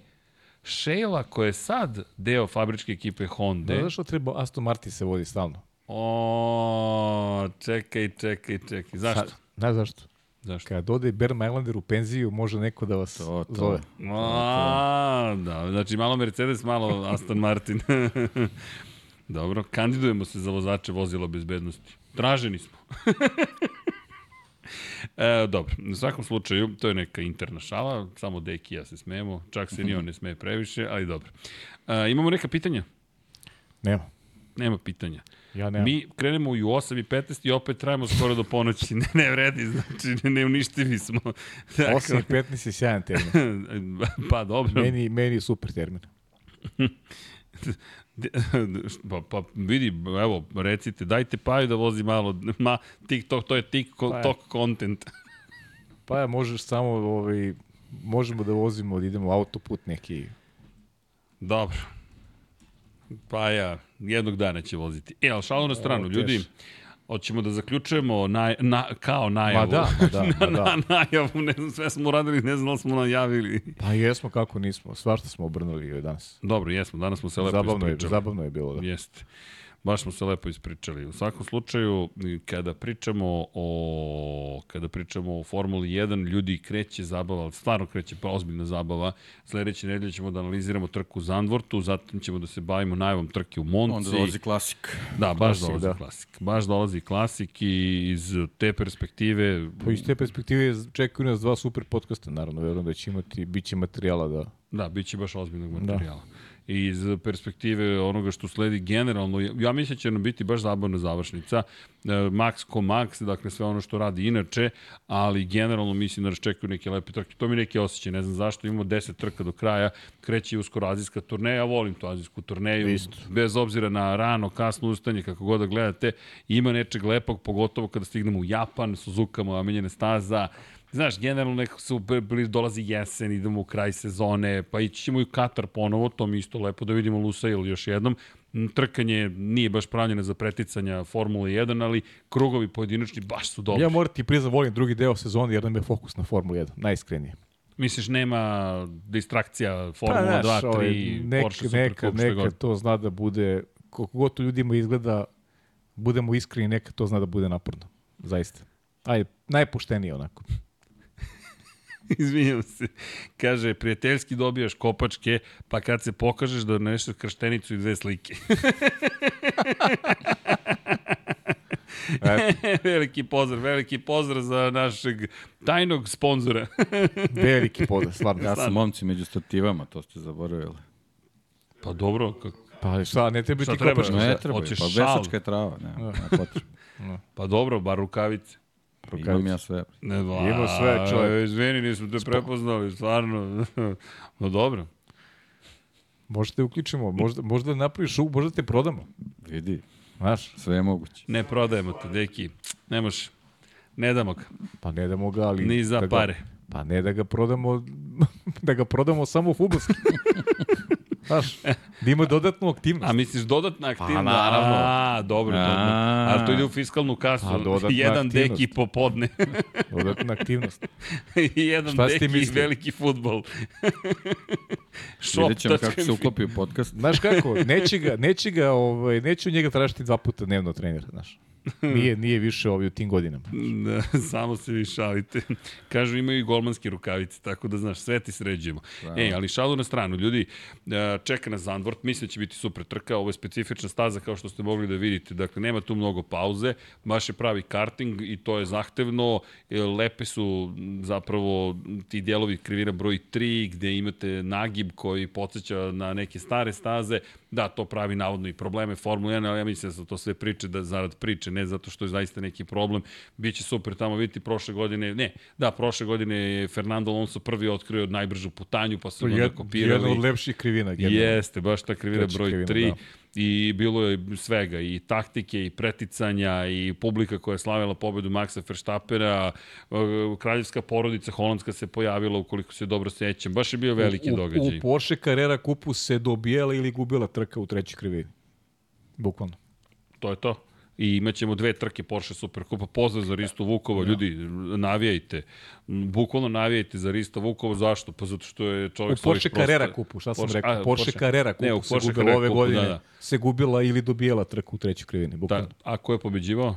Pobeđivo je Ten Vorde. Ten Vorde, tako da gledajte da li može da se vrati u igru Ten Vorde, to isto. Nama su sve trke zabavne, da ne shvatite pogrešno, samo bismo volili da postoji veća veza između onoga što se događa u Formuli 1 da. i pratećih serija. Ali nekad, je, je baš, nekad je baš onako zgusnut kalendar ali zaista. Ne, veći problem je kada se otkazuju i pomeraju trke što, ne, što, što je gotovo panika da se sve organizuje na vreme. Ove da. godine smo imali kašnjenje zahvaljujući tome što nisu uspevali da sve organizuju na vreme. Ali kako god, ljudi, sezona se nastavlja, veliki odmor je završen, ako smo ga uopšte imali. dakle, to, to jedino što nismo ispunili, to ćemo ostaviti za zimski mesec. Zaista nismo Nismo mogli, dakle morali smo da odemo na odmor, jeste sklapanje Meklarena, tako da znate, to smo Sklapat rekli. ćemo ga i ljudi ono što, što takođe nas čeka, a pričat ćemo o tome 9. septembra, onaj skup koji smo najavili. Tako je. To, e, da. to se dešava, samo ćemo da vas obavestimo, e, naravno, to mestu si lepo gde, rekao, hvala gde će se održati i tako dalje, tako dalje. Ali o tom potom. E, da. Radimo na tome, čisto da znate. Ajmo ovako, za početak da znate 9. septembra svakako će biti u Beogradu. Ako da. se sećate priče još iz jula ove godine, rekli smo ajde da, o, da izmislimo dan Formula 1 i onda smo odlučili da to bude 10. septembar greškom, to je nedelja, 9. septembar da bude i 9. septembra ćemo da se okupimo u subotu, to će biti Lab 76, Lab 76 broj 300. 300 da. Nećemo pričamo nećemo, ništa. Nećemo snimati Nećemo podcast, snimamo, ali plan nam je se. tako je da se družimo i imat ćemo takozvane komenta koke. Šta to znači? Kao što smo rekli, ukoliko želite da pokažete svoje komentatorske veštine, imaćete je. priliku te večeri to da uradite. Takođe ćemo spojiti tu priču i sa početkom NFL sezone. Zašto? Ekipa iz 99 Yardi će takođe biti prisutna i mogu da vam kažem, imaćete priliku da probate Branislav Dević, pobednik. Šta je rekao? Znaš kako se zove okupljanje 9. septembra? Da. Pod čašicom. Spet, da, da, da, da, pa je, zna, Super. a da, ti nisi bio tu, znaš da Nisam, smo to nisam. uveli, smo Ja, specijal pod svaka čast. čašicom, Pa da, da, da, to, to. to je Paja izmislio pod čašicom. To, to sam ja, to, to sam ja krstio, htjeli smo i podcast da pravimo jedan Sad sam koji se zove. Ali to je iz mog prošlog života, pošto A, ja više ovaj, znaš, ne konzumiram Pa ovaj, dobro, čaši može biti određene i ali, ali pod čašicom, ali mogu i dalje Može da pod učestvujem u podcastu. nema. Ali, Mogu da učestvujem u po, podcastu svakako. ne, ne, ne, ali to je bio plan da bude podcast tamna strana studija Da, da. i da ide posle ponoći ili da se zove pod Pod čašicom. Karjan i Stoljak A, i ja. pričamo naš o... A? Bilo čemu. Pa da. Pa dobro, to možemo jednom ne, Ne, mesečno možemo, da uvedemo. možemo da to. Pa dobro, A, ajde. ja. A mesečno A, jedan- kako ti jedan, zvuči to? Kako ti zvuči? Pod čašicom specijal, Vrhunski. karirani stolnjak i Imam- pričamo šta I god. pričaš svašta. Ima minimum 15 fenomenalnih gosti u najavu. U najavu. Laganih. Ok, Minimum 15. u isto vreme ili... ne, ne, ne. A ja... E, dobro, jesmo onda osvojili novi koncept. Pa mislim, meni je koncept Tamna fenomenalan. strana Sad, kažem studija. ti, kažem ti šta mi nedostaje. I znaš, ovoj počinje u ponoć. Pod kamilicom. Ne, Da, kaže, ne, ne, ne, ne, slušaj ovo, slušaj ovo. Na kamilici s Pajom i ekipom. Boško. Da. Ali, 9. septembra zapišite datum, upišite koje vreme, ne, to nemamo pojma, to ćemo da, da, da, da se organizujemo. Šta sam pio danas ovo? Šta, šta sam... I kamilicu si pio. Šta ne, šta smo pili? Kad su se... Smuti neki sam. Ne, ti si smuti pio, da, da, dobio je sm, smut. Pita ga devojka, hoćete sok ili smuti? Smuti. Pa zvuči mi kao, znaš, egzotično, kao, znaš. Ne bude, ne bude blam, kao, znaš. Sok, ja ću sokić, kao. Da mi taj smuti. Ja, Neškić. Da mi taj smuti nek ide život. A ja...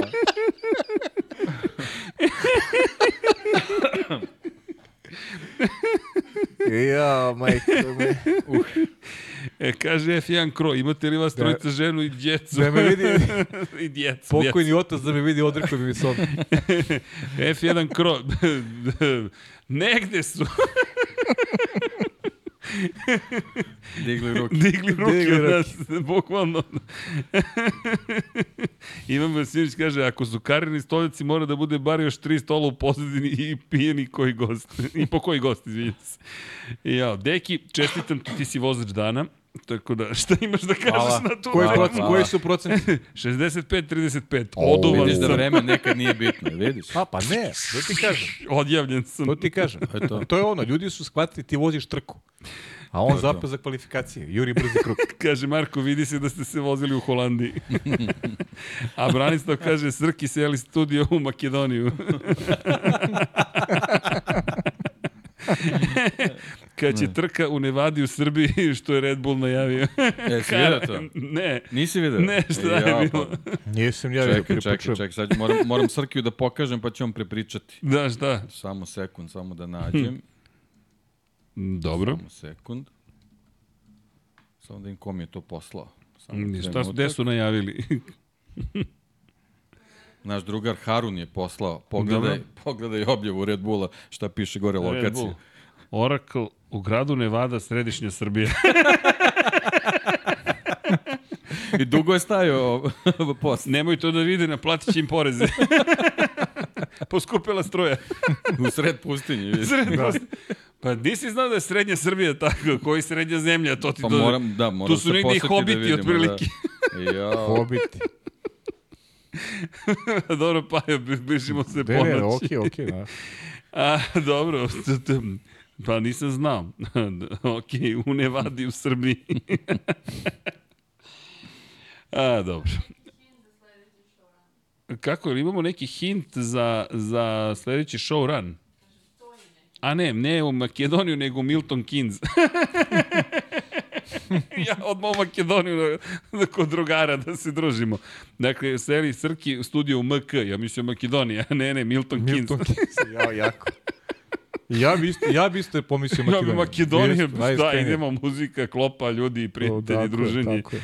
A, dobro. Da, i test. I da, i, i, i, i, i još jedna bitna stvar da znate, bit ćemo, da, moći ćete da probate i naše novo pivo koje smo skuvali sa drugarima iz Dogme od 5% alkohola ovoga puta. Dakle, ne promovišem alkohol, dođite taksijem, dođite sa drugarima, neko nek ne pije ko vozi, ali to je Huddle, to je pivo koje pravimo za američki futbol, za 99 yardi. Za Lep 76 pravit ćemo, nažalost, ili na sreću, kada bude 0,0% alkohola jer ne možemo da propagiramo, jel te, alkohol i to je to. Je to. Tako da, pijte kamilicu, družite se s drugarima, na- napravite neki podcast u kojem Pite pričate. kamaricu, zdrava je, zdrava je, vrlo. Pajan je nov čovek, Da, promenjen je. da. To je, vidi, se, vidi se na meni. da, da, da. Svako, Da sam znao ranije da su mi otkrili kamilicu, nego nisu. To su krili od mene dugo. da, da, da, da. Dugo godina se to krilo od mene. se ta kamilica od tebe.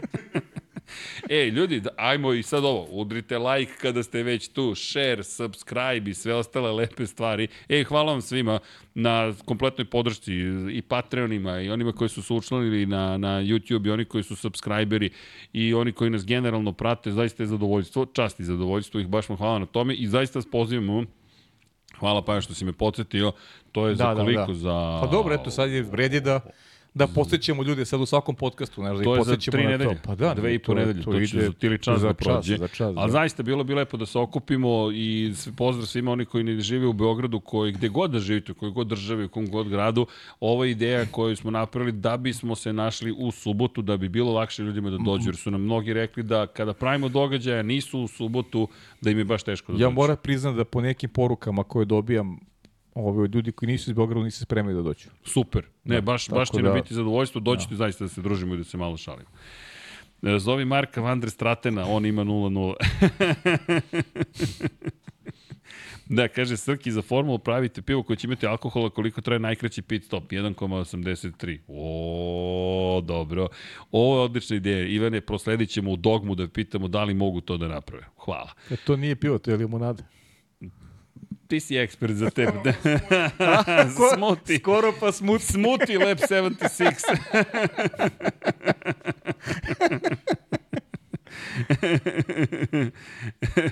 U svakom slučaju, ljudi, mi vas polako ali sigurno pozdravimo. Cijela ekipa Infinity Lighthouse, Lab 76, pod kapicom, pod čašicom, 99 yardi, Kosmos 76, 1 na 1 i tako dalje i tako dalje. Bićemo tu, naravno, sutra Deki i ja, dakle, za MotoGP i Deki kad krećemo, 8.15, to ćemo da te probamo, ajde, 8.15 Ajmo da da, probamo, krenemo, da. Super, super. pa da se družimo. Pine Frappe, Pa im frape. jako, jako. Pa nema danas. Ubila me Andreja, u stvari. Bez metka. Pine Frappe. Branislave, sjajno. Da, Ekspert za tekuće pitanja. jest, jest. Kaže, jesam jedan koji ste pogledali nekad podcast Res Bolidos. Jesmo, podrška svima koji pričaju o Formuli 1, Ma, što naravno. god, kako god da pričaju. Mi se zabavljamo svako na svoj način i, i, i u svakom slučaju, da, zaista ono što sam malo pre rekao, napraviti svoj podcast, družiti se sa svojim drugarima, ljudi, pojenta je da se svi zabavljamo i da lepo uživamo i da, da se družimo. Tako je.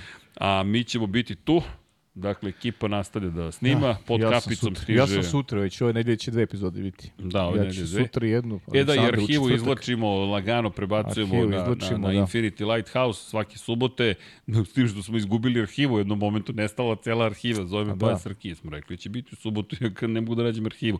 Ali sam je pronašao u arhivi i arhive. Dobro je da, da, da čuvamo i arhive arhive. U svakom slučaju, odoh ja na 17. digresiju. Želimo vam lepu, laku, mirnu noć. Mazite se i pazite se. Budite dobri jedni prema drugima.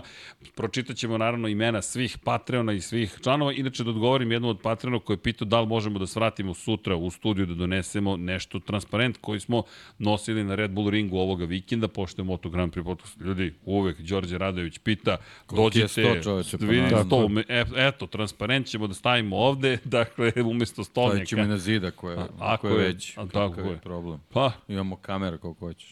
to, toga ima. Da, gore ćemo da Ma, Pa da. naravno. Koliko imamo? Imamo Šta, kamera? metar. Metara, metara imamo četiri. Ne, nemamo Ne, četiri. ovako, ovako. Ovako, imamo pet i po. E da, i vidio sam fotke, neke pričate vi o tome sutra, ovaj, stvarno Jeste. mnogo lepo vidio sam ovaj, Jeste, sa, puno ljudi sa i majicama puno pozdrava i, i iz regiona, iz Hrvatske, iz, iz Bosne, zaista fenomenalno. I hvala svima, dragi ljudi, baš, baš lepo videti ovaj, ovaj, tako nešto. Jeste. I pitaju za tvoju knjigu i kad će neki novi gosti Biće i kolege koji komentarišu knjiga. druge serije. Ide, ovaj, ide knjiga malo, mora priznati da sam malo lenj, Teška iskreno. pitanja. Pa ne, ali teške pitanje iz nekih, iz nekih stvari koje su, koje su sada više i ni- nisu u nekom mom ovaj, domenu, realno. Tako da, vidjet ćemo, ima tu nekih, ovaj, pričali smo ti ali što se tiče samog ovaj, pisanija, nazovi, to je gotovo. Ali neki, neki druge stvari, ali ajde, o to potom, ajde, pričat ćemo. Završit će se to, bit će. Da, inače, ne znam da li si video u prenosu šta je bilo. Da, da vidim. Međunarodni feed. Da, i, Sjajno, i znamo sjajno. i ko je dežurni krivac, pa smo rekli, ajmo da se svi okupimo u studiju na kraju univerzuma. Tako da znate. Bilo je svega, baš je bilo romantično i lepo.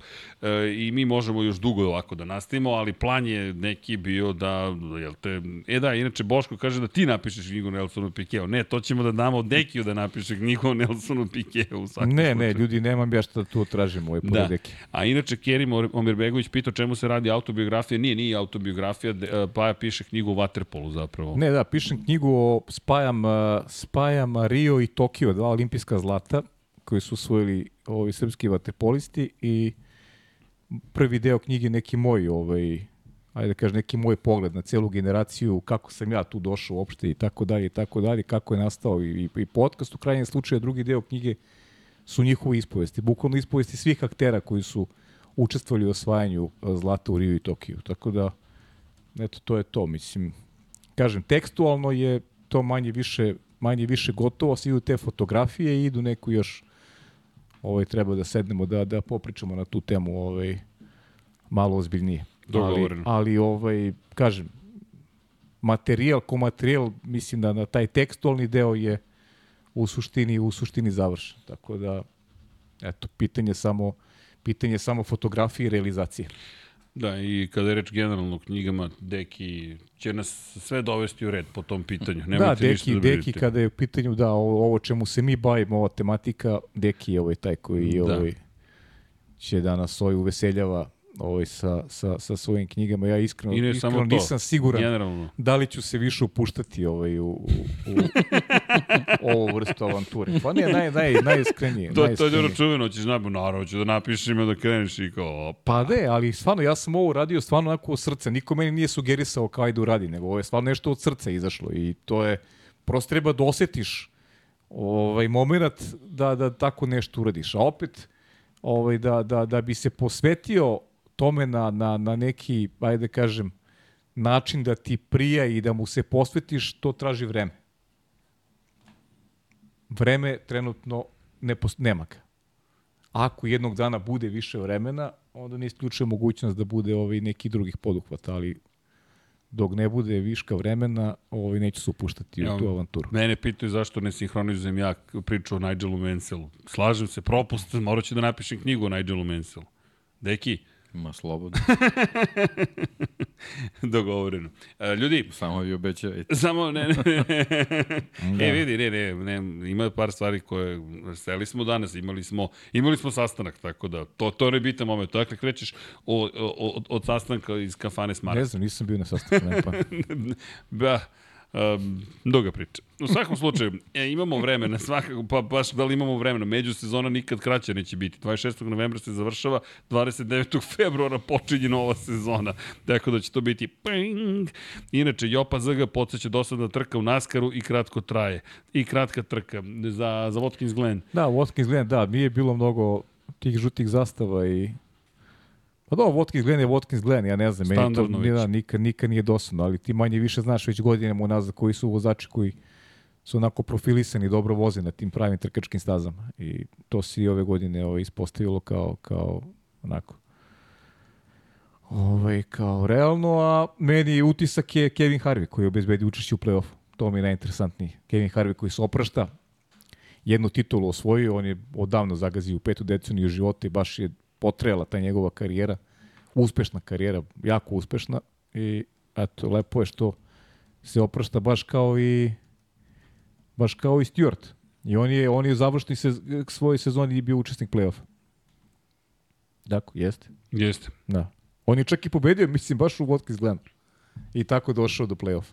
Pa kada je ona poslednja sezona. Jeste, ona neke duel sa Hamlinom. Sa. Hamlenom kad ga je malo potera u zid. Jeste. I to je bukvalno. poslednja njegova pobjeda u karijeri. Tako je. I Tako onda je. ušao u play-off i to je to. To, da, naravno, ništa nije bilo u play-offu, kao što ne verujem da Kevin Harik možda napravi nešto ozbiljnije u play-offu, ali... Ali ne veze, lepo ih je Da. vidjeti I tu. sad zaboravio sam ko je pobedio u Watkins Glenu, ajde pogledaj. E, Pazi kad ja ove godine baš ne, slabo. ja, ja sam čak i video, ali evo, sad mi stava, blokirao mi je mozak. Byron. Ba, Ne, Byron. nije. Jeste, Jeste, jeste, jeste, Byron, Byron. Ok, lepo, ispred Hamlina i Bela. Jeste, Byron je pobedio. Imao je, bio je drugi na, na startu, imao je drugo mesto u kvalifikacijama, ali je pobedio u trci. E, Pajo, deki, šta da kažem, To je to. hvala kao i uvek. E, nadam se da Hvala ste se lepo zabavili i uživali. Da, bilo je super, da. Lepo smo se zabavili. Deki. Znaš kao, Kao i uvek. da čujemo, jesi se lepo zabavio? Pa vidi, ja sam vozač dana. ne, znam, ne znam šta mi više treba, stvarno. Ko, kod, kod mene u kraju je običaj da vozeš dana časti u Idemo, ajde. To, čisto da Gas. znaš. Čisto da znaš. e da, nismo rekli ko pobeđuje u Zandvrtu. A da nije Max. Ko pobeđuje u Zandvortu? Da. Charles Leclerc. Opa! Lewis Hamilton. O, uzo si mi tip, ali dobro. A, dobro. Dobro, George Russell. Ne, ne, ne, ne, ne, ne, ti si Lewis Hamilton, ja ću onda da kažem Fernando Alonso. Hmm. Na, Dobro. Nekova Dobro. majica Šejla, potpise ugovora, oni na ostvare pobedu, to vam kažem. U svakom slučaju, hvala još jednom, mazite se i pazite se, naravno, Branislave, budite dobri jedni prema drugima, vozite računa jedni drugima i naravno uradite nešto lepo za sebe, za druge, volite se pre svega, to je ono što je jedino bitno što kaže Fernando Alonso, ljudi, uživajte više u trenucima, to mu je druga velika zaista izjava, da mu je žao što nije uživao u trenucima koje ima na ovoj planeti generalno i da bi to volio da promeni kao mlađi čovjek. Ide to s godinama. Ide to, baš ide s godina. Dobro, naučit ćeš polako. A, ali... vreme radi za mene. Polako, ali činjenica je zaista, uživajte i u svakom trenutku, uživajte u trkama Formule 1, Moto Grand Prix, čega god, šta god da volite. Ovoga vikenda stiže Zandvort, ja mislim da će biti zaista mnogo lepa atmosfera i da će biti super. Ukoliko nas posluže vremenski uslovi, trenutno deluje da će biti lepo. Mislim da ćemo zaista dobiti jednu zabavu. Ukoliko izjednači rekord kao što se to negde očekuje, Max Verstappen u i dođe do devete pobjede za redom, hej, opet deo istorije ćemo videti, ukoliko se nastavi taj niz samim tim Red Bulla, takođe, istorija se dalje ispisuje, idemo korak po korak. Mi vam želimo lepu, laku noć, budite dobri još jednom, mazite se, pazite se, a Vlado, mislim da je vreme za onaj spektakularni događaj i ne zaboravite, za 8 minuta se vidimo ponovo da vas pozdravimo. Krećemo. Hvala Alen Stojčić, Milan Milašević, Vladimir Filipović, Miloš Broćeta, Crnogorski džedaj, Stefan Ličina, Bojan Markov, Nenad Simić, Katarina, Ognjen Ungurjanović, Stefan Radosavljević, Antonio Novak, Dušan Ristić, Luka Savović, Aleksandar Jurić, Vladimir Petković, Nemanja Zagorac, Sean Hing, Mirjana Živković, Deus Nikola, Živojin Petković, Nikola Marinković, Bahter Abdurmanov, Đole Bronkos, Đorđe Andrić, Branimir Rijavec, Luka Klaso, Nikola Božinović, Anonimus Donatorus, Žarko Milić, Marko Petrekanović, Dejan Đokić, Marina Mihajlović, Miloš Rosandić, Nikola Grujičić, Mlađan Antić, Ivan Novak Tomić, Ivan Simeunović, Vladan Miladinović, Kovačević Omer, Stefan Vidić, Luka, Nedim, Vlada Ivanović, Aleksandar, Predrag Pižurica, Martin Gašpar, Stefan Vuletić, Milan Paunović, Milan Apro, Đorđe Milanović, Stefan Nedeljković, Nedim Drljević, Monika Erceg, Goša 46, Zoran Majdov, Miloš Banduka, Marko Bogavac, Milan, Mario Jelena Komšić, Andrej Božo, Armin Durgut, Marko Ćurčić, Strahinja Brajanovski, Mario Vidović, Mihajlo Krgović, Danijela Ilić, Benjo KK, Andreja Miladinović, Predrag Simić, Blufonac, Đorđe Radojević, Ružica Stefanović, Bojan Majstorović, Jasenko Samrđić, Marko Mostarac, Aleksa Valter, Životić Jovan, Anonimus, Donatorus, Mihovil Stamičar, Ante Primorac, Zoran Šalamun, Boris Kujundžić, Aleksandar Radivojša, Nemanja Jeremić, Nenad Đorđević, Marko Horg, Ivica, klub štovatelja Ramona Mjereza, Inzulin 13, Branko Bisački, Đole Cheesehead, Ognjen Marinković, Nemanja, Milan Kića, Mladen Mladenović, Darko Trajković, Stevan Zekanović, Stefan Lešnjak, Nebojša Živanović, Marko Marković, Kristijan Šestak, Ivan Maksimović, Marko Kozić, Igor Jankovski, Matija Rajić, Toni Ruščić, Branislav Dević, Andreja Branković, Lazar Pejović, Laslo Boroš, Ferenc Laslofi, Aleksandar Milosavljević, Ivan Rebac, Dušan Delić, Lukas, Marko Radanović, Strahinja Blagojević, Zoltan Mezeji, Marko Kostić, Petar Nujić, Mladen Krstić, Igor Vučković, Ivan Panajotović, Andrej Bicok, Sava Dugi, Gloria Edson, Zorana Vidić, Boris Golubar, Đorđije Lopušina,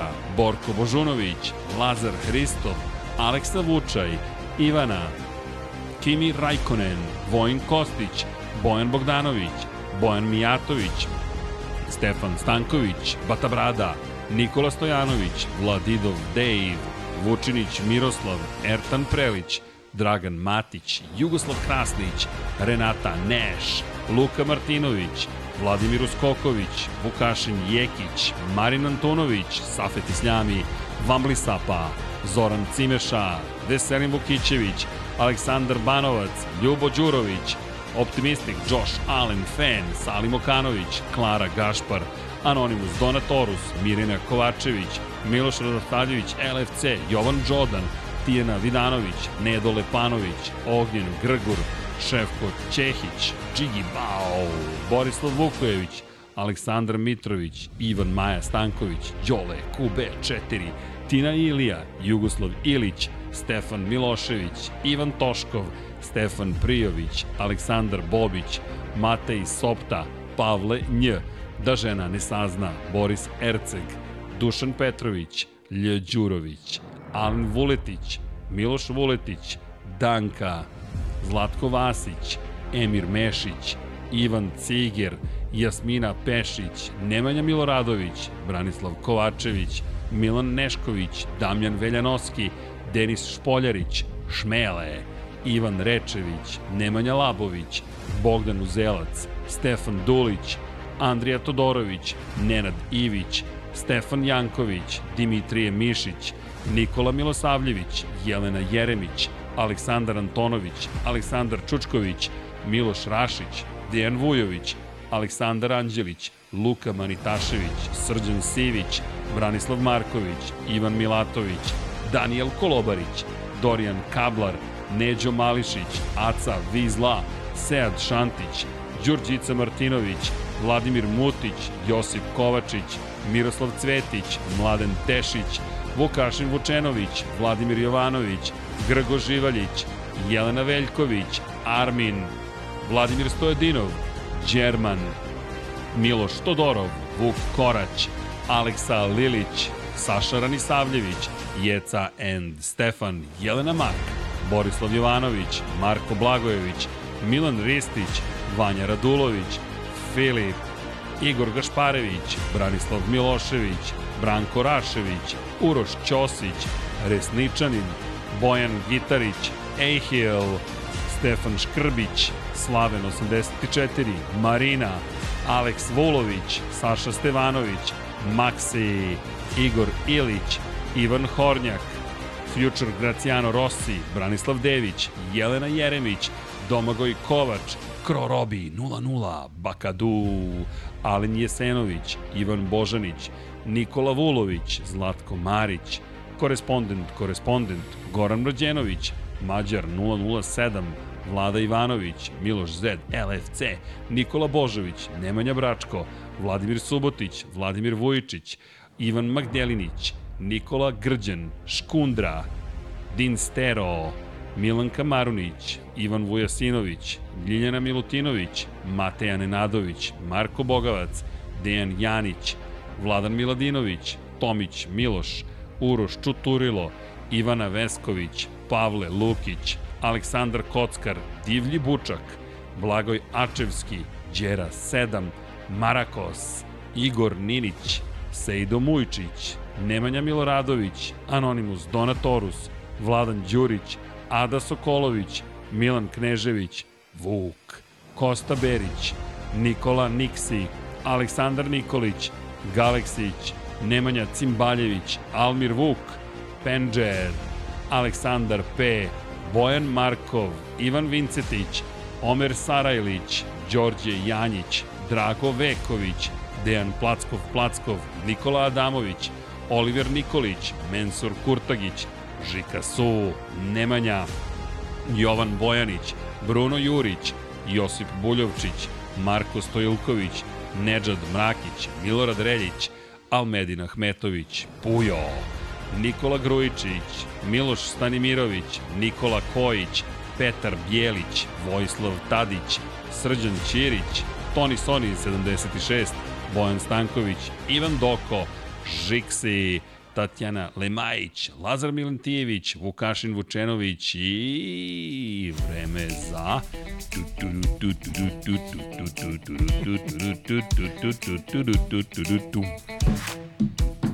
Sad će ponoć. Sad će van sinka. Lagano. Sad će van sinka.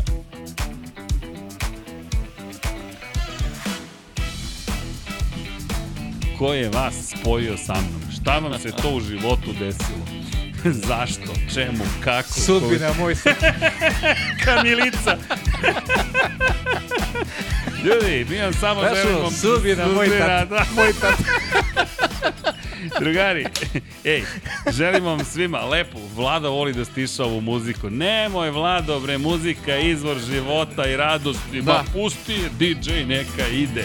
Ljudi, želimo vam laku noć. Ako smo probudili ukućane, to je zato što šaljemo poruke ljubavi. Bićemo kratki. 1, 2, 3, 4, 5. Samo da igram ovu kameru, kameru, kameru, kameru. 1, 2, 3, 4, 5, 6, 7. Ćao, Ćao svima! svima.